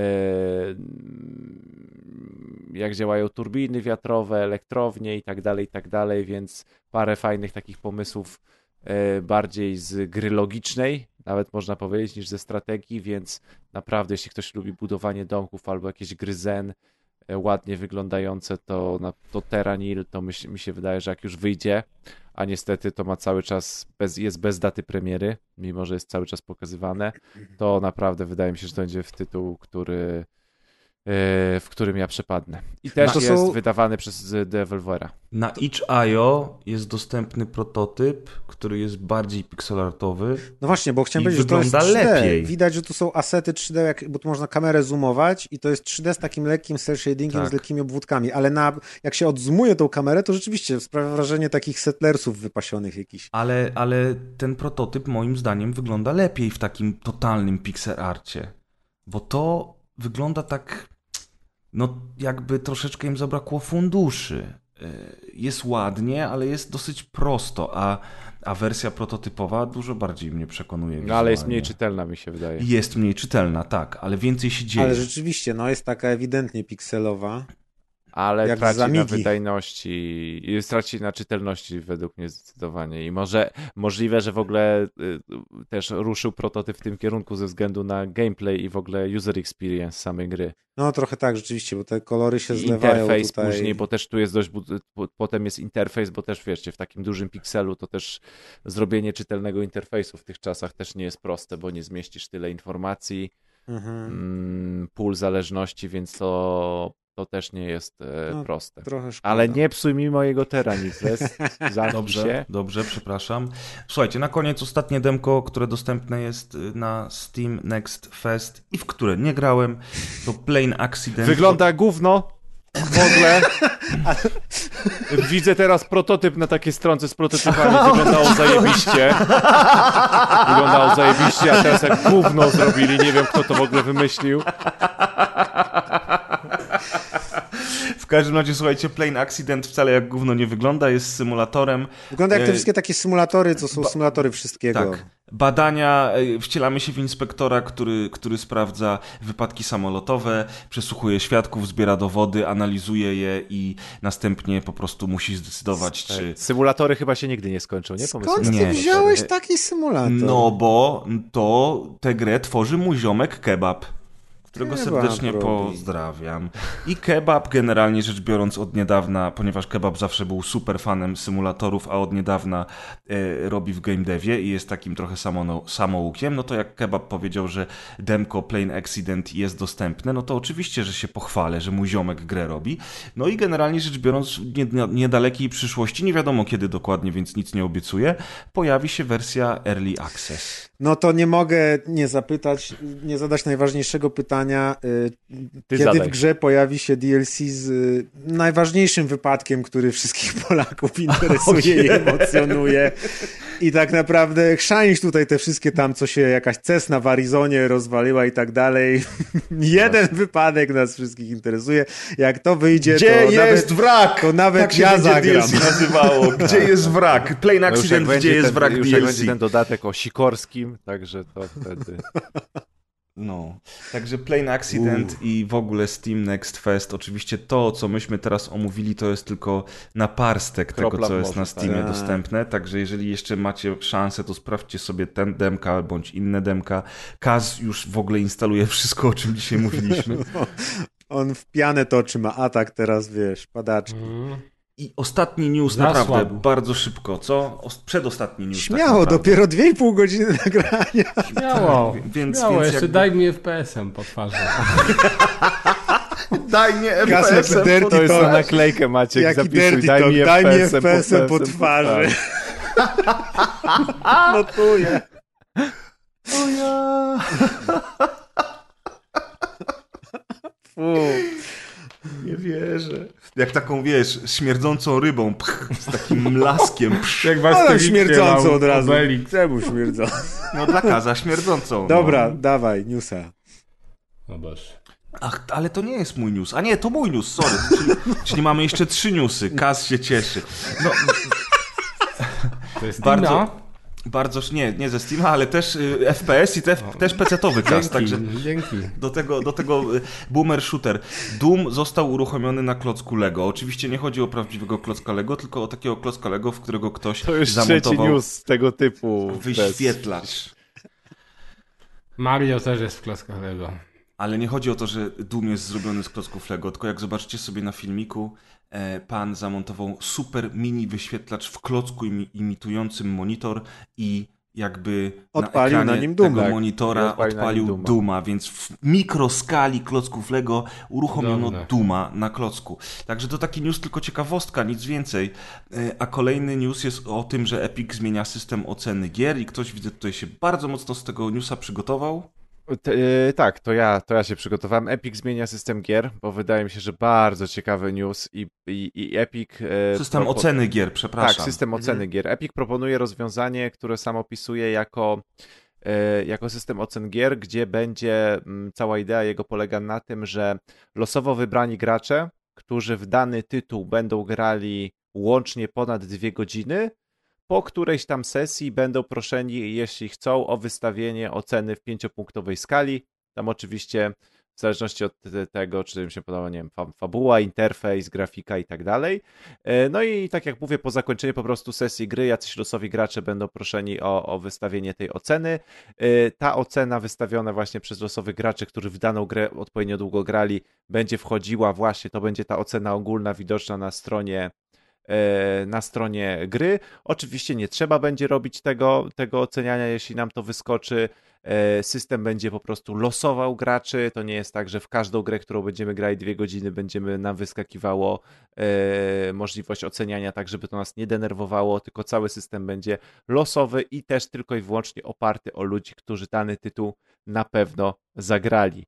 I w sumie cała idea wydaje się bardzo prosta.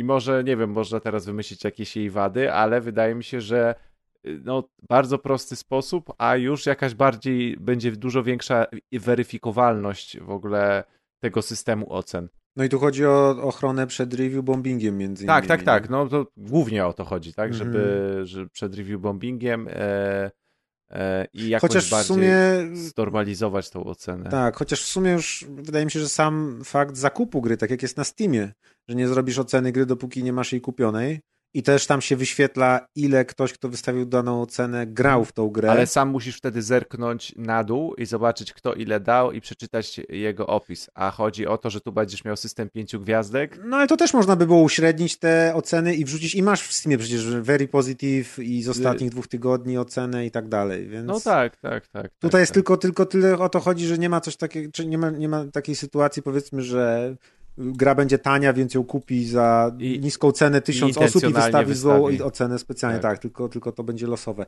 Ja bym poszedł dalej i, i tak y, coś wyświetlał, nie jak ktoś pograł dwie godziny, tylko jak doszedł do końca i zdobył jeszcze na pewno wszystkie No osiągnięcia. to na połowa gier nie miały w ogóle ocen. Połowa. tak. Kaz, co ty sądzisz o nowym systemie ocen gier PC? Pecety. Daj mnie po twarzy tym FPS-em jeszcze raz. A on tak naprawdę to go kręci, wiecie, to jest taki kink jego. No, on tam się teraz dotyka. No, No, teraz no, mi no. fotkę zrobić, jak mnie to kręci, to... No Maxima. Do Maxima.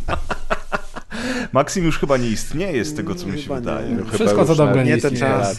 Wszystko co Wow. dobre to nic nie kasy, jak nihilizm. PRL, kurwa, nie istnieje. Nie PRL, pe- gorzej, pecety. Tak PC ty PRS zastanawiasz się, czy to znak równości, czy jednak jest... ku- Dobra, Kas, to może ty zrobisz ostatniego newsa, bo tu widzę, że to na pewno cię interesuje. A jaki jest? No co ty, Kas? Ja ci przecież- opowiem. Słuchajcie, Streszczę ci jak chcesz. Ostatnie, ostatnie newsy są dwa. Jeden jest taki, to jest dosyć informacja ważna tylko i wyłącznie dla mnie, e, ale myślę, że niektórzy się, niektórzy się jeszcze nie, niektórzy się jeszcze też zainteresują. Otóż w- od 23, czyli od jutra przez tydzień na Epiku za darmo będzie gra o Tron cyfrowa wersja planszówki. Ja w nią Mhm. chciałem zagrać i ona ma multiplayer lokalny i ma multiplayer też online, więc myślę, że jak za darmo to i ocet To też- słodki. Ple, no, pla, pla, to jak to planszówki na komputerach, no. Dobra. A jak mam z prezem zagrać inaczej na przykład sobie planszówkę? No jak, właśnie. No mogliście teraz grać, jak się spotkaliście. No, No, dobra, już ale jak inne już nie rzeczy- jesteśmy... No to nie, no to, To nie nie grać, zagrasz. bo się- Jak sobie Aha, macie nie rękę grać, podać, jak nie okej, jesteście dobra, w tym samym to nie miejscu? Na kamerkach sobie, wiesz, zamiast ustawiasz na- planszę na kamerce A, i czyli nie grać, bo planszówka to nie może być Ale nie, na kamerkach ustawiasz sobie, wiesz, kamerkę na planszę. życie ułatwił, to easy peasy, Czyli, czyli, zamiast, czyli zamiast odebrać cyfrową grę za darmo i móc grać od razu, mamy zamówić dwie wersje fizyczne. Mamy dwie kamery z kupę pieniędzy. Rozłożyć to wszystko na stole. No, i swoje ruchy odwzorowywać. Trzeba grać naprawdę po prostu, a nie wiesz, Dobrze, fejkowo na pececie. Ja wiecie. Dobrze. Wujek dobra Bo rada. wiecie, ta gra planszowa na PC to ona nie istnieje. Jej tak naprawdę nie ma. To jest tylko zapis bitów. Ojej, Zgadzam się, w końcu. w końcu się zrozumieliśmy. No. y, Natomiast ostatni news obiecuję również pecetowy. y, 12-13 lipca na Prime Gaming będzie do odebrania kilka gier od Electronic Arts, w tym Mass Effect Legendary Edition i tegoroczne Grid Legends. Także jeżeli macie abonament y, Amazon Prime, to pamiętajcie, że przysługują wam też I darmowe peceta. gry Prime Gaming. No bo na, ja mam Prime i jakoś sobie nie pogram. I co z tego? No to trzeba było mieć peceta, to już nie jest nasza wina ani nasz problem. Hello! Dobra, Kas, skończyliśmy. A ja mam jeszcze jedno pytanie do Kaza, który jest taki rozkręcony i na czasie. Yy, chciałem się No, Kaz no dowiedzieć o twojej opinii a propos najbardziej wyczekiwanej gry teraz, która się pojawiała y, tu na tych wszystkich konferencjach, czyli y, nowego super y, tytułu od Bethesdy, czyli Starfield. Aha. Wiem, co to jest za gra. Ponieważ pokazał się pierwszy Czekaj, ga- gameplay zwiastun Starfielda. I na pewno widziałeś. Nie. Znaczy ja nie słyszałem o tym. To jest ta najdroższa gra ever, czy to nie Nie, to? nie, nie. To kolejna gra Bethesdy. Ale blisko, Okej. kosmos, jest blisko. Czyli Tak, widzicie, słuchacze, to jest oficjalne stanowisko podcastu Rozgrywka. Starfield? Nie słyszałem o tym. Kolejny Okej. tekst na naklejkę dobry. Natomiast, natomiast y, Kaz y, i O. Jezus, na, na przyszłym pikselu powinniście chodzić po tych stanowiskach albo na targach growych. Kazem? I jak Ja są przyznawane a- a to nagrody, to nagroda nie słyszałem o tym. To nie słyszałem o tym. I tak Naklejam na 90% stanowiska piksela będzie nagrody, wyglądać. nie słyszałem o tym. Kaz by się tylko w tym namiocie tam y, spełnił, bo o, Prince of Persia, grałem w to kiedyś. O, to tak. Nawet wiem, Erik chyba się nazywa twórca, nie? Czy nie? Ma na Nie, imię. My się nie znamy, pamiętaj, więc nie, nie zadawaj nam takich pytań. No dobrze, słuchajcie, ale, ale y, zarówno Kaz, jak i Deusz słyszeli oraz zagrali w grę, która nazywa się Kao Kangurek. O, w końcu coś innego. Tak, Ale w znaczy sumie też się zaczęło od pecetów. Przechodzimy, przechodzimy, do, przechodzimy do sekcji. Grałem na pececie w jedynkę. A widzisz? Właśnie, ty jesteś jako fan, jesteś platformówek. Co sądzisz o serii Kangur Kakao? Z tej całej serii zagrałem w dwie gry, z czego tak naprawdę najdłużej w jedynkę i pamiętam, że to była hardkorowa przygoda, bo ta gra była szalenie trudna według mnie. E, Dwójka już była lepsza, też lepiej zorganizowana, chyba łatwiejsza, przyjemniejsza na pewno. Pamiętam, że w ogóle pierwszy kangurek wyszedł na Dreamcasta, chyba nie Tak, wyszedł tak. na Wow. PSX. Wyszedł na PC i na Dreamcasta. No właśnie, Dreamcast to była taka ekskluzywna platforma konsolowa dla tej gry. E, Natomiast y, bardzo czekałem po zapowiedziach na tego nowego kangurka. Bo wyszedł na coś więcej poza PC-tami i Dreamcastem. On tak naprawdę wyszedł na wszystko teraz, tak? Tak, wyszedł, wyszedł na konsole nowej, starej generacji, na PC i na Switcha. E, Wyglądał bardzo sweetaśnie na e, zwiastunach, ewidentnie przypominając czasy zmierzchłe, czyli czasy tych konsol pokroju lat 2000 PlayStation 2. I rzeczywiście, moim zdaniem, ta gra jest takim spieprzonym hołdem dla e, ery PS2. Spieprzonym, bo dobrze, bo po prostu jej się nie da ukończyć, chyba że przy jednym posiedzeniu. A przepraszam, teraz się da na Switchu, po pięć, od pięciu dni jest patch. Pięć dni, czyli miesiąc po premierze, wydali patcha, super. Bardzo się cieszę. Może skończę w końcu, znaczy może, sko może skończę ten tytuł. Na ten moment nie skończyłem, y, dlatego że gra miała felernego baga, o którym dziwię się, niektóre recenzje nie wspominały, a jakoś jak znam nie- recenzentów, to wiem, że raczej nie kończą przy jednym posiedzeniu gry. Może się tacy zdarzają. Natomiast y, wiem, że na Switchu ten problem jest mm, powszechny i chyba każdy go doświadczył. Słyszałem, że na innych platformach również występował, czyli y, sławny już czy niesławny bug właśnie z tym, że po prostu gra kasuje wam w pewnym momencie zapis stanu gry. Y, Jest do pewnego momentu zapisywany, później no nie wiem, czy to ulega uszkodzeniu. Tu nie ma, tu niestety nie możesz sobie wybrać slotu, to jest wszystko autozapis. On się po prostu kasuje. Mi wracało do jednego fragmentu, później przeszedłem dalej, y, na przykład godzinę później y, wyłączyłem konsolę, włączyłem ją ponownie i znowu cofnęło mnie ale do innego fragmentu, więc to takie było losowe. Nie zawsze w tym samym momencie się to bagowało, nie zawsze do tego samego momentu wracałem. W każdym razie gry nie, nie ukończyłem, więc dla mnie dyskwalifikująca wada. Y, Już naprawiona. Y, Na Switchu też, bo na Switchu poszło z tym. y, Znaczy, było to było najdłuższe oczekiwanie na tego patcha, ale już się pojawił, więc być może skończę, ale gdyby nie to, to faktycznie też na początku, te moje początki z tą grą, dawały takiego banana na twarzy, bo ona naprawdę, naprawdę dawno nie pamiętam takiego tytułu, który byłby nowy, który by wyglądał ładnie, e, a przypominałby gry z czasów PS2. Ja I mam, to ja mam to, to, to tylko się wtrącę, bo ja mam takie odczucie, że ona wygląda i jak zaczynasz w nią grać, to masz takie wrażenie, w sensie ona wyglo- wygląda i ma takie odczucie z grania, tak jak takie jakie ty masz wspomnienia, że te platformówki Tak. wyglądały. No bo Tak. jak teraz byś odpalił PS2, to oczywiście Wiadomo, one były tak, tak. toporne i tak dalej, ale, Tak, tak, ale to są te twoje wspomnienia z głowy. Tak jakbyś tak, miał przenieść wspomnienia trochę zhiperbolizowane na temat tych gier do Dokładnie. współczesnych czasów. Ale też to nie wygląda tak generycznie, bo na przykład dla mnie wiele tych platformówek takich nowoczesnych, niestety kom komputerowych też, jakby nie umiem tego do końca opowiedzieć, ale jak ja widzę ten świat, y, to często to są jakby zawieszone w przestrzeni jakieś platformy i masz pustkę taką dookoła. Naokoło. Tutaj mam, tu mam wrażenie tak, że jakby jest to zgrabnie tak podane, że ja tej pustki nie dostrzegałem naokoło, że to nie są jakby zawieszone w powietrzu platformy, chociaż są, ale tak to nie wyglądało. I dosyć różnorodna jest ta gra, jeżeli chodzi o te miejscówki. No tam masz przegląd od, od, od lawy po śnieg, tak? No tak, Czyli- tylko ja nie dotarłem niestety do śniegu, nie, nie było mi dane, ale też widziałem, że jest, więc ta różnorodność występuje. Masz klasyczny przegląd platformówek, y, Jest- platformówkowych krajów. Tak, jest całkiem y, zgrabny system jakby progresu dla naszej postaci. Wracają takie elementy z czasów PS2 jak serduszka i pozbawianie cię życia.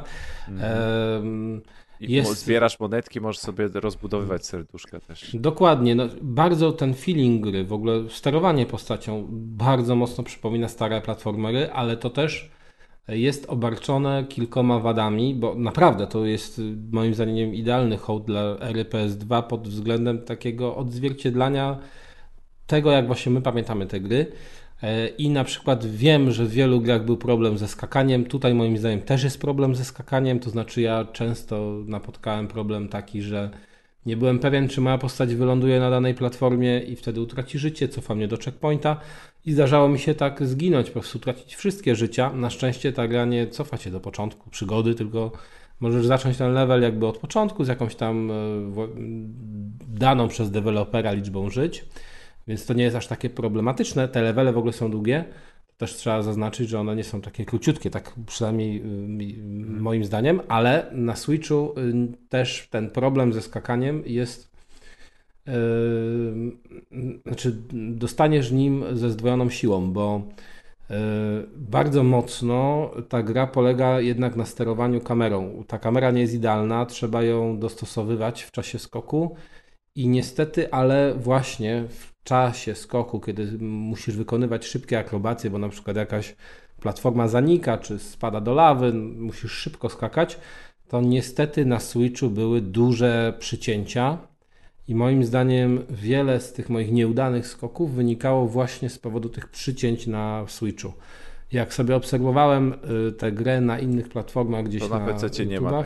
to tego właśnie nie było, więc na pewno jest łatwiej grać w to na innych platformach. Aczkolwiek, ale powiem Ci, że to sterowanie ze skokami, może bym do tego nawet nie określił ze sterowaniem, ale trochę z tą kamerą, która się czasami trudno I tak, ją tak dopasować tak pod ten kąt, który mm. akurat chcesz w danej chwili, to też zauważyłem grając po prostu na padzie. Tak, e, tutaj często w tych grach takich lepiej z, zorganizowanych, czy lepiej po prostu zaprogramowanych, jest to jasne i klarowne. No, postać gdzieś jest w powietrzu, pojawia się ten cień, ten cień wskazuje, gdzie ta twoja postać wyląduje. Tutaj ja naprawdę miałem czasem problem z oceną tego, czy moja postać trafi na platformę, czy nie. Ona może się jej złapać, to też jest całe szczęście, że nie musisz tak totalnie wymierzyć, no ale niestety, jak, no niestety jest z tym problem, a jeżeli już spadniesz, to praktycznie masz jedną szansę, żeby odskoczyć z tej danej lawy, bo taki jest jakby taki, taki chwilowy odskok jeszcze.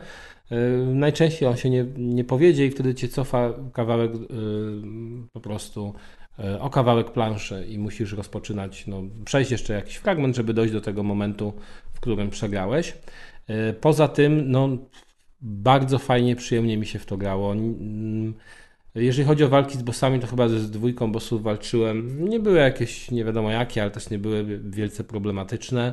O, Ta gra jest no takie sobie, nie? Takie, no, no takie jakby takie sobie. To też takie proste zagadki, jakieś środowiskowe. No, tak. takie jak z platformówek z początku lat 2000. No właśnie, no, że jeżeli ktoś lubił takie gry, to mu się to mega spodoba. Na, po, potem macie etap taki klasyczny z uciekaniem do przodu ekranu. O, tak? takie że, trochę crash właśnie. Że się właśnie coś toczy w, w, etapach sobie możecie zbierać literki, które się układają w napis KO. To jest standard dla serii, więc... Także no klasycznie... I w sumie coś to daje? Bo ja tak nie zauważyłem przez to, jak grałem, czy te literki nie, coś dają. One chyba, chyba, nic nie dają, tylko monety dają. dają, jak się... Tylko za monety można kupować te życia.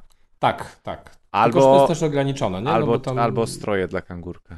O, właśnie, to jest też fajne, bo te życie są ograniczone, znaczy w sklepiku możecie kupić na przykład kilka um, uzupełnień serduszka, mhm. które um, cztery takie jakby sloty dają ci dodatkowe serce, czyli dodatkowy jakby kawałek życia. E, a natomiast to nie jest nieograniczone, czyli to w danym sklepie jest tylko, tylko kilka takich części do kupienia, ale właśnie te skórki są też fajne, bo można te ubranka dla kangurka to są tak naprawdę albo ubranka, albo skórki i można grać tym klasycznym chaos jedynki. Mhm. To też wygląda fajnie.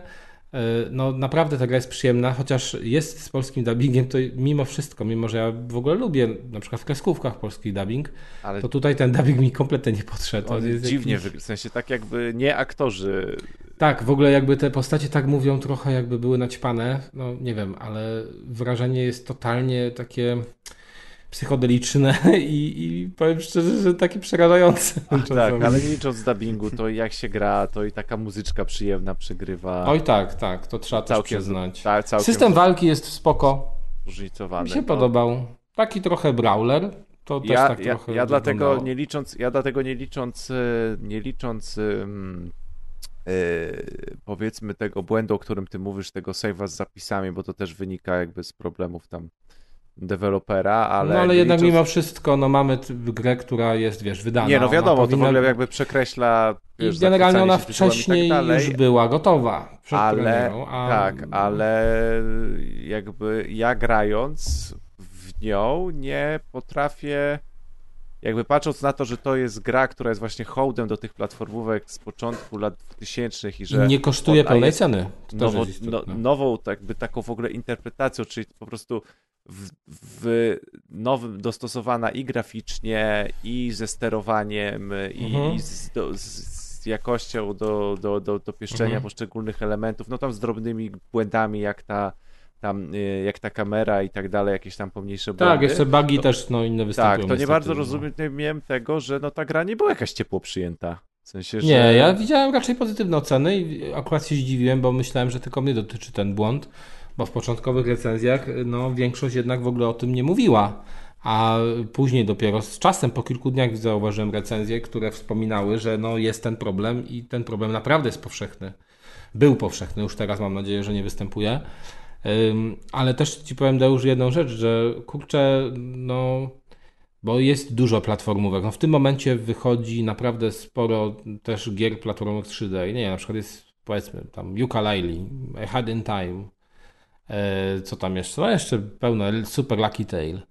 To powiem szczerze, że w żadnej innej nie czułem tego feelingu e, gier z e, tych sprzed 20-15 no, lat. tak, ja uważam, że w ogóle chyba nie ma O. teraz platformówki. Jak ktoś lubi platformówki, żeby miał cokolwiek Ale właśnie tak, takiej, takiej jakby dla ludzi, którzy pamiętają tamte czasy, chcieliby powrócić do nich. To jest coś, i mówię, że jak ja odpaliłem w ogóle pierwszy raz tę grę, poza, tymi, że, poza tym, że były te przycięcia i nie wiedziałem o tym y, save bugu, to po prostu mi się morda cieszyła. Bo to zupełnie wyglądało tak, jak ja pamiętam gry z PS2, a tak do nich chciałem wrócić. Jedyne, czego się obawiałem, to właśnie poziom trudności i rzeczywiście, no, ale to głównie właśnie przez tę kamerę i przez te przycięcia na Switchu, przy skakaniu są problemy. Poza tym, no, rewelacja. Po prostu myślałem, że to będzie gra, no po prostu super. No ale mówię, te przycięcia zbyt częste i ten save back dla mnie zrujnował tę grę i ja muszę kiedyś do niej powrócić yy, i powrócę.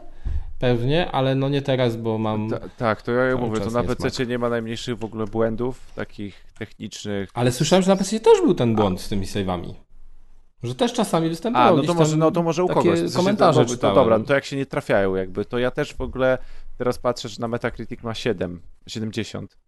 No. Też się zastanawiałem, że jakby, kurczę, no lepszej platformówki, jak ktoś lubi takie platformówki albo w ogóle pamięta, nawet nie musi lubić Kangur Kakao. To jest, bo To to ja jest teraz nie wiedział, ocena. jaki inny, tytuł, jaki inny tytuł oprócz tego Kangur Kakao można by było polecić. Jest naprawdę gra na Znaczy to jest gra na 7 na 10, w- powiedzmy Kilka- w naszym kilka- rozumieniu 7 na 10. Tak, kilka, do, ale nie w, we współczesnym rozumieniu 7 Tak, na to 10. nie jest. Bo to już no. jest na żółto, że tak powiem, ci świeci. Ale też zielono. możliwe, że później recenzenci rzeczywiście obniżali za tego baga, no nie wiem. W każdym razie, w każdym razie, yy, w każdym razie, to jest A gra na dobrych kilka godzin. powiedz. Nie, jeszcze właśnie też nie skończyłem. No właśnie, bo tak ja grałem, mówię, tak z 3-4 godziny, powiedzmy poszedłem do przodu o 3-4 A to ja godziny. dłużej dalej nie skończyłem. E, znaczy ja dłużej grałem, ale mi to A wiesz, nie, na no ten tak, tak, tak, nie mogłeś wpadał, przez więc- save'a. Tak. No więc sądzę, że to może być na te 8, Tam 9, jest 9 parę godzin. światów i to jest w ogóle duży tytuł, dopracowany. Tak, jeszcze są huby, bo o nie tym nie za pełną cenę. Yy, Że masz Także takie huby gry różne, przynajmniej ja na dwa trafiłem, y, czy trzy chyba, że masz dużo otwartą przestrzeń, po której możesz biegać, zbierać monetki, poszukiwać skarbów i z nich się przenosisz do kolejnych tak. leveli i to też wygląda bardzo fajnie. E, A i jest w ogóle motyw taki, że możesz się utopić w wodzie, czyli w ogóle śmiertelna woda się pojawia, czyli w też GTA motyw z 3. PS2, albo w GTA 3 i, i tym, i nie San Andreas, tylko Vice City. No, takie, taka nostalgia pełną gębą. Gdyby faktycznie nie te bugi, no to świetny tytuł w ogóle. tak, w ogóle on trochę przeszedł bokiem. Może powiedzmy w polskiej części internetu mniej, no bo Kangurek Kao jest bardziej chyba znany w ogóle w Polsce jak na zachodzie.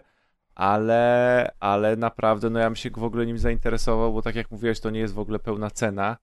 Jak ktoś ma ochotę powrócić do platformówek z tamtych czasów, to, to na 100% nie jest zawiedziony, nie będzie zawiedziony. tak. Że jak lubił tamte no. platformówki, to nie wyobrażam sobie, że coś by mu mogło nie grać, nie licząc tych błędów, o których mówimy, tak? No. Tak, Ale w no, że- ogólnym rozrachunku to nie wydaje No. mi się, żeby ktoś mógł cokolwiek zarzucić, ktoś, kto lubiący platformówki i yy, z tamtych Znaczy może, może nie, że zarzucić, ale ktoś, kto lubił z tamtych czasów platformówki, to praktycznie 99% szans, Że się, że mu się to spodoba. tak, że się będzie dobrze bawił. Tak, że to będzie dla niego fajna gra i naprawdę taka, takie wspomnienie z tamtych czasów, więc każdy, kto to lubił kiedyś, powinien tego spróbować. To jest taka pełna rekomendacja, tym bardziej że mówię, że teraz naprawili ten najgorszy błąd. Tak, Ale ja nie polecam na Zdecydowanie Switchu. się zgadzam. Ale nie polecam na Switchu, no bo rozdzielczość jest niższa, to tak nie przeszkadza, ale jednak te przycięcia podczas skakania są problemem i to dużym problemem, bo tak jak wspomnieliśmy, w przypadku tego skakania ono nie jest idealnie zaprojektowane. Więc y, to miejcie na uwadze, ale poza tym to ja bardzo też polecam i cieszę się i mam nadzieję, że będą kiedyś w przyszłości podobnego typu gry. Naprawdę aż się dziwię, przez tyle lat nie przypominam sobie, żeby ktoś tak mocno poszedł w nostalgię do tych lat y, początku 2000, jeżeli chodzi o ten typ gier. Tutaj nie ma właśnie jakiegoś otwartego świata wielkiego. No to jest klasyczna, klasyczny platformer z klasycznymi zasadami, z piękną, bardzo ładną, może piękną nie, z bardzo ładną, fajną, przyjemną grafiką, przyjemną muzyką. No to wszystko pasuje, no Tak, po feeling Poza... leveli jest też taki sam, przeciwników. Tak, tak. Że, To jest, tak, że kurczę, pełna nostalgia. Ja, ja, też, ja też zdecydowanie bym polecił. Także już się bałem, już tak sobie myślałem, bo ty jesteś bardziej wyjadaczem, jaką ty masz op- e, opinię, ale jak ty w ogóle podzielasz moje zdanie i masz dokładnie takie same odczucia, to ja, to ja już się nie boję, że mi coś się wydarzyło i ja jakoś to dziwnie postrzegam. Nie, tylko rzeczywiście to- w takim razie mamy taką tak samą jest. opinię. To jest klasyczny tytuł po prostu w nowym wydaniu, czy wzo- wzorowany, czy znaczy wzorowany na klasyczny tytuł, ale w nowym wydaniu. Coś, czego naprawdę od dawna ja nie pamiętam. No chyba, że jeżeli ktoś lubi boomer shootery FPS-y, to wiele takich rzeczy wychodzi, o czym Prez y, zawsze mówi, ale jeżeli chodzi o platformówki, to mimo, że tak mówią ludzie, że a tu wyszło takie, to wygląda jak to z przeszłości, to no sorry, ale właśnie ten kangurek tak wygląda e, troszeczkę jak to nasze wspomnienie z przeszłości i ja wielu innych kandydatów nie widzę. Więc bardzo polecamy i No niestety tutaj z naszych takich e, rozgrywkowych e, źródeł na grupie, no wychodzi, że raczej nie ma szans na kolejny tytuł z tej serii, e, a szkoda. Wielka szkoda. Cieszę się, że się podobało. Miło słyszeć, Kaz, że jesteś zadowolony. Z czegokolwiek. Z czegokolwiek. Oj, Y, A ja chciałem się ciebie przy okazji zapytać, jak już opowiadasz, z czego nie jesteś zadowolony? Czyli z czego nie jesteś Z całej zadowolony? reszty reszta poza życia. kangurkiem KO, tak. Tak. Opowiadaj. E, No dobrze, no to ja jeszcze chciałem o jednej grze opowiedzieć e, i tę grę również ogrywałem na Switchu. Wiecie, to najlepsza platforma do ogrywania gier, naprawdę. Ja w tym momencie dzisiaj miałem taką zagwozdkę i jeszcze chyba też chciałem o tym z Maćkiem pogadać, więc może jeszcze nam się uda. E, Stulejkę?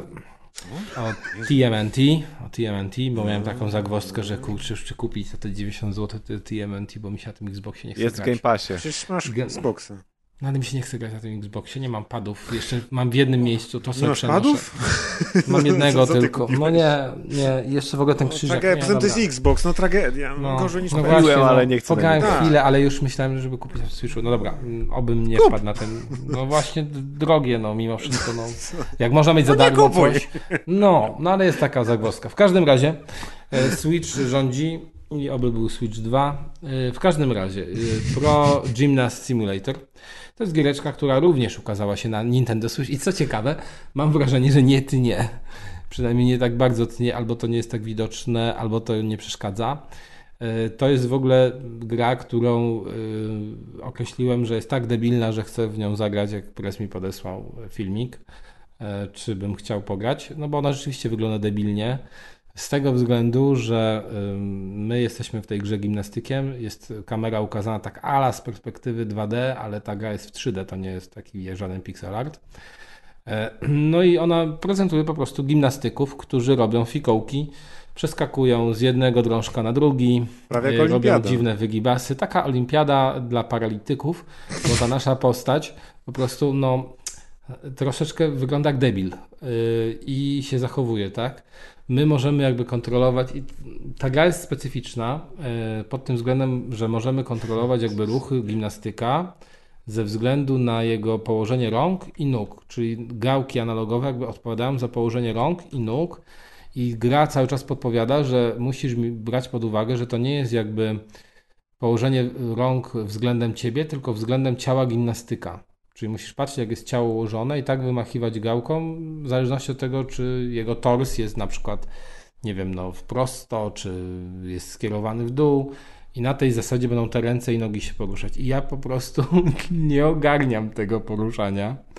E, ta gra jest dosyć dokładna, czyli trzeba wymierzać skoki. Ona polega na tym, że czasami trzeba przejść z punktu A do punktu B, a czasami na przykład y, gdzieś wejść do góry, coś zdobyć, żeby zaliczyć level na medale. Później te medale odblokowują ci kolejne levele, tak zwane zawody w różnych miejscach na świecie. E, to wszystko wygląda fajnie i przyjemnie. Muzyczka też jest taka e, wpadająca w ucho, tylko że niestety przynajmniej do tego momentu, do którego ja doszłem, tych utworów Jak jest to mało. możesz powiedzieć, że to wygląda przyjemnie? To wygląda jak asset flip. No ale Nie, to wygląda to jest przyjemnie, no jakby to jest gra. takie, no nie wiem, letni klimat, taki letni, Letni vibe. klimat, no. się zawsze śmiejesz z gier, że to wygląda jak flaszówki, to wygląda jak To flaszówki nie wygląda jak flaszówka. Znaczy to wygląda jak dobrze. To nie wygląda jak skom- flaszówki, ale... No to nie jest tak e, stylizowane. No nie wiem, moim zdaniem to nie wygląda jak flaszówka, ale yy, ta gra, no właśnie, jestem ciekaw w ogóle, czy ktoś, bo mówię, ja, dla mi nie przypadło do gustu to sterowanie. Nie umiałem się do niego przyzwyczaić. Co chwila ta moja postać w ogóle ona wygląda kukła, taka lądowała na ziemi, się odbija, jak ruszasz tymi gałkami na ziemi, to ona praktycznie leży, tors jest jakby nieruchomy, a ręce tylko chodzą góra, dół, góra, dół i nogi tak samo. Yy, I to wygląda przekomicznie. Yy, Trafienie na, po wyskoku na drążek jest problemem. W ogóle rozbujanie tej postaci yy, wywołało u mnie problemy, bo tam jakby w pewnym momencie, to jest troszeczkę, no to nie jest jak gra rytmiczna, ale nieco mi to przypominało, że w momencie, kiedy twój yy, gimnastyk jest yy, zupełnie jakby wisiał na rękach, znaczy jakby wisiał na drążku, tak, w dół, wtedy musisz wychylać tak lekko gałkę, czyli idealnie jak się znajduje w tym miejscu, e, najbliżej ziemi, wtedy wychylasz gałkę w stronę, w którą się bujasz i on wtedy nabiera rozpędu. I mi co chwilę to nie wychodziło. Nie potrafiłem tego rozpędu to odpowiedniego nabyć. Jeszcze w ogóle powinieneś podkurczać nogi, no bo to symulator, czyli teoretycznie przypomina ci symulację.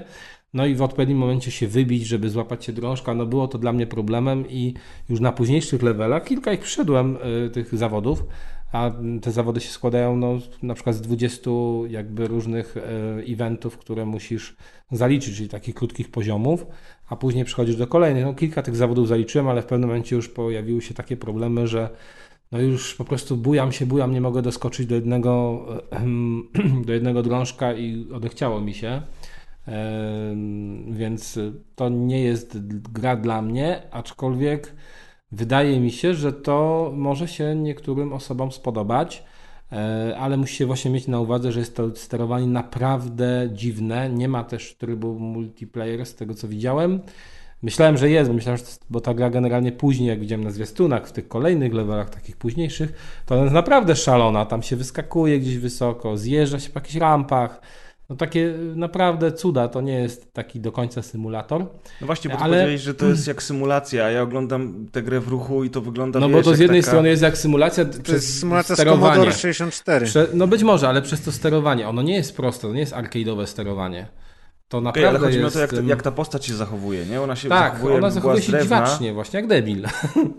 no tak Wiesz, nie no. obrażając nikogo, ale po prostu, Ja po prostu to jest, no niestety nie w, mój, nie w moim typie. Nie wierzę. E, troszeczkę faktycznie być może, no dla niektórych może przypomnieć, że to jest taka gra, która mogłaby wyjść na telefon i równie dobrze na telefonie to sterowanie też będzie ok i podobnie będzie działać. Na, na Steamie ta gra ma bardzo pozytywne recenzje. No mówię, ona jest taka niepozorna. Jest w niepozorna. ogóle jeden pan na Steamie ma przegrane 250 godzin w to. Niemożliwe.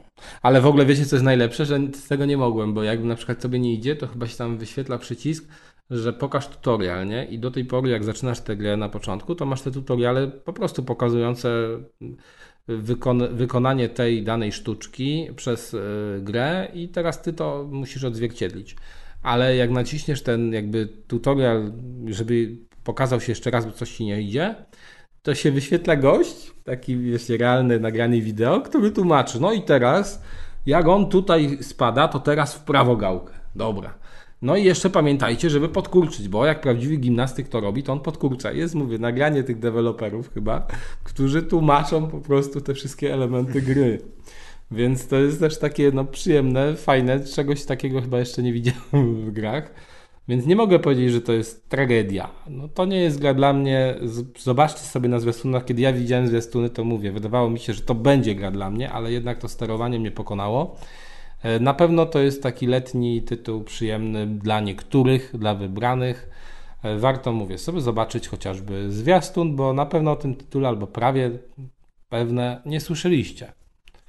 A można spróbować. A Nie wiem, teraz ile on kosztuje w tym momencie, bo tego powiem szczerze nie wiem.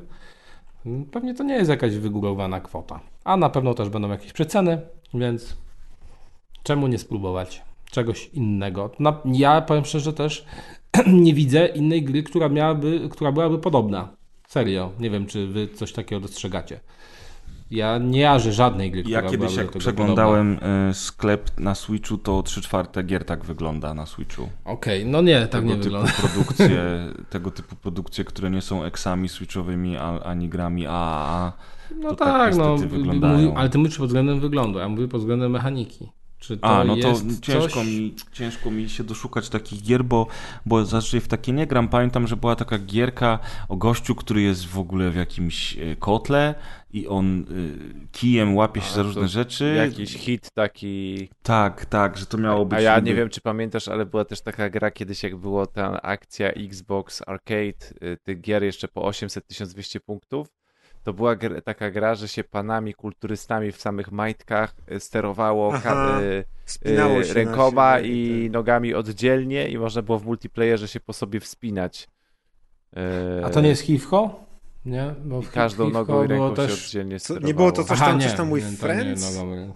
A, może y, Mount Your Friends? Mount Your Friends, coś takiego, no. Mount No- Your Friends. No i było oczywiście jeszcze QWOP, nie? Gdzie No się tak, no, było parę takich gier, ale to na pewno nie jest gatunek, tak, Mount który Your jest... Friends. O to No, Znaczy, tak, Your jest Friends. też takie fajne, że też można po sobie jakby tam przeskakiwać. Nie Tak, ale to jest trochę, to trochę innego, inna no. zupełnie gra, nie? Pamiętam, No, że tak, Hivko to jest takie ko, kolorowe.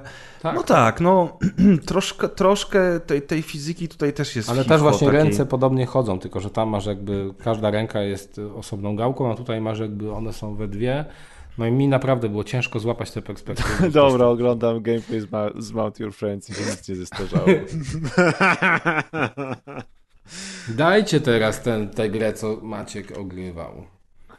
To Byś został kiedyś pomówię. do końca, a nie, że se uciekasz, a my No, potem siedzimy po nocach. No, A żółwie to, ninja. nie, na końcu ona jest. Nie na końcu. Nie na końcu, Kasia, jaki A ja grałem kas na PC, wiesz, Nie to ja nie na wiem, końcu. Em, co tam, powiedzmy, że ciebie lubię to. O, jaki łaskawy w ogóle. Jaka łaska mnie spotkała. Podziękuj panu. O Boże. No dobrze, Maciek grał w najnowsze żółwie ninja. Chwilę grałem, no. I one się Ja nazywają też. Teenage Mutant Ninja Turtles Shredder's Revenge. I Tak. nawet Kaz grałeś też. No to opowiedzcie nam Też parę chwilę. słów. Ja też chwilę grałem. No Maciek, trzy- trzy intro po- spoko, nie? Dwa albo trzy poziomy. Bardzo spoko. Intro fajne, jest muzyczka taka jak ma być, czyli z czołówki żółwi ninja. Mhm. E, Grałeś w ogóle z kimś, czy z... bo ja solo? Nie, tylko. sam. Nie mam z kim grać. Solo nam idzie. No, dokładnie tak samo. No więc, Patrz, bo mam jednego pada zagrać, Xboxa, gdyby był dlatego... tylko ten, możliwość jakaś. A jest chyba, nie wiem. Jest, Ale ta gra nie Cosplay? istnieje. Pamiętajcie, że ona nie istnieje. Powinniście grać tylko w realu. Tak, dokładnie. tak. Figurkami powinniśmy. W każdym razie... Żółwiami y, prawdziwymi. To jest Jest. piękne, to jest piękne, że oni y, postanowili zrobić graficznie tę grę y, w takim stylu, żeby przypominała serial z lat 80. i 90. E, Ten styl serialu był no, taki inny niż komiksy, ale bardzo dla nas przynajmniej znany, bo my chyba najbardziej znaliśmy w Polsce właśnie tę wersję, więc to jest taki hołd dla tamtych czasów, dla seriali tamtych czasów. Jest wiele nawiązań. Y, Akurat pod tym względem, moim zdaniem, super trafiony pomysł. Jak myślisz? No ja już serialu bardzo nie pamiętam i oglądałem go wtedy, w tamtych latach. Nie przypominałem go sobie i tych kolejnych seriali też nie oglądałem, więc tu mi się ciężko wypowiedzieć. Ale to zupełnie, no wystarczy nam sobie grafikę z serialu zobaczyć, to April wygląda jak April właśnie w serialu. no tak, no w sumie tak, jest to, jest to serialu. są trochę takie lekko super deformed, w sensie, że ta April ma taką głowę trochę większą niż w proporcji to by miało być, ale, ale nie, mhm. to bardzo mi się kojarzy jakby z kreskówką, tak, to na pewno, całe i tła, tła są bardzo fajne, Mm, te, te postacie są- są tak płynnie animowane, to mi się też podoba. Właśnie tła są bardzo szczegółowe, to Mhm. też mi się mega podobało. Podobało mi się też to, że oprócz nawiązań do serialu są też nawiązania do tych starych bijatyk. Między innymi do właśnie do tej ze SNESa. Nie pamiętam, czy to był w arcade, gdzie się rzucało przeciwnika w stronę ekran ekranu. Mhm. I tutaj też to jest, więc nawiązania do tego są świetne. Czasami te ciosy niektóre przypominają również te ciosy właśnie z tych gier wcześniejszych. Jest chyba doda- dodatek, którego nie było, czyli taki odskok. On też dobrze działa. Każdy z żółwi jest podobny, no jak akurat głównie Donatello, czyli tym z kijem w ręku. To e, podobno jest zróżnicowanie dosyć duże, jeżeli chodzi o te postaci. E, Poziom trudności też nie jest jakiś taki z lat e, świetności arcade'ów, czyli Mhm. przynajmniej dotąd, dokąd ja grałem, czyli da się tam przejść bez na przykład utraty życia, jakieś całe poziomy. Podobało mi się pod względem rozgrywki to, co widziałem. Wiem, że są jeszcze etapy takie, gdzie to jest na deskorolce, tak, czy, czy na desce surfingowej. E, Akurat, no wiesz, tego ta, ta, aż tak nie grałem dużo, żeby o tym coś opowiedzieć więcej. Natomiast jedna rzecz, która mi nie przypadła do gustu i to jest coś, co kurczę, no nie mogę jakby. No nie wiem, nie mogę tego przeskoczyć i to już mi się nie podobało, jak zapowiedzieli tę grę, ale jak ją odpaliłem, to jeszcze bardziej to mnie uderzyło. Nie podoba mi się ta pikseloza. Po prostu. To, to właśnie to, to wygląda jak gra w pixel arcie, jest bardzo ładna, ale wygląda jak gra właśnie w pixel arcie mm, na nowoczesnych telewizorach. A chciałbym, żeby to były jakieś filtry, żeby to przypominało jednak te ekrany ym, kineskopowe. I tu tego mi brakuje i no nie wiem, ale kurczę, właśnie to mi psuje efekt tej gry, który mógłby być według mnie 100 razy lepszy, gdyby taki filtr zastosowali, e, czy żeby gdyby wygładzili te postacie, bo sam projekt jest ok, tak jak mówisz, one są inaczej, troszeczkę tak jakby zdeformowane, ale no brak y, tego efektu no, mi bardzo psuje odbiór. Mhm. Nie wiem jak u Ciebie. No mi też na pewno by się przydało, bo, bo już są takie filtry potrafiące tak bardzo fajnie ekrany Emulować. CRT Mhm. emulować, że, że to byłoby fajne. Yy, Więc tu rzeczywiście szkoda, ale dla mnie jakby nie wiem, to jak yy, właśnie szczegółowo jest ta grafika wykonana, jak jest bardzo fajnie animowana, Mhm. kolorowa, sprawia, że jakby nie przeszkadza mi za bardzo to, że to są takie pisy. To jest taka dosyć, powiedzmy, też wysoka rozdzielczość, to nie jest jakieś takie yy, wni- low-resowe bardzo, no ale rzeczywiście są widoczne te kwadraciki, nie? Mm, Ale dla mnie jakby, nie no, wolałbym opcję, gdyby Ale była, też- ale nie, nie kuje mnie to w oczy teraz, nie przeszkadza mi to zupełnie. Też zauważyłem, nie wiem czy to, nie wiem czy dlatego, że ja też przeklikiwałem szybko, żeby sobie chwilę pograć, ale na filmikach chyba nie ma dubbingu, tylko jest, po- są napisy i to też niby Nawet nie, znaczy w scenkach przeciwnikowych są tak, są tylko napisy. napisy i, to nikt tak nie mówi nic. Spodziewałem się tego dubbingu, no, No, czemu trochę tak, zatrudnić gości, którzy tam grali kiedyś w tym serialu. Oni żyją, oni w innych też serialach się udzielali, przynajmniej jeszcze do niedawna jak patrzyłem. No więc czemu nie? To też by było takie fajne, tym bardziej, że już chyba w tej wersji arcade jakieś tam głosy, odgłosy przynajmniej postaci były. Więc tego mi brakowało, a z kolei muzyka mi się mega podobała ym, i słyszałem nie wszystkie kawałki w samej grze, ale też na YouTubie. To kurczę, też w niektórych recenzjach, no rewelacja. Pod tym względem naprawdę super jest y, ten tytuł. No. Widać w nim taką nostalgię twórców, widać, że oni no, starali się oddać klimat tamtych czasów. Tak, du dużo jest takich właśnie detali, typu na koniec etapu ten żółw ma animację, jak otwiera pudełko pizzy, pojawia się jakiś tam napis kałabanga i tak dalej, więc Tak, klimat wpadają jest do kanałów, jakby wychodzą z jakimś napisem, to też chyba było gdzieś w którejś wersji, także są nawiązania tych gier. Też jakby sam poziom jest taki, nie wiem czy to jest moje wrażenie, ale mam wrażenie, że sam poziom gry, tam pod miejsce, po którym się poruszamy, on jest dosyć duży, taki jakby, że można mocno zejść sobie niżej, w dół jakby ekranu i w górę, że Mhm, ta Czasami miejsce akcji jest poszerzone. Tak, ale jest poszerzone względem tych takich Aha. dawnych bijatyk, No że jest więcej tak. miejsca do pokonywania przeciwników. E, No, klepie się ich też z dużą satysfakcją. Tak, właśnie No ten wiem. system walki jest taki fajny. Podoba mi się na przykład to, że jak przeciwnik ma, masz go wykopać poza ekran, to nie Mhm. wykopujesz go z ekranu, tylko on jakby się odbija od krawędzi i wraca. Więc bardzo często Mhm. można go szybciej wykończyć i jest to jakby wygodniejsze niż często ten problem w bijatykach, gdzie ktoś wypada za ekran i za chwilę wraca, bo jeszcze mu Tak, zostało tak. dwa, dwa piksele Nie widzisz życia. nawet ciosu, a dostajesz. Tak, go. tak. I właśnie te, to, że jest ten przycisk od tego uniku do tyłu i tak dalej. Są różne kombinacje, też jak przeciwnika złapiesz podchodząc do niego blisko, to właśnie też tam masz ze cztery możesz- różne rodzaje Mhm. rzutu, które możesz wykonać. Wśród nich jest właśnie ten rzut w stronę ekranu, gdzie przeciwnik się rozbija ekran.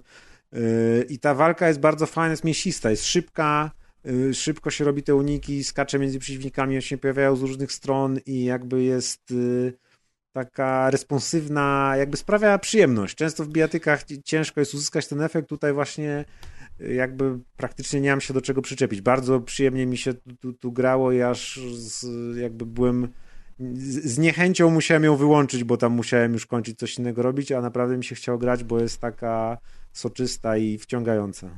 I też e, nie wiem, czy to jest wada, czy nie, ale to jest, e, znaczy może to nie jest wada gry. W każdym razie ta gra jakby, ona jest tak zaprojektowana, że moim zdaniem wymusza granie na krzyżaku. E, To znaczy, No jak grałem, tak, no właśnie- biegając, no. dużo biegałem w tej grze, to jednak to dwa razy szybkie wciśnięcie Mhm. tej, tych e, I, I nie ma problemu z tym graniem na lewo. krzyżaku, bo czasami to jest takie trochę upierdliwe, a tutaj Tak, e, jakby te, to wyczucie głębi też jest odpowiednio dobre, że jak już jesteś na poziomie tego przeciwnika, to jakby już trafisz w tego hitboxy. Nie ma. Pamiętam, że chyba w Mother Russia Blitz tak było, że ciężko trzeba było się zsynchronizować Mhm. z tym przeciwnikiem, żeby go idealnie trafić. Tutaj w ogóle takich problemów nie ma. Też y, na przykład to pokazuje, że nie jestem cały czas fanem krzyżaków od Xboxa, bo grałem właśnie na Series i też mi ten krzyżak tak idealnie nie podpasował w tej grze, powiem szczerze.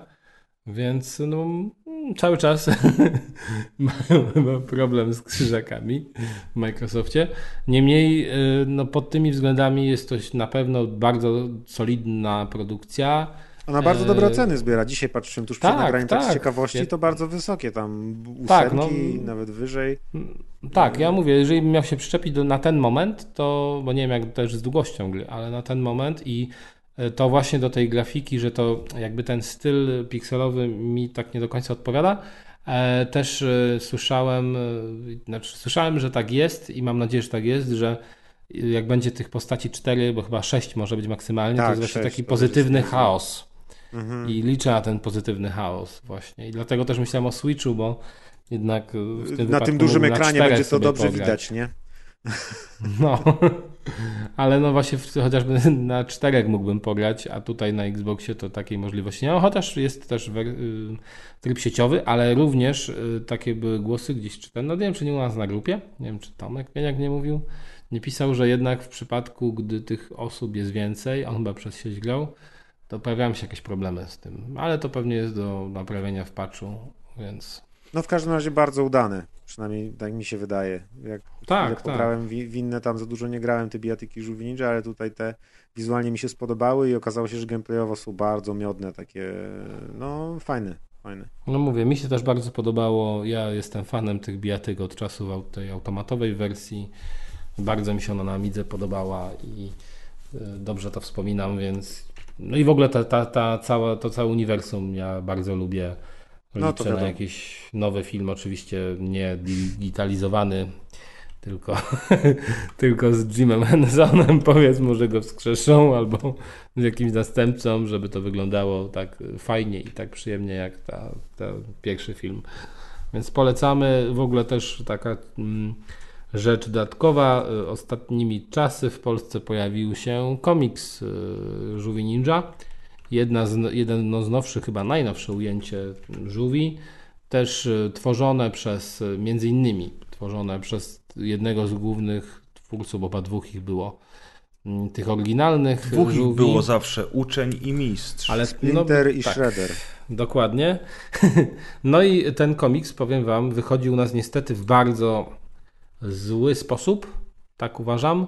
Jest y, z jednej strony super wydany, jeżeli chodzi o wielkość, jest y, powiększony format. Świetnie się to trzyma w rękach, bo jest bardzo cienki i to jest moim zdaniem akurat wada, bo e, podzielili taki powiedzmy ark na sześć części. E, Dosyć drogo wychodzą pojedyncze albumy, chociaż na szczęście na promocjach można kupić je znacznie, znacznie taniej. E, Ale jest ten komiks naprawdę dobrym, e, przynajmniej do tej pory przeczytałem trzy, czyli te, co się ukazały. No, jest naprawdę dobrym e, pomysłem na rozpoczęcie przygody z żółwiami, więc polecam bardzo mocno. Chciałem się zapytać dokładnie, który to jest, ale znalazłem na przykład taki, To jest który ten się z nazywa ide- Wojownicze Żółwie Ninja, tom 1. Tak, no to jest to. To jest to, to najnowsze ujęcie żółwi. Eastman, e... Kevin, Waltz, Tom, Duncan. Tak, no Eastman właśnie to jest ten główny twórca okay, żółwi, dobra. który też tworzył te początki i w ogóle to jest też taki fajny motyw z tym jakby, że trochę powiązali motyw ze starych żółwi, bo te stare, nie wiem czy pamiętacie, one wychodziły bodaj w czerni i bieli i te żółwie jakby teoretycznie miały te same kolory opasek. Mhm. A tutaj tak to zgrabnie powiązali, że z jednej strony nie, nie, chcę spoilerować, ale jest też motyw właśnie z tym e, jednokolorowymi opaskami, jest też motyw z przejściem na, na te wielokolorowe i to jest no, naprawdę zgrabnie podana wersja, przynajmniej przez te trzy odcinki, które mamy do tej pory. No na przykład, jeżeli chcielibyście po angielsku, to całe te sześć tomów, które do tej pory wydawnictwo Amber zapowiedziało, można kupić w jednym takim zbiorczym wydaniu angielskim i szkoda, że u nas tak właśnie tego nie wydano, bo mhm. czekanie na te kolejne odcinki, które są naprawdę krótkie, nie wiem, tam po 40 stron jest chyba, czy po 50 w tych y, wydaniach, no to wkurza No tak, nie? to już mogliby takiego trade paperbacka wydać. Tak, tak. Tym bardziej biorąc pod uwagę, że tam cena jest chyba 60-70 zł za te 50 stron, no to trochę przesada, ale tak jak mówię, na promocji można za 3 dychy dostać bez problemu, więc okay. ja polecam. No to Kaz polecił nam właśnie komiks, a pytanie brzmi, czy Deusz poleci nam karty. Ja jeszcze w tym momencie chciałem się pożegnać. Bo nie ma, ta, nie ma odchodzenia w czasie nagrywania. Co to już sama końcówka, proszę ja ciebie. No to chyba, że Wszyscy poczekamy, akurat jest końcówka, bo widzę, że tutaj się kilka tytułów zwinęło. To Obiecuję, że nikt ci nie da. A nie, czekaj, będzie FPS-em. No, będzie jeszcze. niestety. będzie będzie FPS-em akceptowalny, jeżeli to jest ten, co widzę. O, akceptowalny. Tak, także, wow. także do brzegu jeszcze dwie krótkie recenzje i będziemy zawijać, także zostań już z nami. Dobrze. Dodaj otuchy Deuszowi, który też jest zmęczony. Ja po podróży też prosto do nagrania siadłem, Dopiero a Maciek już jest po prostu 12, stary. 11. Co stary? Co? To stary. Twój stary chyba. Okej, okay, to jeszcze ale raz. Oczy mam, ale oczy mam nowe. O, oczy mam nowe, właśnie. to jeszcze raz. Deusz opowie nam o Card Shark. Tak, Card Shark, czyli gra, którą też miałem dodaną gdzieś tam e, na e, wishlistach po którychś targach i prezentacjach gier indie. E, znów gra ze stajni Devol Devolvera, ale oprócz tego, że gra ze stajni Devolvera, czemu ją miałem dodaną? Ponieważ jest to nowa gra e, studia Nerial, chyba tak się czyta, i to jest gra twórców Reigns. Nie wiem, czy pamiętacie taką małą grę, która wyszła Pamiętamy. i na PC i mobilnie, jeszcze zresztą z Kuldanem się nią zachwycaliśmy. Tak, i potem była wersja w ogóle Game of Thrones, Thrones też. Tak, tak, tak. W ogóle tych tam chyba ze trzy wersje są Reigns, ale przypomnę słuchaczom, jakbyście nie wiedzieli, Reigns to jest ta taka gra, przygodowa z mechaniką Tindera, że zarządzamy naszym królestwem, ale jest mechanika Tindera, czyli decyzje podejmujemy na podstawie kart, które nam wyskakują i jak przesuwamy w prawo, to akceptujemy decyzję, jak w lewo, to nie akceptujemy danej decyzji. Świetnie poprowadzona, bardzo fajny tytuł, warto sprawdzić, jak ktoś nie zna Reigns. No i ich nowa gra, czyli Card Shark. E, Card Shark to jest taka...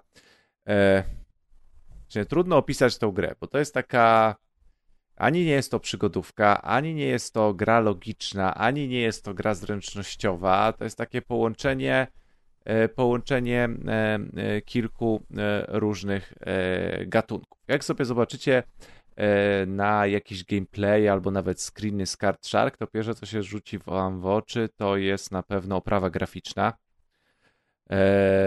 I trudno mi jest ją opisać, ale ona wygląda trochę jak malowana trochę jak jakiś taki malowany komiks.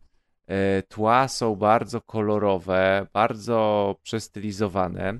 Cała gra się toczy w XVIII-wiecznej Francji i nasz bohater jest niemową, e, który w wyniku niefortunnych zdarzeń trafia, można powiedzieć, pod opiekę takiego szulera, czyli takiej osoby, która a, pała się życiem tym, że sobie podróżuje, e, gra w karty, ale jego gra w karty głównie polega na kantowaniu e, i robieniu takich sztuczek, żeby zawsze wygrywać. Trafiamy pod jego opiekę i pod jego opieką się, e, pod jego opieką właśnie podróżujemy sobie po terenie Francji, po mapie Francji, a on nas uczy przeróżnych właśnie sztuczek sztuczek karcianych czy oszu, oszustw karcianych. I właśnie tak naprawdę cała gra, cały ten core gry polega na robieniu tych rzeczywistych trików, bo gra jest niby o kartach, ale tak naprawdę my ani razu nie wiemy, w jaką grę w karty tak naprawdę gramy, bo wszystko polega tylko i wyłącznie na tym, że oszukujemy. W całej grze jest do nauczenia się 28 różnych, różnych zestawów takich oszustw. Od jakiegoś prostego po prostu przetasowania, tak, żeby dana karta była na wierzchu, po jakieś sygnalizowania, na przykład, że siedzimy przy stole i współpracujemy z drugą osobą i odpowiednimi sygnałami mówimy, jakie na przykład mamy karty, albo jaką kartę mamy najwyższą, po jakieś podglądanie w trakcie tasowania. E, więc mamy przeróżne te elementy, te elementy tych, tych, tych sztuczek. Niektóre z tych elementów się powtarzają pomiędzy tymi dwoma, 28 różnymi sztuczkami. To znaczy, jak już się na przykład w jednej sztuczce nauczymy tasować tak karty, żeby układać karty w kolejności, no to to może być element bardziej rozbudowanego później triku. Więc niestety nie jest tak, że jest 28 różnych, tylko niektóre po prostu się składają z trzech różnych elementów, które już wcześniej poznaliśmy. E, natomiast same sztuczki, jak się wykonuje, to jest trochę taka gra mm, puzzlowo-zręcznościowa, czyli musimy po prostu i chwilę pomyśleć, co mamy w danym momencie kliknąć, żeby zrobić ułożenie, ale jednocześnie musimy również oprócz pomyślenia również wykonać coś odpowiednio manualnie.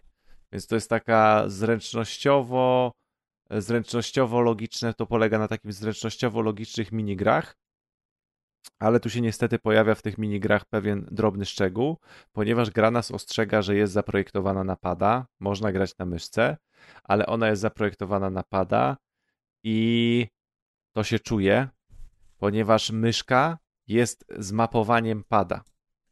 To znaczy, jeśli w danej grze, minigrze jakiś ruch kartą to jest obrót drążka, tak, na padzie, to jak mamy myszkę, to musimy wykreślić praktycznie idealne kółko myszką. Bo jakaś elipsa nie będzie nam jakby łapała tego, że e, tego, że my robimy to kółko, jak również musimy tą myszką zrobić ten ruch po odpowiednim promieniu również. Co jest bardzo również, co jest bardzo irytujące i tu rzeczywiście ta gra w ogóle granie myszką odpada, albo granie myszką jest bardzo e, frustrujące. No i cała gra polega na tym, że uczymy się tych sztuczek, podróżujemy z miejsca na miejsce, podbijamy stawkę, kantujemy ludzi, no i w tle się dzieje jakaś e, e, fabuła. Gra wygląda ładnie, w tle przegrywa e, jakaś tam e, całkiem przyjemna muzyka. Fabuła jest nawet nie jest rewelacyjna, ale nawet wciąga, że nas pcha do tego, do tej podróży i co się tam dalej stanie, bo gdzieś tam tkana jest e, większa intryga spośród tych ma, naszych małych przygód. E, no i oprócz tego tak naprawdę więcej, więcej w tej grze nie ma. Możemy rozmawiać w trakcie rozmów, możemy wybierać jakieś e, odpowiedzi, ale nie wydaje mi się, że one, one chyba w ogóle żadnego wpływu na fabułę, żadnego wpływu na fabułę nie mają. Niestety nie jest udźwiękowiona gra, czyli nie ma dialogów, wszystko trzeba czytać, co czasami jest, e, co, co czasami potrafi być nużące jak na takiej statycznej, bo gra jest dosyć statyczna, bo oprócz drobnych ruchów postaci, czyli jak postać idzie przez planszę i e, żeby usiąść do stołu, to tak naprawdę gra składa się raczej ze statycznych, ze statycznych, ładnie zrobionych plansz, ale ze statycznych plansz. Te triki polegają na wykonywaniu też w miarę tych samych animacji, więc tam też się za dużo nie naoglądamy. E, no i tak naprawdę więcej, więcej w tej grze mm, nie ma. Ona zdobyła bardzo pozytywne recenzje, natomiast powiem szczerze, że ja mimo, że lubię gry z fajnym pomysłem, a pomysł gry, która polega tylko i wyłącznie na kantowaniu w kartach, e, gdzie to, karto, e, gdzie to kantowanie jest taką podkładką do prowadzenia fabuły, wydaje się super pomysłem i mm. tą grę dodałem sobie dlatego do, do, do wishlisty kiedyś. Natomiast jako taka sama gra, powiem wam szczerze, że mnie nie, nie porwała. Ta fabuła jest fajna, gra ma dużo humoru, no ale to jest jeden styl humoru i on potrafi no jest taki powtarzalny, niczym już nie zaskakuje. Po paru zabawnych dialogach możemy tak naprawdę wymyślić kolejne zabawne kolejne zabawne dialogi. Przez to, że nie jest udźwiękowiona, to to też ja zawsze, jak nie, nie jest udźwiękowiona gra, to jakoś się nigdy nie mogę wczuć w te losy bohaterów i w pełni wejść w te postacie. Oczywiście nasza postać jest niemową, ale, ale każda inna postać też nie jest udźwiękowiona. E, fabuła jest taka, no całkiem sprawna, ale też nie jest taka, żeby te robienie tych trików nas tak strasznie pchało do tego, że musimy poznać, co się wydarzyło dalej. E, to jest, ten świat jest taki półotwarty, bo sami możemy wybierać, w którą miejsce Francji pojedziemy, no ale oczywiście jest również to o tyle ograniczone, że jeśli wcześniej nie będziemy w jakiejś miejscówce, to się nam to drzewo podróży nie rozwinie na kolejne miejsca. No i tak naprawdę najbardziej denerwujący dla mnie, dla mnie, dla mnie e, fakt to jest taki, że e, powtarzanie w tej grze bo tych wszystkich trików najpierw się musimy nauczyć i oczywiście gra nam pozwala się uczyć, że w trakcie podróży możemy sobie powtarzać mechaniki tych pewnych trików, tak żeby je umieć, ale tak jak mówiłem, nie, niektóre triki składają się z czterech etapów, czyli najpierw musimy odpowiednio karty rozdać, potem je przetasować, potem na przykład je odpowiednio podmienić i jeszcze coś zrobić z daną talią, czyli czterech elementów się składa, każdy z tych elementów to jest taka oddzielna minigra. No i na przykład albo coś zrobimy źle, albo coś się pomylimy w czwartym etapie. Albo zrobimy głupi, wiecie, misklik i nie chcieliśmy kliknąć tego, co, co, co, co mieliśmy kliknąć, ale zrobiliśmy y, głupi błąd. Albo o czymś zapomnieliśmy. No i cała ta gra przy stole już wtedy nam siada, bo oczywiście popełniliśmy błąd. Nasi oponenci przy stole się zorientowali, że kantujemy i przegrywamy. No i granie od nowa polega na tym, że z powrotem nam się cała ta lokacja wczytuje i z powrotem musimy przegrać cały ten, jeszcze raz całą tą minigrę, gdzie my popełniliśmy błąd tylko w czwartym etapie, więc znów, a na przykład cała gra się składała z trzech rund, rozdań kart, każde rozdanie kart to są te cztery etapy oszustwa. I znów robimy te trzy etapy, które mamy opanowane idealnie, żeby nie popełnić tego błędu w tym czwartym etapie i po prostu każde, każde popełnienie błędu, albo każda pomyłka, albo jeśli zapomnieliśmy czegoś zrobić, albo jak się w danym etapie coś robi, e, dany trik, albo jak się pokazuje daną kartę i tak dalej, i tak dalej, to tak naprawdę popełnienie błędu powoduje, że znowu musimy zagrać dany etap i gramy go od początku. Czyli wchodzimy do danego etapu, z powrotem mamy te same dialogi do przeklikania, jest animacja, jak oni siadają do stołu i wiecie, to się strasznie dłuży, bo się popełni dwa błędy i tak naprawdę potem już tylko się klika, klika, klika, klika, a jak człowiek jest jeszcze bardziej zdenerwowany, to tym bardziej jak jest zdenerwowany, to jeszcze częściej popełnia te miskliki i kliknie to, co miał kliknąć, więc, yy, więc ewidentnie nie zostało w tej grze przemyślane to, jak szybko można wrócić do gry, albo co zrobić, jak jak, e, jak popełnimy błąd. Fajne jest parę razy na przykład zginąć, kiedy nasze nasz oponent, e, z którym gramy, to jest jakiś, nie wiem, tam napotkany złodziej, który nam grozi śmiercią i nas zabija i się okazuje, że tam, e, że w tej grze w sumie jest trudno zginąć, ale tu nie chcę spoilować, co się dalej dzieje i to jest nagle super akcja i sobie myślisz, wow, ale fajnie to twórcy przemyśleli, ale później się dzieje to drugi, trzeci, czwarty raz i, i wkrada się w tą grę monotonia. Tych sztuczek też nie ma, tak jak mówię, 28 brzmi fajnie, ale składają się często z tych samych elementów. Mm, nie jest to zła gra. Naprawdę warto w nią zagrać, zobaczyć jak wygląda, jak wygląda w ruchu, zobaczyć gameplay, pomysł na grę, e, lokacje, e, humor, dialogi, w którą stronę zmierza cała fabuła e, i tak dalej, i tak dalej. Te wszystkie poszczególne elementy są całkiem fajne, ale w ogólnym rozrachunku jak na grę na 6-7 godzin takiego klikania i samych w sobie minigier i dialogów, gdzie nie mamy za dużo tak naprawdę wyboru, tylko coś tam wybieramy, ale raczej to na fabułę nie wpływa. Mm, to wydaje mi się, że tu jest jeszcze dużo miejsca, żeby ten tytuł, tytuł dopracować. On jest na pewno, na pewno nie powiem, że jest niefajny i żeby go nie sprawdzić, ale Zdecydowanie tutaj jestem akurat zaskoczony dobrym odbiorem, jak, jak, jak, jak bardzo pozytywny odbiór zebrała ta gra jak na grę indie, a mi się właśnie wydaje, że, yy, że, że to jest taki, taki, że to jest taki średniak indie, że jest do sprawdzenia, ma wiele ciekawych elementów, szczególnie pomysł, ale, yy, ale ale ja bym, ale ja bym, mówię, nie, nie powiedział, że to jest tytuł na już i że to jest do sprawdzenia dla, dla każdego. A to jest pełniak czy early access? To jest pełniak. To jest A, pełniak, no, który jest po raczej nie będą tam bardzo go naprawiać. Nie, i tutaj nie ma tak naprawdę sterowanie myszką można by było ulepszyć i więcej tutaj tak naprawdę nie ma już co, co rozwinąć. Mhm. Y, Dobry był pomysł, fajne pomysły na te triki. Istotne jest też to, że te triki, które robimy, podobnie bazują na tych rzeczywistych rzeczach, które robią szulerzy. Albo robili też Mm. y, w historii i są Można znane. Czyli rzeczywiście, tak, czyli rzeczywiście tak się ustawia talię, y, tak się kantuje przy stole, że to są takie rzeczywiste triki, triki, triki szulerskie. I niektóre są naprawdę ciekawe, jak się je poznaje. To też jest jakiś tam walor i, i zaleta tej gry. Spoko. No i super. Kas, a ty byś zagrał w taką grę? Zobacz, nie jest FPS-em.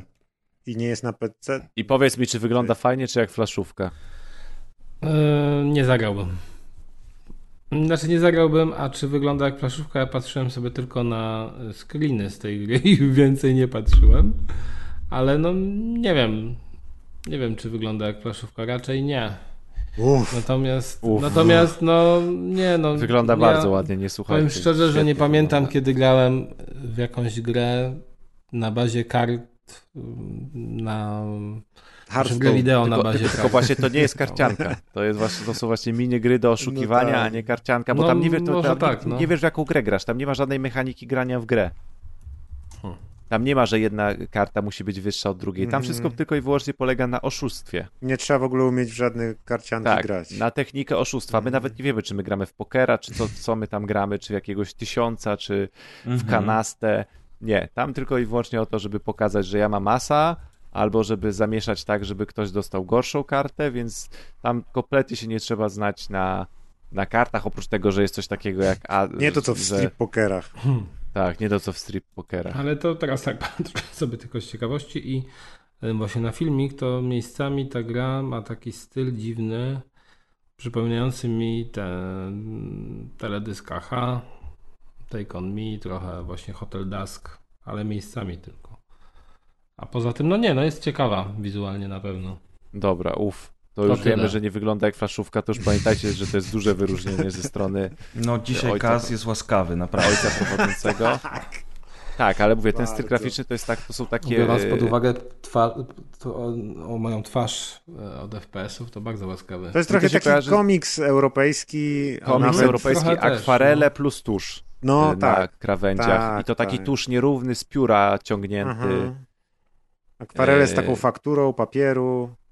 Coś takiego. No, to rzeczywiście teraz ma, no to właśnie komiks, masz, macie rację. No, jakiś taki. Wygląda tak, to dlatego mi się pewnie z Hotel Dusk skojarzyło Tak. I, i w sumie powiem wam, że jak grałem, tak mówię, tak trochę nie wieje super entuzjazmem, ale też jak grałem, to sobie pomyślałem, kurde, ile jeszcze jest tak, i pomysłów na grę, w sensie, że wiecie, No. wychodzi kolejna gra No i to nie jest pomysł, który już był. No pierwszy raz jest gra, która po prostu polega na kantowaniu, masz mechaniki po prostu kantowania przy, przy grze, grze w karty i do tego jest nabudowany i styl No graficzny, że mamy tą Francję, że podróż, że cała fabuła, humor i że na głupim kart, kar, kar, kantowaniu w karty i, i ile, jeszcze, ile jeszcze pomysłów w ogóle leży, yy, leży na stole i jest do podjęcia właśnie przez, przez takie indyki.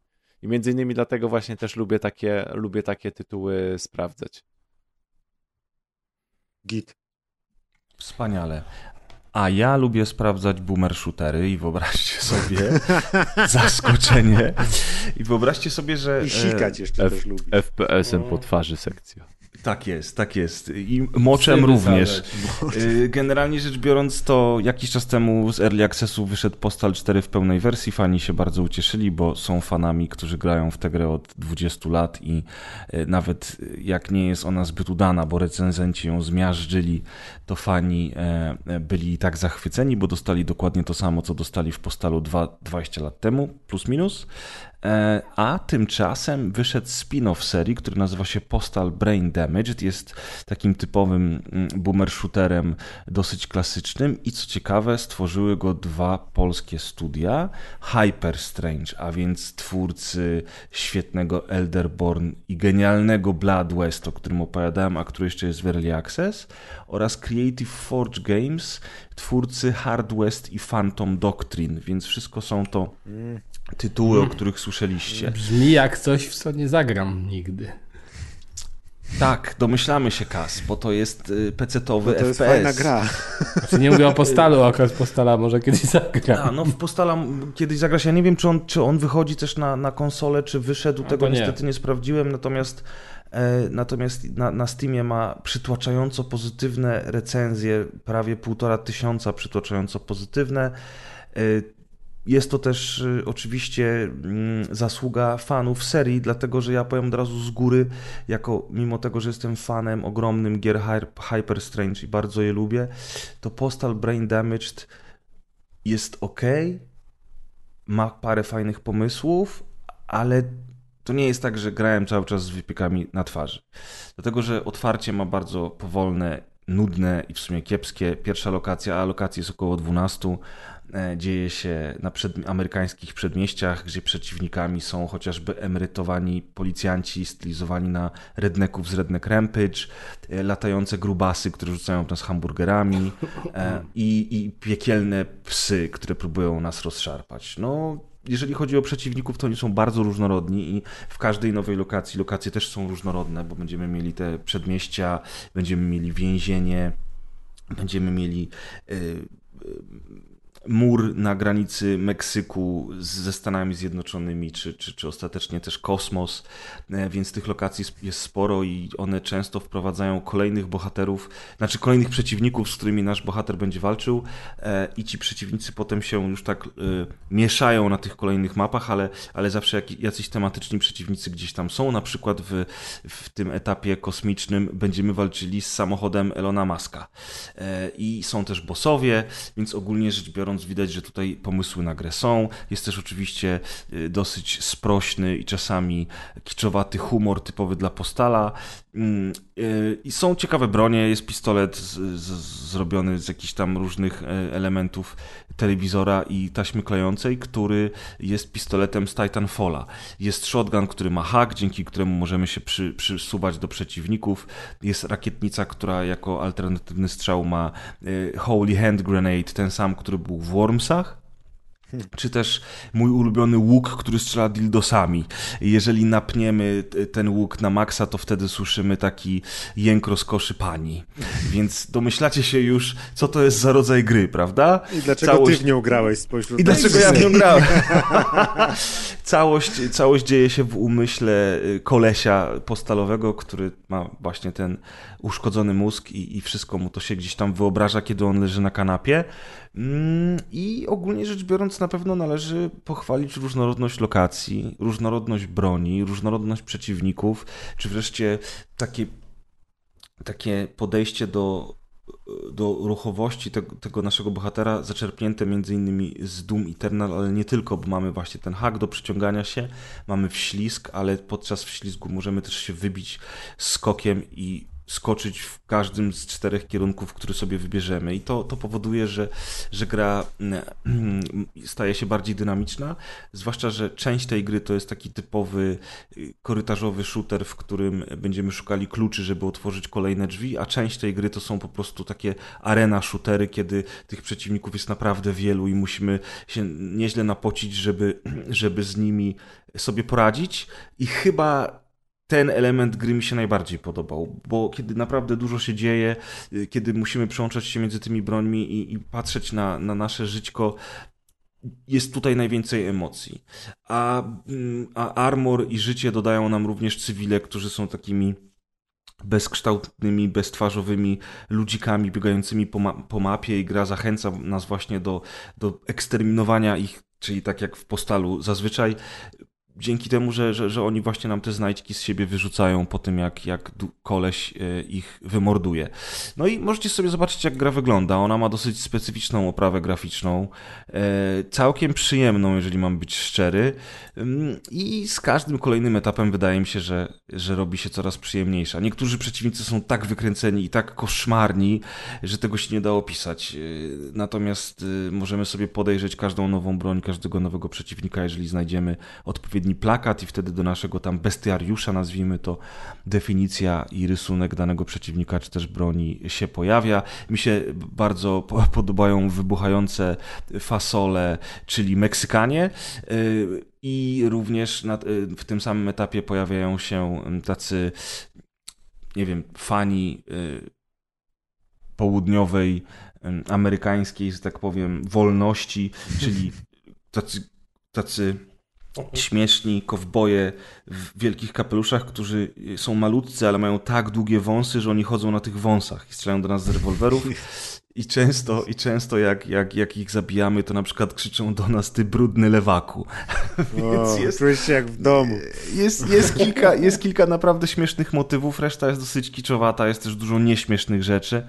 Mm, I jak widać, fani Postala są bardzo zadowoleni. Ja jestem trochę mniej zadowolony, chociaż gra oczywiście zbiera dobre recenzje i wydaje mi się, że, że zasłużenie.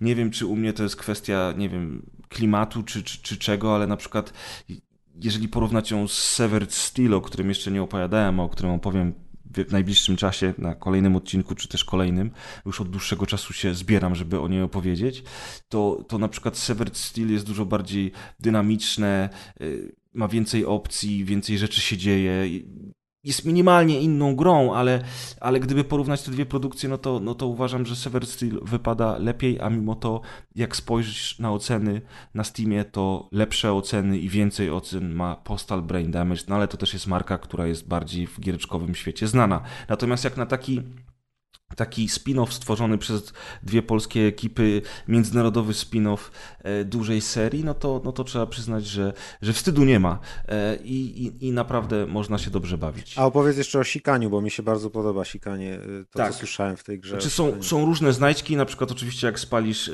tam lówkę, to, to regenerujesz sobie życie, ale, ale właśnie sikanie polega na tym, że w zależności od tego, jaki wypijesz napój, to, to masz inne moce i na przykład takim podstawowym e, e, napojem jest, jest e, napój, który powoduje, że twój mocz płonie. No i dzięki temu możesz sikać na przeciwników i ich podpalać, albo możesz też niszczyć jakieś elementy tym swoim sikaniem. No i tam jest kilka tego typu opcji, więc, więc to sikanie tym razem ma jakiś cel. Ono no, nie jest tylko jest po to, żeby. Tak. Może oszołomić przeciwnika, albo że na przykład gasisz firebole lecące w twoją stronę. Dokładnie. Jak właśnie dokładnie. słuchałem o tym, to stwierdziłem, że to jest super, bo już wcześniej w postarach można było sikać i, ale to było takie, no bez sensu. No wtedy, ma to się bardzo fajnie w gameplay to jest wplecione i to mi się bardzo spodobało. Tak, to jest bardzo fajny pomysł. Wtedy się odrąbywało kolesiowi głowę y, łopatą, a następnie sikało mu do szyi. Tak. I po to było to sikanie. Tak, nic to nie dawało poza satysfakcją, a tu Znaczy jest... satysfakcją, jeżeli jesteś psychopatą oczywiście. Y, natomiast no tutaj ono rzeczywiście po coś jest. Aha, jeszcze jest a propos sikania i tego typu rozwiązań w grze, to jeszcze jest y, walenie skopa i walenie skopa oczywiście służy temu, żeby kopnąć przeciwnika, co jest ciekawe, bo, bo koleś ma takie śmieszne kapcie królicze, więc to fajnie wygląda, ale kopanie może też służyć do odbijania pocisków, które w nas lecą. O. Jeżeli w odpowiednim momencie kopniesz, to po prostu ten pocisk odbijesz od siebie i to jest też bardzo fajna mechanika. Także tych pomysłów tutaj jest dużo. Ja mam bardziej problem, nie wiem, czy z dynamiką tej gry, tempem, nie wiem. Y, I z jednej strony mi się podoba, a z drugiej strony niektóre fragmenty tej gry dosyć mnie nużyły. Ona też jest tak graficznie odjechana i takie abstrakcyjne są te poziomy niektóre, jak widziałem, że też mi się kojarzy właśnie z grami z lat, końcówki lat 90., tego przełomu 2000, że wtedy się robiły jakieś takie dziwne, pokraczne, odjechane gry w stylu, nie wiem, Bugs Bunny, czy tam ten, ten, ten Sheep, Dog and Wolf albo Alicja w Krainie Czarów. Chodzi mi o to, że to w ogóle nie musi być ugruntowane w rzeczywistości. Ta architektura na przykład budynków, która tam jest, one są powykrzywiane i część właśnie postaci lata, coś tutaj lewituje i to tak. jest wszystko jak właśnie taki psychodeliczny sen, co tu akurat jest snem, ale, ale to jest właśnie fajne, że, no, że to jest takie kompletnie odjechane. No jest, jest. Tylko, że gdyby to jeszcze było bardziej odjechane w samym gameplayu, to by było super. Mm -hmm. No, i, no w gameplayu może też trochę, trochę właśnie, może to jest cel, że to przypomina właśnie te starsze strzelaniny. Może być. Yy, ogólnie jest bardzo spoko gra. Yy, tylko gdzieś tam liczyłem może na coś więcej, nie wiem. Yy, no i muzyka jest tragiczna. Muzyka na każdym poziomie jest zapętlona w kółko. To ma być taki klimat trochę postalowy, bo tak było w poprzednich odsłonach e, głównej serii, ale, mm, ale no tutaj to zupełnie nie pasuje. Ta, ta, ta, ta, ta, ta muzyka jest zbyt powolna, zbyt monotonna i za bardzo zapętlona. Aż się prosi o to, żeby coś żywszego tam leciało. No ale ale, Dało ci po twarzy FPS-em? No dało mi po, po twarzy FPS. Dało, ale na oczywiście. szczęście Macie go słodził trochę, wymieniając te tytuły takie. Tytuł. Co, Kas się obudził. O co chodzi Kas w ogóle? Już kończymy, obiecujemy. Okej, Spać, To nie było- pecety się przyśnią. ja, to ja już nie wiem, to było pytanie do mnie Maciek czy do Kaza? Bo, bo w sumie Do ciebie, Kaz ale, do, ale też Rozumiem. się widzisz obudził. Jak on słyszy, że Kaz. FPS-em po twarzy, to się pobudza od razu. Natychmiast się obudzi, budzi, tak, to jest ten jego king, który go troszeczkę tam podnieca, tylko się boi tego przyznać. No dobra, słuchajcie, y, odcinek 256, Tak nie ulubiony odcinek Maćka, y, bardzo syty, bardzo Nie obfity. najgorszy był, no niech, niech Nie najgorszy, tak, tak. Za Y, dużo FPS-ów. Za dużo FPS-ów i pecety. No dobrze, dobra karta Pecety. graficzna, dużo FPS-ów. Także dzisiaj No. wystąpili y, Kaz, Cześć. Razer, Cześć. Deusz Cześć. i Perez. Trzymajcie się. Dobrej nocy.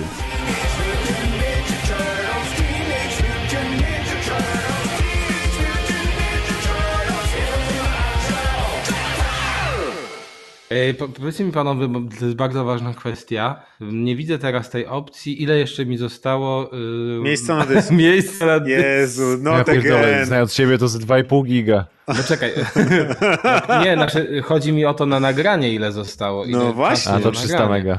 No, tylko teraz jak to sprawdzić? Bo włączyłem teraz nagrywanie i. A jest 6 godzin, dobra. Uuu, To jest jeszcze pikuś, damy radę. dobrze. Nie będziemy Musiałem- 6 godzin nagrywać. Na Musiałem zainstalować ostatnio Minecrafta.